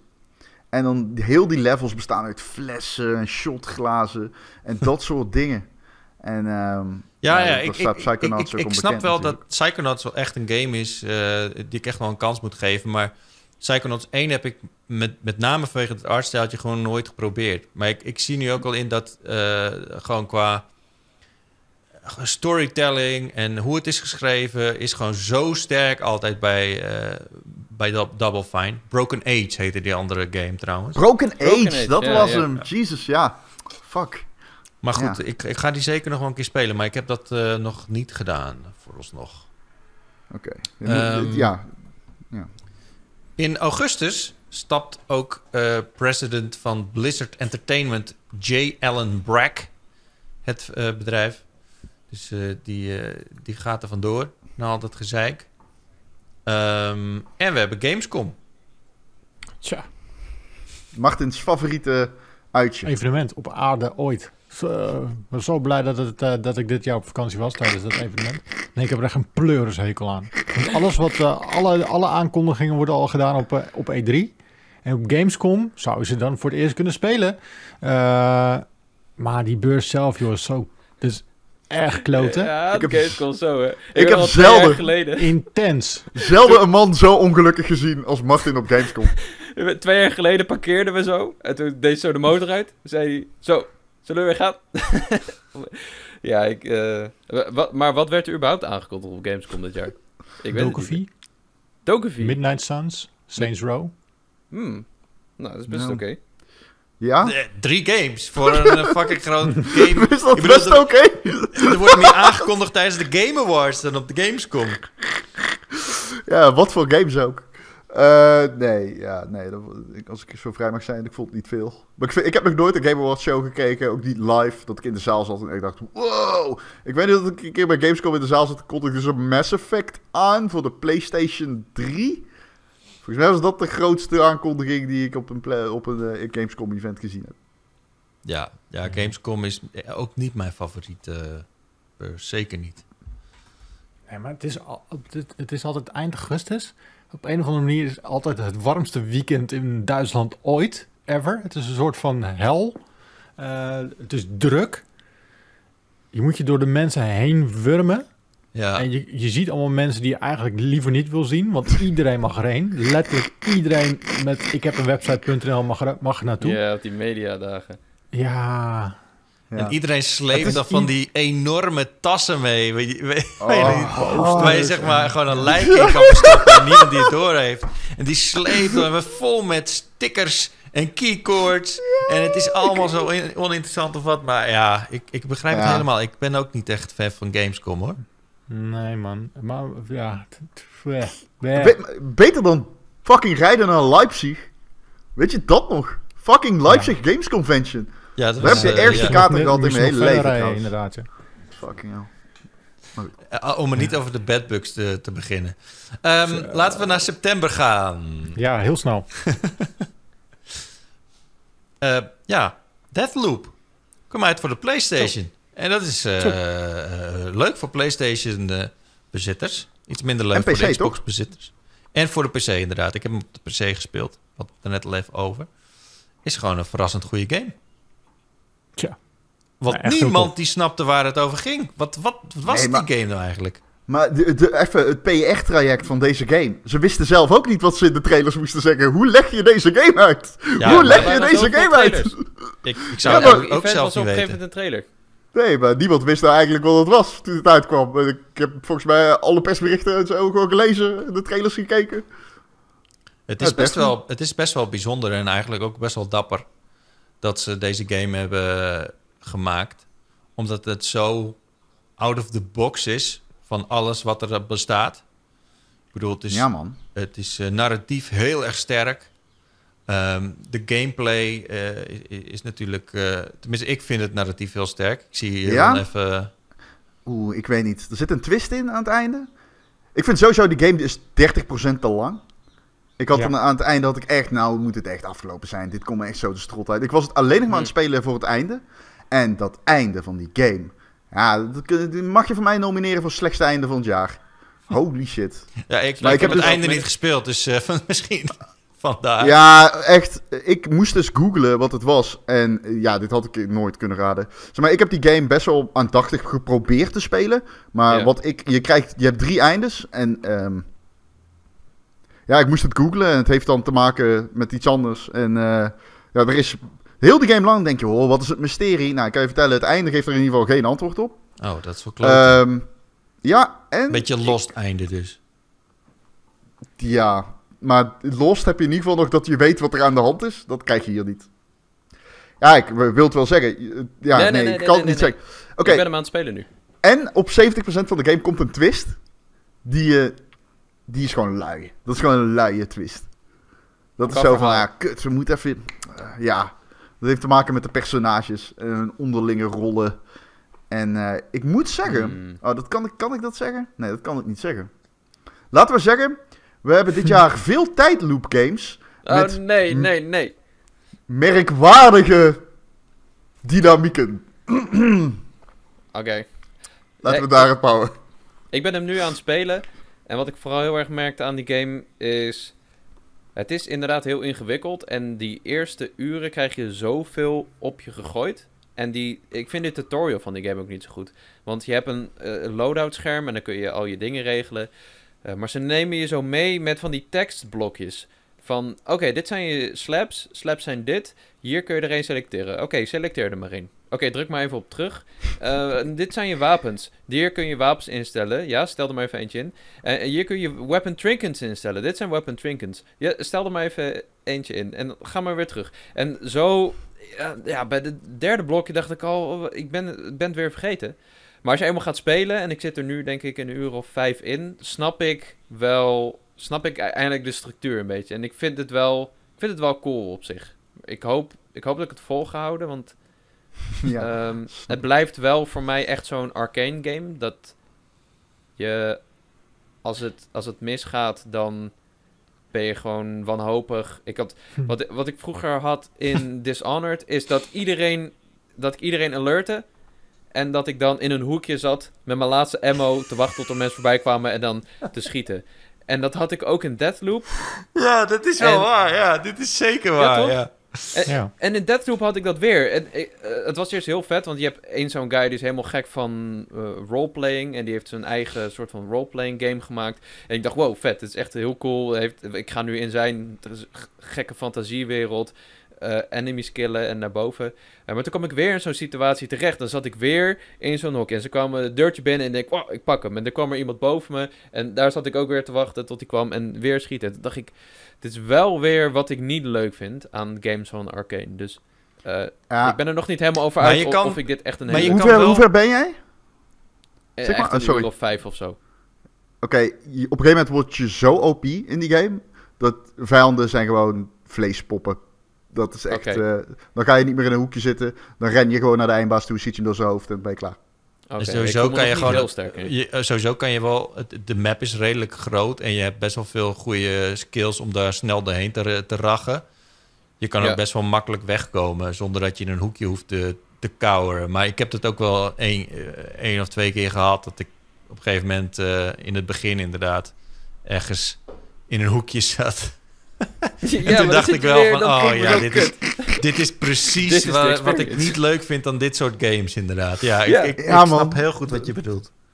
Dat is, maar die game, want we kunnen wel iedere game zo in- in- misschien uitgebreid behandelen, is ook niet de bedoeling. Maar ik, wat ik nog wilde zeggen, die, ga- die game lost wel het pro- immersive sim probleem op, wat ik altijd had bij Dishonored. Dat ik dacht, oh, ik moet dit goed spelen. Dus oh, niet gezien worden en zodra ik gezien word, oh, herlaat me safe, weet je wel. Ja, Dat dat, heb ik ook. En deze game lost dat wel op door gewoon te zeggen, oh ja, een leveltje is vijf minuten. Maakt toch Ja. niet uit. Dan doe je hem opnieuw, who cares. Ja. Maakt niet uit als je gezien wordt. Dan teleporteer ik mezelf twee keer in de lucht en sla ik op de grond en is iedereen dood. Ja, dat, dat, ja, dat vind, vond ik ook wel vervelend. Dat je hem echt inderdaad instelt moest spelen. En als je dat niet deed, dan was gewoon stond aan de knikker en was je gewoon... een- Ja, en eh, het is ook nog dat zo'n systeem dat je Dunwall, de stad, er liepen ratten rond en die plaag werd erger. Dus er meer mensen je dood maakten en zo. Was, Ik had er altijd het gevoel, oh nee, ik moet hem zo goed. Er is maar één goede manier om die game te spelen en dat is stealth. Ja. Deze game lost dat wel op. Oké. Eh, Deathloop dus. Eh Ki- Kena. Nou, ze zeggen dat in de game ook niet, eh, niet structureel eh, hetzelfde trouwens, eh, Martin. We hebben hier eens een keer een discussie. Nou, ze zeggen dus Kena, maar andere eh, NPC's zeggen weer Kina. Ah, dan is het gewoon Kina. Dus misschien is het een dialect. Ja. Kena. Kena. Kena is Kena. ook uitgekomen in, eh, in, eh, in september. En ehm, de, de meningen daarover zijn ook redelijk verdeeld. Ik denk dat er sommige mensen zelfs eh, in elk geval tegen een top 3 aanschurken met, met Kena. Maar ik, ik had al begrepen dat niet iedereen dat vindt. Nope. Vind ik heel erg. alle- wij alle drie niet. Ja, het is een goede PlayStation 2 game. Ja, dat is wel een beetje wat ik vaak hoor inderdaad. En daar ben ik het wel mee eens. Ik, eh, ik heb hem met tegenzin uitgespeeld. En dat, ik deed het echt wel voor de sfeer en dat ik gewoon die, die vibe van de- dat Oosterse bos heel vet vond. Maar de gameplay inderdaad. En wat ik ook wel cool vind is dat, ik heb dat niet heel vaak, misschien met Metroid een beetje, maar die eindbaasgevechten die waren echt heel pittig. En dan moet je wel echt heel erg aanpoten en heel erg duidelijk die, mechanieken, die, die patronen leren van die eindbazen. En dat vond ik wel weer heel cool om te doen. Ehm, maar verder, qua structuur van de game, was het, is het wel heel erg ouderwets. En dan heb je die, dat, dat vechtsysteem, dat vond ik ook niet altijd goed werken. Wa- je hebt die, die rod, die beestjes. Ja. En je, je kan dan healen door volgens mij op driehoekje te drukken. Als je in de buurt van een soort plant staat, dan gaan ze die halen. ja. Ja. Maar wat ik heel vaak deed, je, je, die gebruikt die knop ook voor iets anders. En dat ging bij mij heel vaak mis. en dat vond ik heel vervelend. Zeker bij zo'n eindbaasgevecht kon dat heel frustrerend zijn. Ja. Ehm, en terwijl die, die normale gevechten met die normale personages waren helemaal niet zo moeilijk. Dat was gewoon... Ja, dat, dat was gewoon ontwijken Ja, je kon button je een beetje... Heb, Ja, je hem op norm- heb je hem op normaal gespeeld of heb je hem op eh, moeilijker gespeeld? Moe- Nee, gewoon normal heb ik gespeeld. ja, ik heb Het was voor de de- eindbazen was dat heel goed, vond ik. Ja, dat, dat begrijp ik wel. Ik, ik heb hem dus op een wat moeilijker eh, ding gezet. En in de eerste uren dan denk je echt van... wat de fuck is dit voor game? Ik zet hem op moeilijk en ik, ik, ik fiets er doorheen... Als, alsof, het, eh, alsof de afsluitdijk met wind mee is, zeg maar. Maar het is... eh, later wordt het zo ontzettend moeilijk. Het is echt een soort, soort van rare, rare game wat dat betreft... qua, eh, Ja. eh, qua moeilijkheidsgraad. Die ik game vind- ziet er ook niet uit alsof die moeilijk is. Dat helpt Nee, mee. precies. Het is zo'n rare Nee, mismatch daarvan. Dus ik, ik vond het... Ja, ik vond hem denk ik iets beter dan, dan jullie hem vonden. Ehm, ik heb hem nog niet uitgespeeld, maar ik vond bijvoorbeeld die, eh, die, ja, die eindbaasgevechten vond ik heel erg eh, cool gedaan. Ehm, ik- ja, ik vond het vechtsysteem eigenlijk best wel afwisselend. Ehm, je moet op een gegeven moment ook echt bepaalde dingen wel gebruiken om, om, om door te kunnen komen, überhaupt. Dus dat vond ik wel vet. Ja. Ja ik vond alleen de platformelementen wel een beetje cheesy en, eh en outdated. Ja, je glijdt ook snel van dingen af. En Ja. dat, dat is, is inderdaad heel ouderwets. Soms sprong je op een steen en dan gleed je er zo af. En dan denk je, spring ik nou verkeerd? Of kun je hier gewoon niet op springen? Ja. Ja. Ehm, ik vond wel het concept van de game... Nam, dat je een soort van uh, shamaan bent en... ehm, er was op een gegeven moment dat ik door had dat de mensen met wie je interactie hebt vrijwel allemaal dood zijn. En op een gegeven moment breng je mensen weer bij elkaar. En dan help je iemand naar het hiernamaals komen. Want die, die spirits in die forest, die hebben zeg maar moeite met naar het hiernamaals komen. Dat vond ik wel mooi. Vond ik wel heel mooi eh, in beeld gebracht. Geruststellende gedachte. Dat er iemand in het hiernamaals is die je helpt om... eh, Ja, ja ik, dat, dat vond ik echt mi- misschien wel het tofste aan die game. Niet, niet het overkoepelende verhaal, want dat was dan weer een beetje... Die, je hebt drie hoofdstukken eigenlijk. En dat laatste hoofdstuk is heel erg ingefietst, vond ik. ja. Maar eh, ehm, die stukjes daartussendoor vond ik wel, vond ik wel goed gedaan. Als je dat eh, vet vindt, ik weet niet of je Spirit Fair kent, maar die Heb ik game, gespeeld, ja. die game gaat daarover. Dus Ja, ook heel goed. Heb ik niet uitgespeeld, maar eh, inderdaad heel cool. Ja. Oké, laten we even verder gaan. Nice. Want eh, wat gebeurt er nog meer in september, eh, Martin? Ja, qua release is nog niet zo gek veel, maar natuurlijk kregen we wel e-voetbal.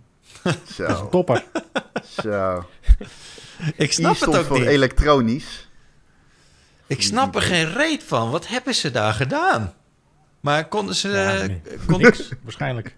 Ja, is pijnlijk, ja. Het is eh, duidelijk weer een gevaltje, we moeten iets releasen, release, maar, maar we willen het niet releasen, hij is niet af. Nee, toch releasen, klaar. Maar konden zij die, die oude engine niet meer gebruiken? Was dat het hele eiereten? Want dat, dat idee kreeg ik niet.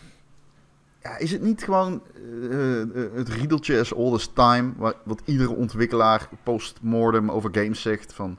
We wisten dat het nog niet klaar was. We wilden een nieuwe engine maken zodat we met FIFA konden concurreren. Maar toen zeiden ze van higher up tegen ons: breng die game maar uit. Want dat is heel erg wat ik denk als ik die game speel. Maar dat, dat, het, het klopt toch van geen kanten. Ten eerste, als er ergens een game is waar het niet heel erg is... als je gewoon nou, niet, niet heel veel nieuwe features introduceert... is het wel voetbalgames. Want die zijn eigenlijk praktisch elk jaar hetzelfde.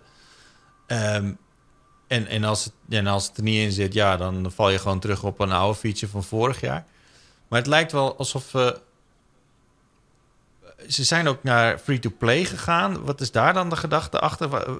Het lijkt wel een beetje alsof ze Ja, je- eh, Sorry. dat keuzes werden gedwongen door bepaalde omstandigheden, wa- waardoor we niet helemaal weten wat er nou gaande is. Maar het is echt een, een, draak van een game waarbij eh, ja, ze zijn echt complete aansluiting kwijt nu. Als ze die nog hadden. Ja. Maar En updates komen ook nog niet. Daar moeten we ook nog op wachten. nee, nee, nee, die zijn wel Ja. aangekondigd, toch? Eh, Ja, maar die komen pas in 2022. Maar is dit ook niet gewoon de game die op dit moment zeg maar symboliseert wat Konami is? Namelijk gewoon een IP holding house. En dat is het.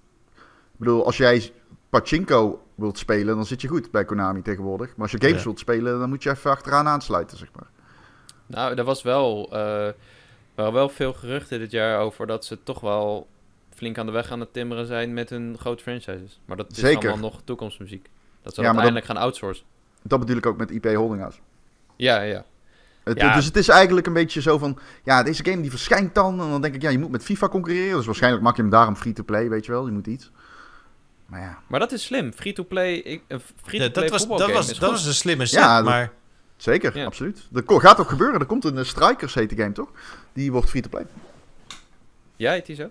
Ja, maar ik weet niet of die zo heet, maar er komt een concurrerende free-to-play voetbalgame aan. Die is aangekondigd tijdens de Summer Game Fest. Ja, ja. Ik zou het in elk geval leuk vinden. van, Ik zou het in elk geval leuk vinden als EA eh, uit hun comfortzone wordt gedrukt door eh, zo'n partij die het een, op een interessante manier een voetbalgame maakt, die, die echt leuk is en eh, echt die, die concurrentiestrijd een beetje weer aanwakkert. Want EA zit zo op een troon van microtransactions en pff, het is echt, pay to win is, is ongelooflijk daar.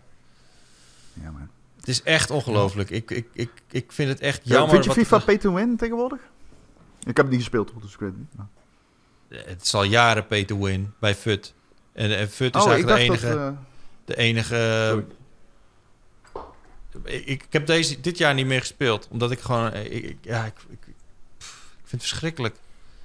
Vorig ja, jaar ik- nog wel gedaan. Ik, het, is gewoon, ja, het is gewoon pay to win. Je kan, je kan FUT in het begin... kan je er zonder geld uit te geven... kan je nog redelijk meedoen. Op een gegeven moment... de- loop je tegen iedereen te, te ballen... die echt onwijs eh, dure kaartjes hebben gekocht. Of je, dan is het gewoon niet leuk meer. Eh, nee. dus Nee. na twee, twee maanden FUT spelen zonder er geld in te steken, is het gewoon niet leuk meer. Omdat je dan gewoon tegen een, eigenlijk een soort van paywall aanloopt.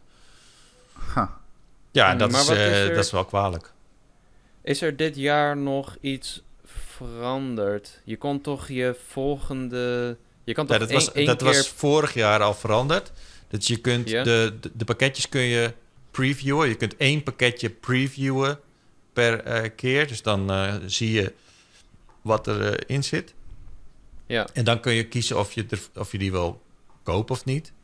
Ehm, maar ja, dan duurt het weer 24 uur voordat je de volgende kunt kijken. Maar ja, het is... Ja, is niet, het zit niet echt... eh, maakt niet echt verschil. Ze moeten gewoon Ja. uit die comfortzone worden gedrukt. En, en ik vind het gewoon doodzonde. Ik, ik, eh, ik, ik heb best wel genoten van FUT, gewoon een paar jaar.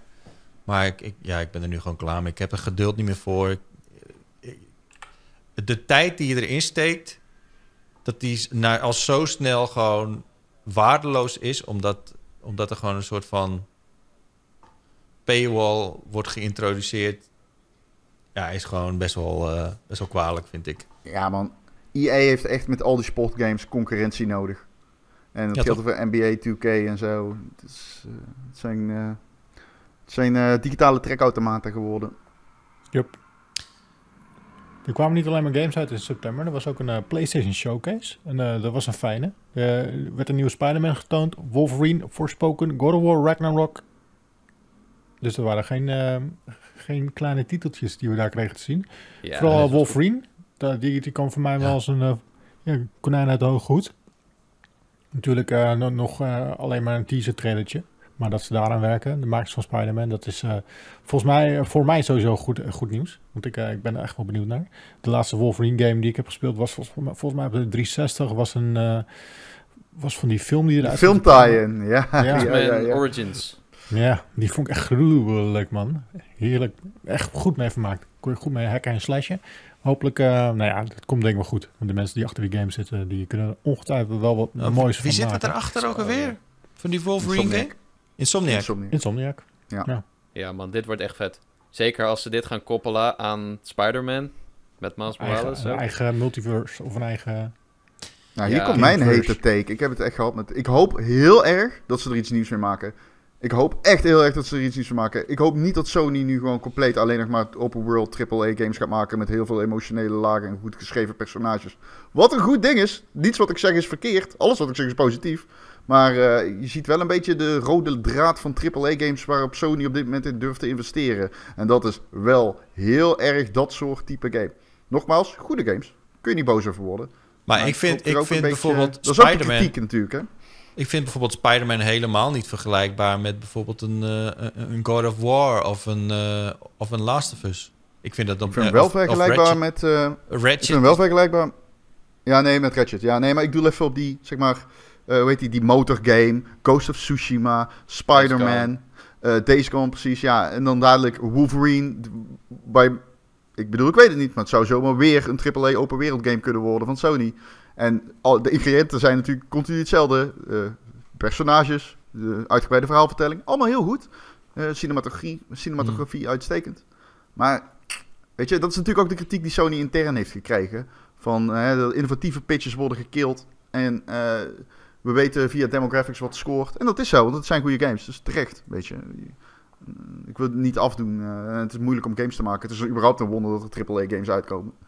Maar Ja. eh, Maar ja, wat, zijn wel wat, de zou games waar jij ik het dan, meest van geniet. wat zou jij dan graag zien bij, bij, eh, op de PlayStation 5? Wa- ja, Wat bijvoorbeeld missen zij nog voor type? Wat ehm, het vind ik moeilijk wat ze missen. Maar wat ik in ieder geval niet hoop is weer Uncharted. Man, serieus, kill die serie. Ik ga niet weer voor de 300ste keer aan zo'n riekeltje hangen. Wat dan afbrokkelt. Maar ja, het verkoopt goed. Dus ik snap dat ze maken en het zijn geen slechte games. Maar het is natuurlijk wel een beetje creatieve armoede. Ehm, ja, dat betekent ook niet dat ik een, een, een Halo-killer wil. Of een nieuwe Killzone. Maar ik denk dat het eh, goed is om Ja, ontwikkelaars te laten pitchen, man. Laat ontwikkelaars pitchen. En... eh, Wat ze, er wel, ja, ze missen eh, wel echt een goede shooter. Hè, dat hebben ze met Killzone wel geprobeerd, maar dat is nooit echt...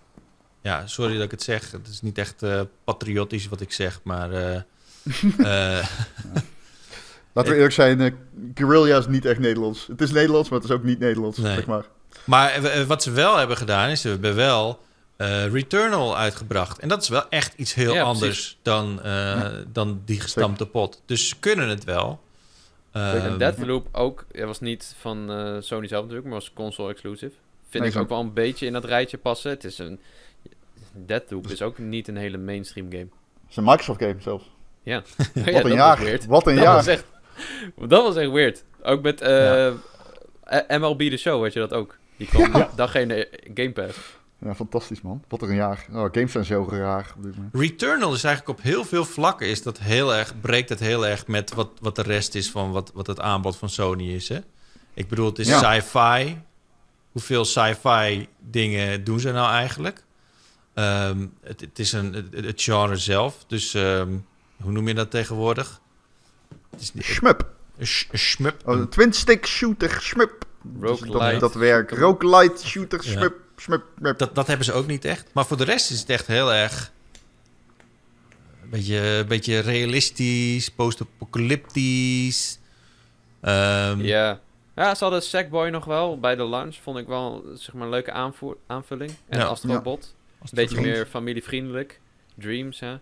Maar dit jaar was het inderdaad Returnal eh, echt het enige wat heel erg opviel. Ze hadden sowieso natuurlijk niet heel veel games. Nee, ze hadden Ja. niet zoveel. Ze hadden niet zoveel dit jaar. Eh, de- de- 2022 wordt een heel goed jaar. Dus. Maar ik denk ook, eh, Ja. oké, als is Insomniac het maakt, ik denk wel dat ze er echt iets moois van maken. Ik denk dat. ehm,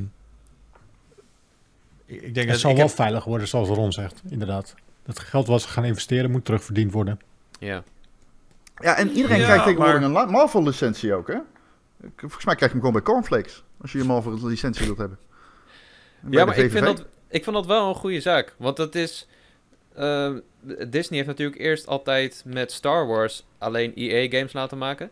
Nou ja, ik moet zeggen dat alleen Fallen Order echt een goede game daaruit is gekomen. En Battlefront 2 was hele heisa. En verder hebben ze in volgens mij 13 jaar heel weinig games uitgebracht.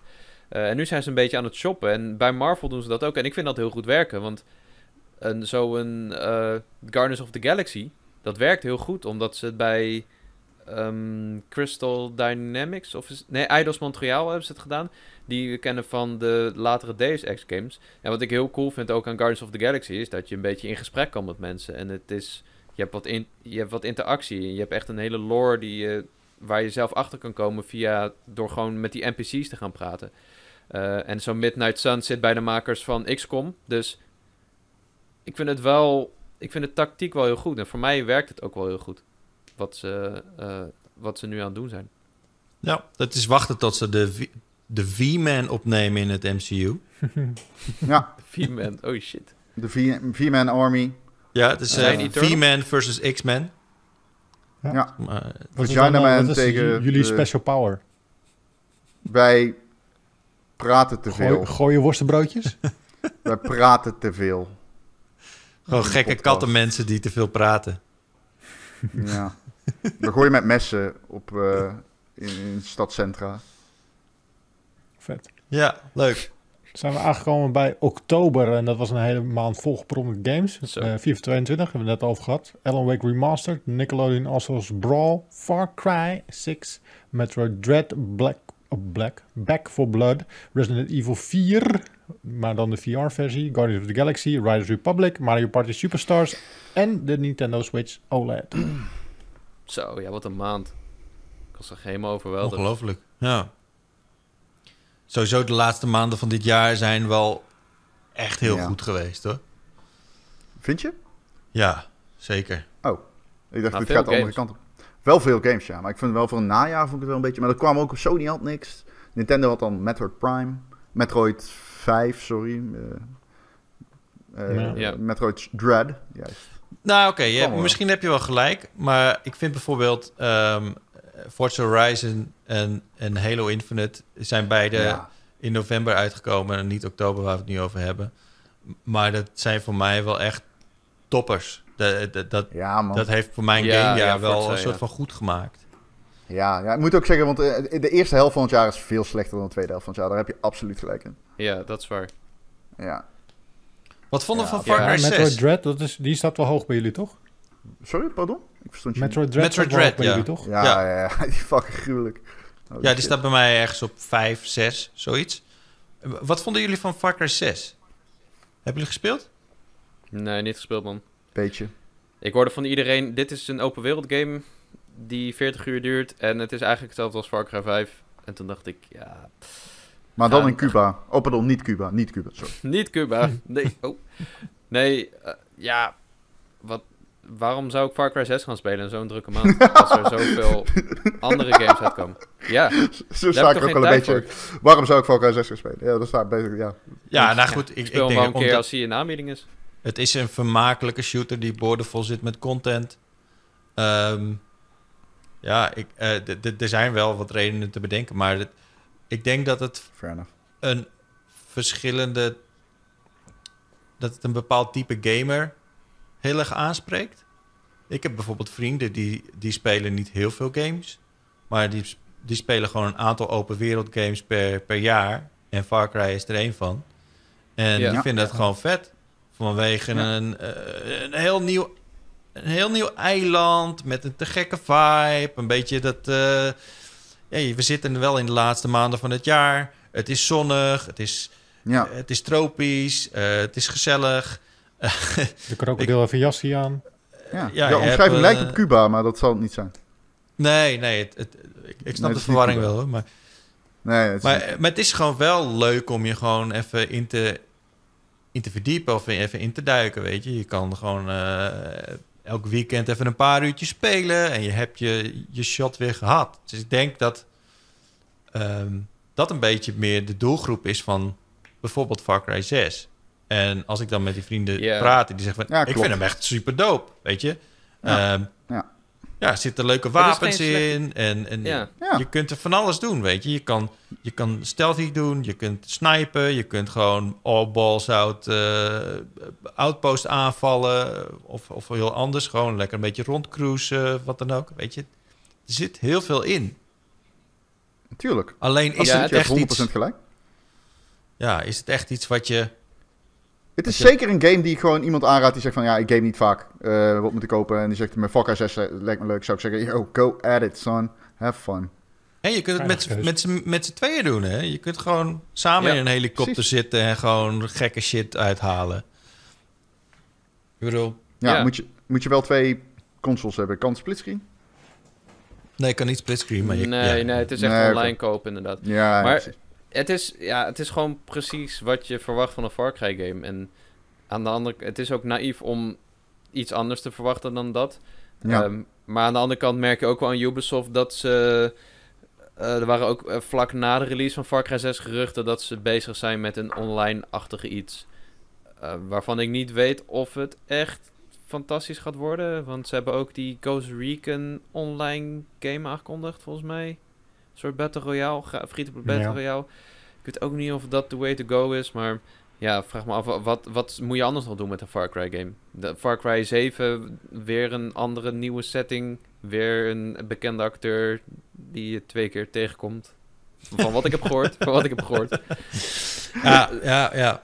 nou goed, bij Assassin's weten. Creed zijn ze ook al eh, aan het kijken naar hoe ze die formule een beetje op kunnen shaken. Hè? Eh, dat- dat, dat schijnt ook een soort van hubwereld te worden, waarbij je allemaal verschillende missies kunt doen eh, in, in verschillende tijdzones en, en dat soort Ja. dingen. Hè, Er eh, zijn nu ook geruchten over die nieuwe Splinter Cell game, dat het ook weer een open wereld-achtige Assassin's Creed wordt, alleen dan met stealth. oh wauw, dat zou ik wel heel erg jammer vinden. Splinter Cell heeft toch Ja, wel echt een heel fijn plekje in mijn hart. Dat is de enige manier waarop ze Splinter Cell gaan uitbrengen, denk ik. ja, maar echt serieus. What the fuck, man. Ubisoft, fucking hell. Wat doe je maar aan? Gaan ze weer een Splinter Cell game maken? Maken ze hem godverdomme open wereld? Krijgt het Ja. tegen toch? En weet je wat je dan gaat doen, Ron? Dan kun je in kistjes kun je, eh, eh, geweren vinden. En sommige geweren zijn groen, en sommige zijn blauw, en sommige zijn geel. Ja, Eh, en die zijn epic, maar die, Zo die vet. kun je ook... ja. Fucking gruwelijk, maat. Maar daar En- kan je pas mee, mee spelen als je met je Ubisoft Plus account een puzzel hebt opgelost. Maar je spaart wel punten voor de Ubisoft Club. Ja, is toch Die fucking gruwelijk? Die Ubisoft Club, echt, oh, het eerste wat ik doe als ik een game opstart, dan zie ik onderin Ubisoft Club. Het flasht in mijn gezicht. Bijna epileptische aanval. Daar kan, geniet ik van, man. Wat klik ik er graag op? En wat heb ik zin om torens te beklimmen, maar dan in het donker. I can't Met fucking je wait. Als je Ja. dan even niet meer hebt gespeeld, krijg je e-mails dat je niet meer hebt gespeeld. Ja, dat is lijp. Oh ja, dat klopt. Dat doet ze al een tijdje. Dat Ja. deden ze ook bij, bij eh, fucking, weet de game. eh Division Watch deden Dogs ze 3. dat. piu, piu, piu, piu, piu. Hoe heet die? Insp- Inscription wil ik hem noemen, maar zo weet hij niet. Inception? The Division, die bedoel ik. Division. Ja, Division, ja. Ja, dat is echt grappig. Van, hey, je hebt al een tijdje niet gespeeld. Wil je niet weer even komen spelen? En dan denk ik, yo, gast. Ik heb dingen te doen. Dus een Ik moet wel zeggen, ik... Ja, Voor hetzelfde geld wordt die Splinter Cell game fucking gruwelijk. Dat weet ja, je niet. tuurlijk. Dat weet je niet.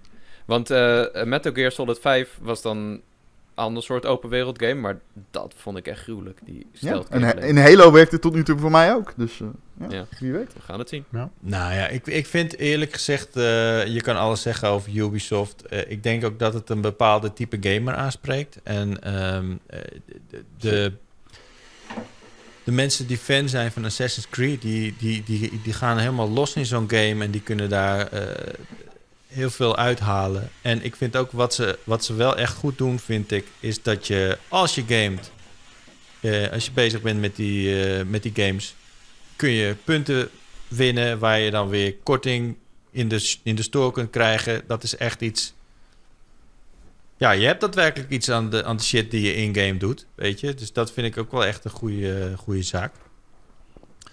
Ja. Maar ja, het is, het is wel zo dat we wachten wel een beetje op iets innoverends van zo'n groot gamebedrijf wat zoveel middelen heeft. Ehm, NFT's. NFT's, dude! Zet Ja. hem op de blockchain! Brilliant! Over de blockchain. Oh, dankjewel, Jacco, vertel Zo'n mij. YouTube-reclame voor je video. Vanuit Welke eh, demographics kan ik aantikken als ik op zo- de blockchain ga, Jacco? Ik was 18 jaar toen ik stopte met school en een villa op Bali kon kopen. Laat me je vertellen hoe. Ja. Zonder shirt zo. Hier, hier is een whiteboard. Mindset, man. Mindset. Ja, N- 9 tot 5 mentaliteit is niet meer van deze tijd. nee.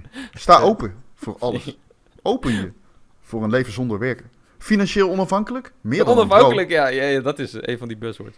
Meer dan een droom. Ondertussen kwam Sam Fisher bij Martin naar binnen.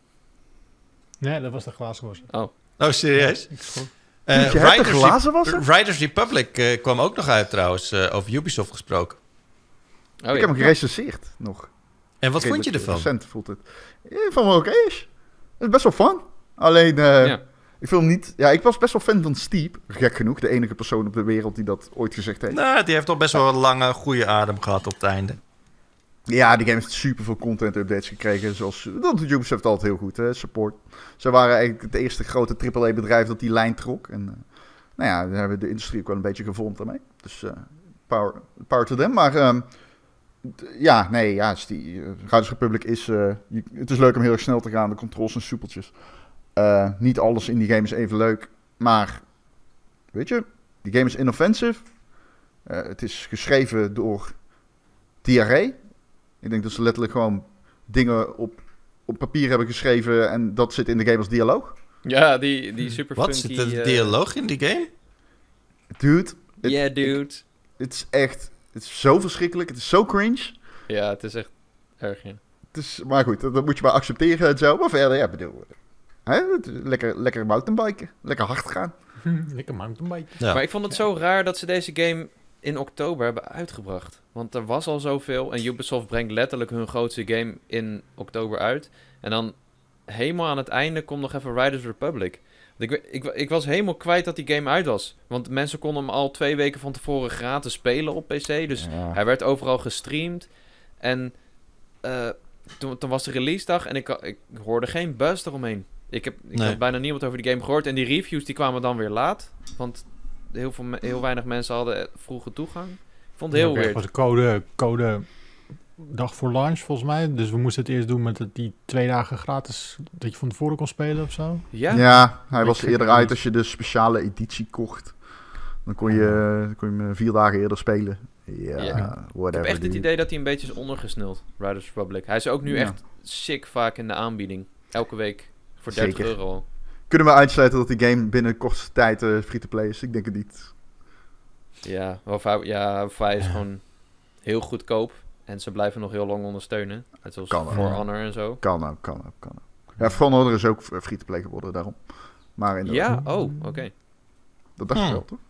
Zo. Ah, weet ik niet. November. De Battle der Battles Call of Duty Vanguard versus Battlefield 2042. En wie gaat er met de winst vandoor? Het is Halo Infinite. Yep. ja. Ja, eh, we, hebben, we, ja, we hebben het hier eigenlijk al, al uitgebreid vaak over gehad. Ja, Eh, Afgelopen eh, week hebben we het hier al uitgebreid over gehad. Ja. Vanguard eh, en, en Battlefield. Het zijn beide games die ik niet zo snel aan zou raden, eerlijk gezegd. En dat is best wel, ja... Zeker voor, voor Battlefield is dat best wel eh, tragisch, denk ik. Ehm, Ja. het is al een tijd geleden dat we een, eh een full-blown Battlefield hadden. We, hadden. we keken er best wel naar uit. Want ja, ze hebben best wel lang de tijd gehad. En uiteindelijk Ja, ja, en- ja, valt het een beetje tegen. Ik heb het idee dat het vooral technisch is bij Battlefield. Het, het is... ehm, ik denk dat ze Battlefield nog wel op de lange termijn een veel betere game kunnen maken. Ja, Maar dat, denk ik ook. Dat denk ik ook, ja. Ja, want ik ging gisteren spelen, of eergisteren, ik wilde Halo spelen, maar dat was het nog niet. Toen dacht ik, oké, ik, ga, ik ga een beetje knallen. Zou ik Call of Duty gaan spelen? Moi, weet je, ik start Battlefield op. Ik wil een potje, gewoon super normaal, Conquest, All-Out Warfare, nieuwe map. Ik krijg een error. Probeer nog een keer, weer een error. Krijg ik nog een keer, weer een error. Pas bij de vierde keer kom ik die game pas in. Eh, en zit ik in die game en ja, het is leuk, het werkt, maar zie ik alsnog wat ik ook in de beta had, namelijk eh, soldaten die blijven staan terwijl ze eigenlijk al dood zijn in de wereld. Eh, wa- waardoor ik erop schiet en er, er gebeurt eigenlijk niks. En ja, ik vind het weird. En het, was al een teken aan de wand dat deze game van... Hij zou eerst in oktober uitkomen. En toen hebben ze Ja. hem op Ja. het laatste moment nog uitgesteld naar november. En Het is wel een raar verhaal, hè. Ze gaan die game, ze zeggen, we doen geen singleplayer meer, kunnen we ons focussen op de multiplayer. En dan kom je hiermee, ja. ja, het is echt zonde. Eh, Vincent Terwijl- Pella gaat het nu eh, doen, hè. Die gaat de leiding nemen van de, de, de devkant. Dus eh, die zetten Ja. ze ook overal op. Als iemand een skate laat binnen EA, dan zeggen, men- zegt de management, we zetten Vincent Pella erop. Ja, want hij zat al bij Ripple Effect toch? Wat ja, hij heeft die DICE nieuwe studio in eh, die nieuwe studio. Nou, ja, hij komt natuurlijk oorspronkelijk van, eh, van Call of Duty. Hè? Hij zat bij Infinity Ja. Ward. Eh, Ja. toen, toen hebben ze Respawn opgericht met onder andere hem. Dus hij heeft toen Titanfall 1 en 2 gemaakt. Fantastische games. Apex gemaakt. Ehm, en daarna ben ik een beetje kwijt. Maar Ripple Hij is daarna- zijn... Ja, hij heeft, eh, dus hij heeft die, eh, een soort van eh, vertakking van DICE in, eh, in, eh, in de US. Dat is Ripple. LA, ja. Ehm, ja, dat is niet echt DICE hoor. In het begin werd, ging dat rond intern als zijn de vertakking van DICE. Ja. Eh, en, ehm, dan, eh, en nu is het soort van... Ja, hij is het baken van licht van EA. Omdat gamers houden van zijn Vincent Bellen. Dus Maar ja, hij wordt hij- hij doet- overal opgezet. Hij doet natuurlijk ook best wel goede dingen. Ik bedoel, het is Zeker, niet voor niks absoluut. natuurlijk. Ja, zij hebben die Portal mode gemaakt. Wat eigenlijk stiekem het leukste is aan Battlefield. Ja, dat is het leukste aan die hele game, ja. Ja? Ja.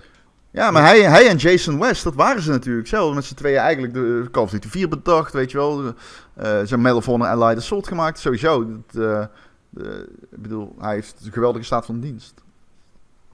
Ja. ja, goed. Ik denk dat ze Battlefield nog wel kunnen fixen. En Call of Duty... Ja, Ja, die speelt, de multiplayer is gewoon goed. Het is compleet. Ja. Het speelt heerlijk. Het is alleen niks wereldschokkends. Wat, het, drijft gewoon mee op wat Modern, Warfare deed in 2019. En sindsdien zijn Black Ops Cold War en deze game zijn er gewoon in meegegaan. Yo, we hebben Gunsmith. Oh, we hebben crossplay. Oh, we hebben gratis maps. Eh, we hebben de hele soepele gameplay. Ik vind, de, ik, ik vind hem echt heel lekker spelen. Ehm, er valt gewoon niet heel veel op, aan op te merken. Behalve dat die zombie mode gewoon super leeg is. En ehm, dat, ja, mocht daar. Dat- Er is al een update voor aangekondigd voor het eerste seizoen. Dus ik ben wel benieuwd. Ik, ik, ik ga die zeker nog wel checken. Maar verder, ja, het, het, het, het blijft Call of Duty op deze generatie Ja. consoles. En als er één game weer verandering in kan brengen, dan is het denk ik Modern Warfare 2, die er volgend jaar aankomt. Wat echt al ziek vaak is geleakt dit jaar. ja, Eh, als die bijvoorbeeld de laatste generatie consoles laat vallen en ze doen weer iets. Ik zou niet weten wat, maar ze doen iets, dan eh, zou Call of Duty wel weer die boost kunnen krijgen. Ja, dat weet gaat in je, elk geval niet gebeuren. Dat, ze hebben nu wel Verdansk achtergelaten voor, een, eh, voor de Pacific, zeg maar. Dus dat is Ja. wel, eh, ja, wel een ding. Eh, Warzone is natuurlijk Ja. onwijs populair. Ik denk dat dat... ja die die, die, die eh, transfer naar die nieuwe map gaat ook niet heel soepel. Nee, dat hoorde ik. Zo, yo. nee, maar Vol bugs en glitches. Ik denk dat het ook eh, dat het snel is opgelost hoor. Ik denk dat dat de reddingsboei is waar eh, Call of Duty op dit moment aan drijft. Eh, ze- al die quality eh, testers die zijn allemaal de deur uitgelopen. nee, die zijn allemaal ontslagen. Oh ja. Ja, een Ja, raar waarom verhaal. doen ze dat eigenlijk? Waar, wat is dit nou weer? Ja, dat, ze dat, ontslaan de, de, om ze zo weinig QA-testers. om ze zo weinig mogelijk rechten te geven natuurlijk. Als je ze langer in dienst houdt, dan, eh, dan krijgen ze een grotere mond en dan willen ze dingen. Ja, t- Ja, dat is natuurlijk Ja, eh, slecht. ze zijn doodsbang van unions in de US. Er wordt natuurlijk een heel stevig geluid van unionization en zo. Ja. Ja, precies. Dus ja, ze willen ze zo klein mogelijk houden. Sowieso bij QA-testen al niet zo'n hele hoge status eh, binnen developing eh, over het Nee, ik wilde algemeen. net zeggen, dat eh, zijn Ja. al de gebeten hondjes vaak, zeg maar. Ja. Ja, de, de stagiairs. Maar over eh, development gesproken. GTA The Trilogy kwam uit. Groot succes. Heeft So iemand hem hier win. gespeeld? Ja, Ik Ja, ook. op Ja. Switch. Jacco heeft hem nog gekocht op Switch. Op Oh, Switch. was- Holy shit. Ja, De teleurstelling in je stem die dag erna was zo mooi. Ja, dude, ik had zo'n ingeving. Ik zat 's ochtends aan de ontbijttafel. Ik denk, oh ja, GTA is uit. Ah ja, yes, laat ik ze gewoon downloaden. Het zijn PlayStation 2 games op de Switch. Moet gewoon prima kunnen. Laat ik ze gewoon lekker gaan spelen. En toen ging ik spelen. Little did he know. Zo. Maar weet je wat het allerkutste is? Want ze zijn nu wel aan het patchen. Eh, en, en ze hebben ook de volk een beetje teruggebracht in San Andreas. En ze hebben de regen gefixt op heel veel manieren. Eh, maar echt het levendeel van die updates was niet voor Switch. Switch komt gewoon apart. En ze hebben zelfs die fysieke versie van de Switch... hebben ze nog verder uitgesteld naar volgend jaar. Yup. Oh, Ja. oké, Maar you fucked. ja, nou... goed, ik speel niet Wat, meer... wat was het ehm, moment waarop jij dacht van... Oh, maar dit is eigenlijk helemaal niet zo chill. Dit is eigenlijk best Was het wel toen je auto breder werd? Was het toen je auto breder werd? Ja, dit, Nee, niet toen mijn auto breder werd. nou ja, gewoon toen, als je gewoon de wereld ingaat. Ik begon met Vice City. En toen dacht ik, ja, dit voelt gewoon niet lekker. De, de camera draaien en het rijden. En toen op een gegeven moment, als je dan echt in de actie komt... en je begint te schieten en er is een explosie... dan merk je hoe slecht die framerate ook is. En in combinatie met de, he- de lage resolutie... het is echt 400p of zo op de Switch in handheld... want ik wilde met handheld spelen... Ja, dan denk ik, waar zit ik naar te kijken? Dit voelt echt alsof je een game speelt op een PC die het gewoon helemaal niet trekt. En dat, dat is een beetje de ervaring die je krijgt. Eh, wat echt, eh, echt zo zonde is. En het heeft er wel toe geleid dat Rockstar zijn excuses heeft aangeboden. Terwijl ze normaal gesproken heel arrogant zijn. Wat dan Hmm. wel weer grappig is, dat dat gebeurt in die kan 2021. je in je zak steken. Ja. Ja. Dus ja, het, eh, nou goed, dit is één grote blamage. En ze hebben wel wat dingen... Ze, volgens mij de oorspronkelijke versies hadden ze verwijderd. Maar op PC kun je hem dan nog wel downloaden. Maar dan alleen als je de remasters hebt gekocht. Dus als jij helemaal die remasters niet wil... dan moet je alsnog de remasters kopen om het origineel te kunnen spelen. Ehm, en ze hebben natuurlijk die, die modders aangeklaagd. En die reverse engineering projects... die... eh, ze, ze, ze waren die games aan de reverse engineeren. En dat was al een eerste teken dat ze met die remasters kwamen. Maar nu hebben die gasten weer gezegd: hey, we pikken het niet. En we gaan, eh, de, we, gaan we vechten die, die aanklacht aan. Dus ja, ze, het, ze hebben het nog veel erger gemaakt dan moet. En Ja. sowieso, dit is iets anders, maar Take-Two, die is ook lekker bezig. Want natuurlijk het moederbedrijf van Rockstar Games, die hebben laatst ook de, de, de naamrechten geclaimd van It Takes Two. Van die, van die co-op game. Maar hoe, hoe sneu ben je dan? Dat, ze, dat je achter je bureau zit en denkt, hmm, It Takes Two. En wij zijn Take-Two Interactive. Hmm, die kunnen we daar iets mee? En dan zegt iemand, ja, misschien kunnen we daar wel iets mee. En dan gaan ze op die manier een... eh, Joseph Ferris, de meest gepassioneerde ontwikkelaar in de industrie, gaan ze hem aanklagen. Doe even normaal. Ze hebben, ja, ze hebben niet een goede beurt gemaakt. Take-Two dit jaar. Bizar. Ja, Ehm, Echt bizar. Ja, we, we, we nemen dit op voor de Game Awards. Maar eh, Rockstar die zou wel eh, even... Die stond in elk geval op de, op de site bij de Game Awards. Ja. Ik ben wel benieuwd wat die, eh, die gaan eh, doen. Maar Ik, ik dacht opeens... die eh, PS5-versie of zo. Oh, Oh, nee, ja. nee, ze komen met die... eh, er komt een nieuw eh, verhaal-update voor GTA Online. Ik denk dat ze daar iets van laten zien. Die, Ah, oké. Maar Eindelijk. man. Jesus, Ja, dat maar is lang Dr. geleden. Dre. Dat, dat, eh, ja, Ja. en Franklin. en Frank- Dat is cool. Of Agent komt, jongens. Voor de PlayStation 3. Nee. Ik heb daar Nee? volgens mij nog ergens een sticker van liggen. Denk Ik je heb niet, Jacco? wat merchandise liggen van Agent. Nee. Agent, waar hebben jullie het over? Agent, die is ooit aangekondigd in echt 2002 of zo. En dat Ja. was eh, een PlayStation 3 exclusieve Rockstar game. En die heeft volgens mij tot dit jaar nog op de website gestaan. En toen stond er coming soon voor PlayStation 3. Agent. Oh ja, dit jaar was dat ze die website hebben offline gehouden. Ja. Oh, nice. nice. Eh, eh, tussen al die shit door kwam in één keer Horizon eh 5 uit en eh, kwam eh, Halo Infinite de Shadow Launch van de multiplayer, waar je heel erg goed eh je goede aarde viel. En ook Forza Ja, dat Horizon was 5 goed. ook. We hebben het er eerder Ja, al man. over gehad. eh, Game Pass doet het gewoon hartstikke goed eh, dit jaar. Eh, er is echt ehm, geen enkele twijfel over mogelijk. Je kunt Game Pass gewoon echt aan iedereen aan gaan raden. En is het Ja. dus ook veel interessanter om een Xbox Series X te kopen? Of Ja. S? Ja. Ja. Ja. Zeker. Ja. Ja, heel goed jaar voor Game Pass. Veel grote echt- titels. Parels.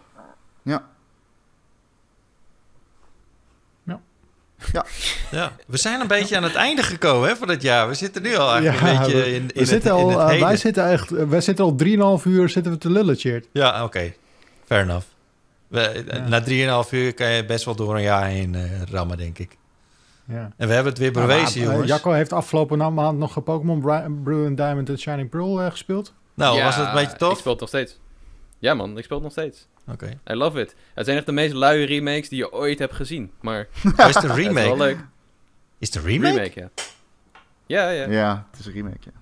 Ja. en, eh, andere een remake van, van Brilliant Diamond en Shining Pearl. Of heette Nee, het eerst eh, anders? Diamond and Pearl. Pokémon Diamond and Pearl op de DS Ah. hebben ze geremaked. En het, ze hebben daarvoor een andere studio ingeschakeld. En die heeft het echt letterlijk één op één gedaan, min of meer. Met wat moderniseringen. Eh, en, en, en wel een leuke endgame.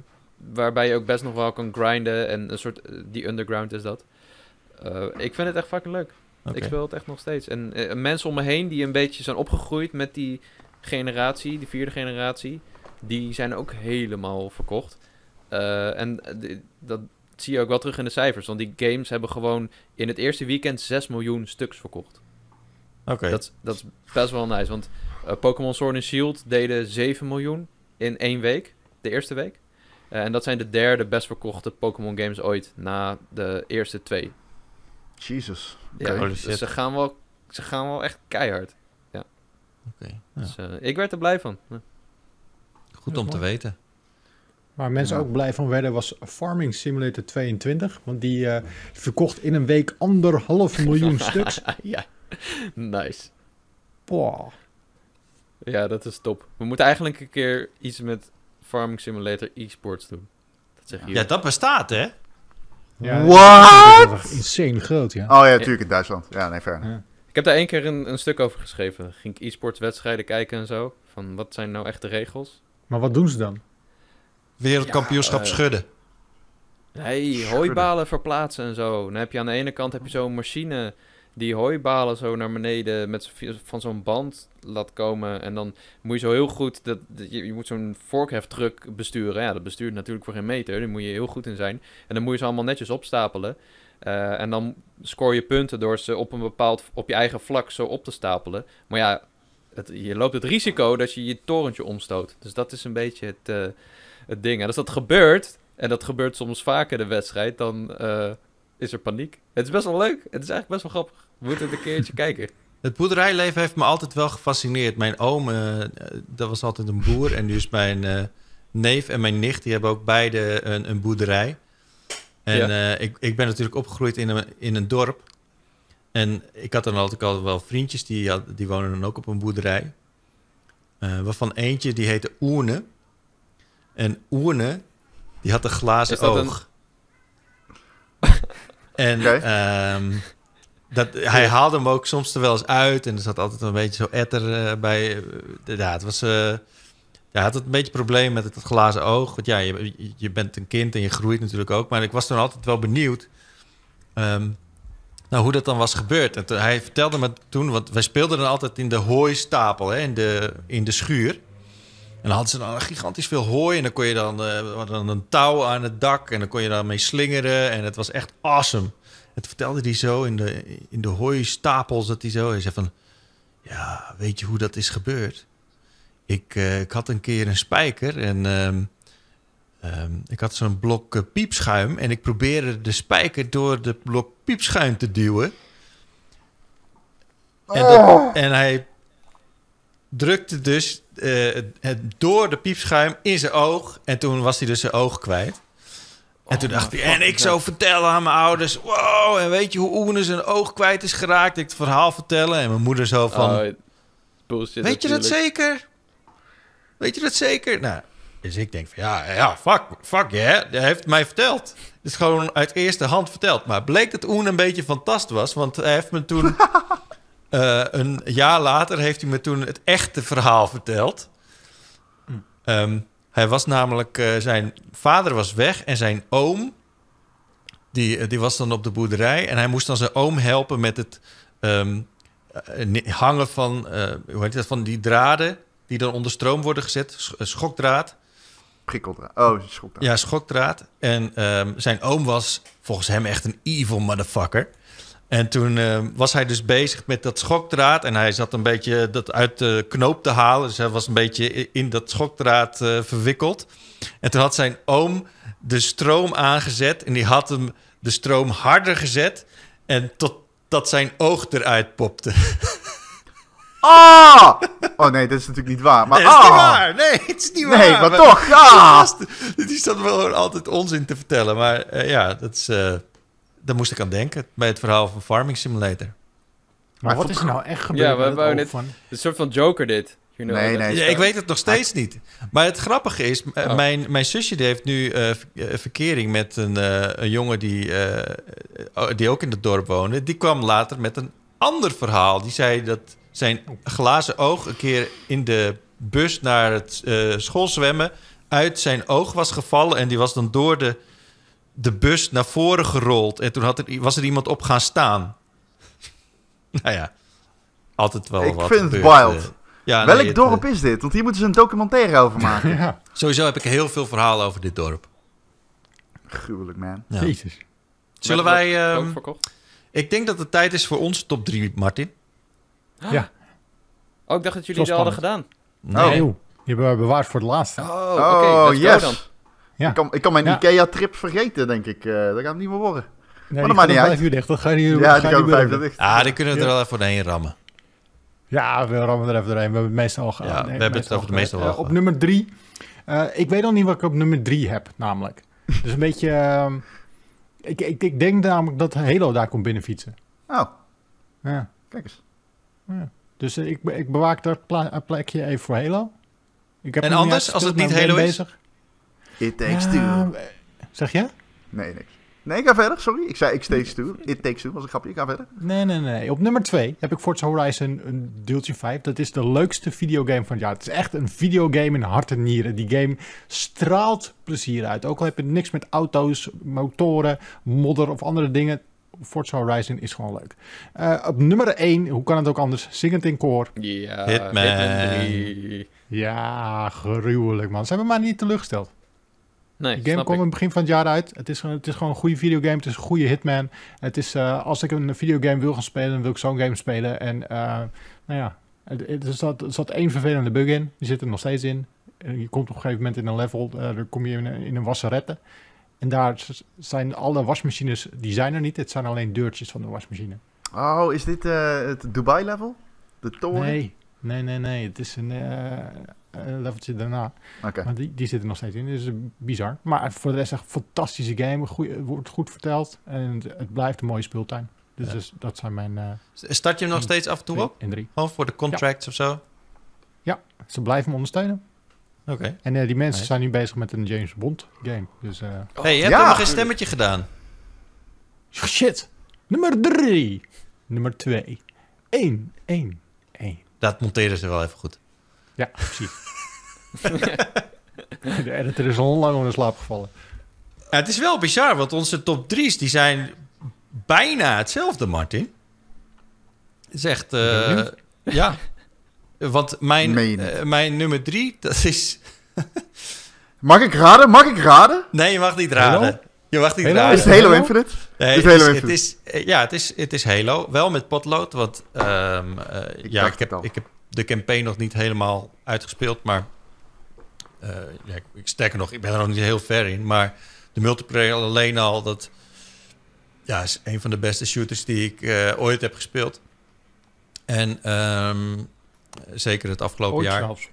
Ooit? Is wel heel high praise. eh. Ja, nee, ging goed. Ik denk, ik zet het even aan. Maar nee, supergoed gedaan. En, en, en het begin van de campaign is ook echt eh, ja, ontzettend tof. En ehm, ik kijk er heel erg naar uit om die game helemaal uit te spelen. Dus vooralsnog staat hij op mijn nummer 3. Halo Infinite. Dan op nummer 2, Forza Horizon 5. Ja, dus- Sorry, ma- mag ik even iets zeggen? Waar, waar, stemmetje misschien of zo? Ik weet Oh niet. Ja. shit. Oh, Zit- ja, jij ook al. Nummer 2. Forza Horizon 5. Forza Horizon 5, voor mij de beste racegame die ik ooit heb gespeeld. Er zit alles in wat ik wil van een racegame. Eh wat ik heel erg tof vind aan racegames is eh, samen op de bank zitten en elkaars tijden verbeteren. En dat kan natuurlijk met Forza Horizon met eh, rifles heel erg lekker. Dus dan ga ik Ronnie V-Man even proberen af te troeven natuurlijk in, eh, in een raceje. Maar dat heb ik in het begin heel erg gedaan van Forza Horizon. Daarna ben ik eigenlijk weer begonnen met die, al die evenementjes of aparte racen. Zoveel mogelijk auto's verzamelen, zelfs foto's maken van auto's.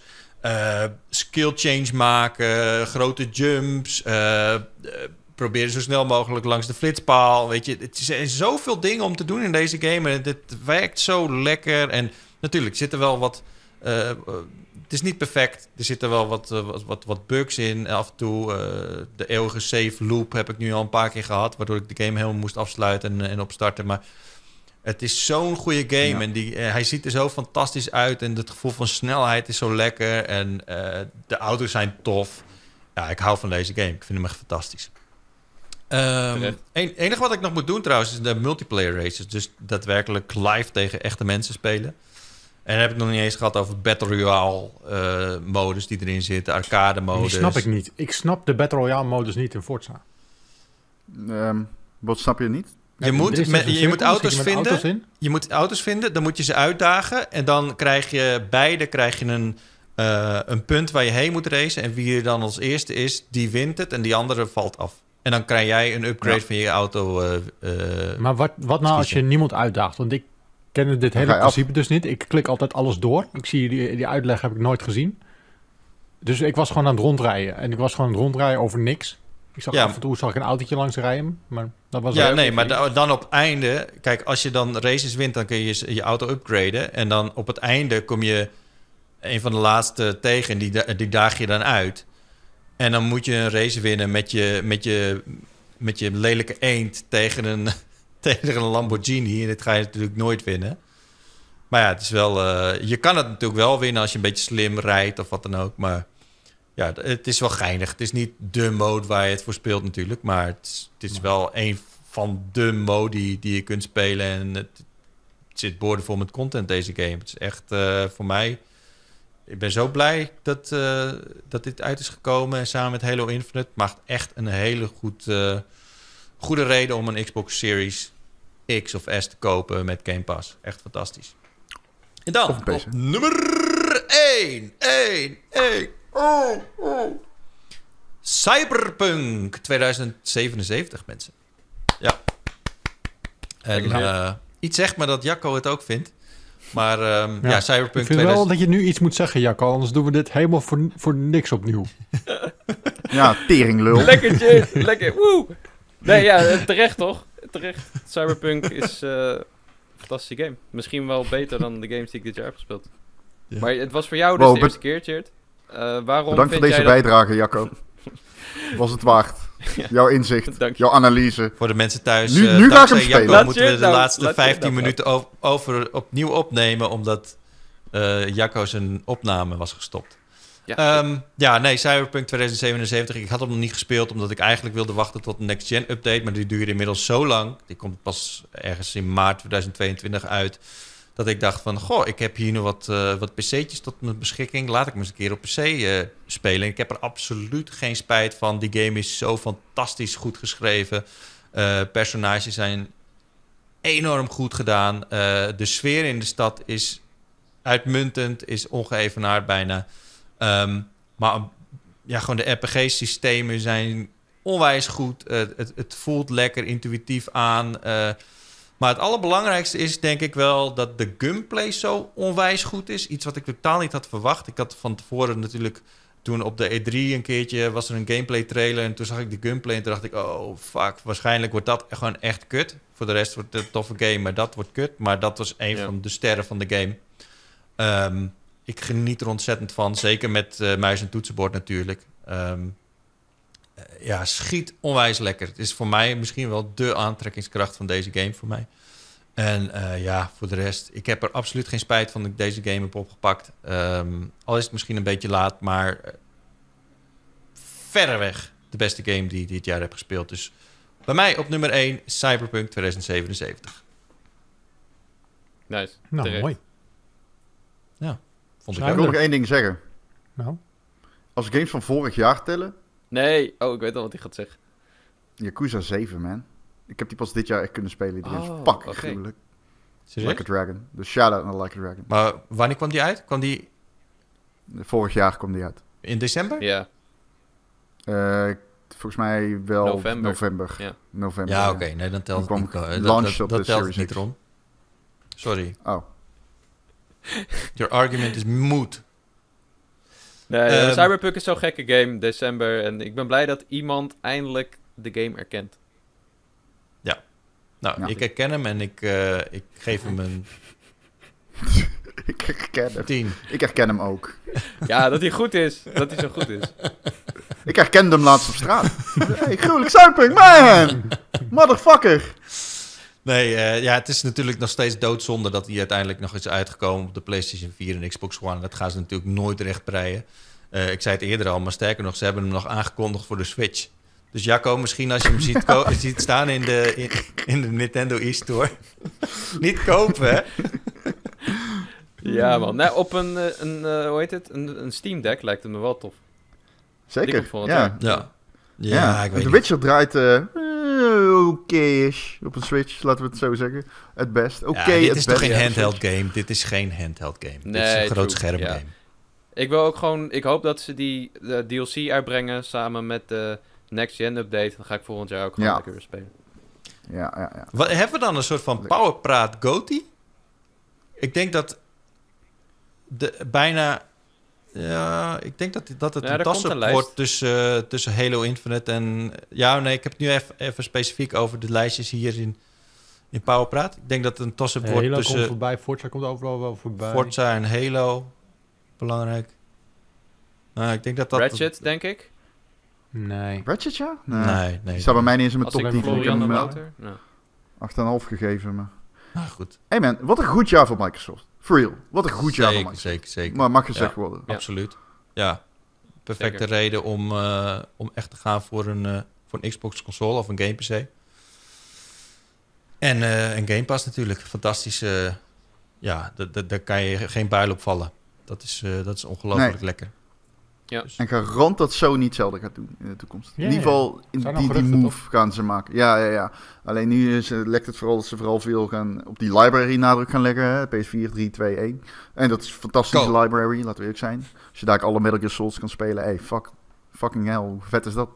Maar eh, ja, Microsoft heeft eh, de industrie echt een kant in geduwd. En, eh, Ja, zeker, zeker. Ja, eh, dat, dat vind ik e- echt de winst hoor, van het, eh, van het einde van het jaar in ieder geval. Eh, de, de, concurrentie is vol opengebarsten en, eh, en, en ja, de bal ligt nu bij Sony. Die moeten nu wel wat doen. En dat kan alleen maar goed zijn voor wij als gamers. gamers! Gamers! Republic of Games. Gamers! Gamers Republic of FTW! Goed, Ja, gamers! we zijn er. We gaan hem afsluiten. Ja, heren. Fijne Woe, jaarwisseling. Ik weet niet precies wanneer deze wordt eh, uitgezonden. Misschien nog is het wel tweede kerstdag. Dan een fijne eh, tweede kerstdag. Dan kan jij je coltra lekker aanhouden, Jacco. Ja. Eh, fijne jaarwisseling. Allemaal het beste wensen voor het komende jaar. En eh, ik zie jullie eigenlijk gewoon volgende week weer met een verse pauwtra. yes. Tot dan. Gelukkig nieuwjaar. Hoi. weer. Of kerst! Kerst. Niet te veel oliebollen eten. Drie koningen.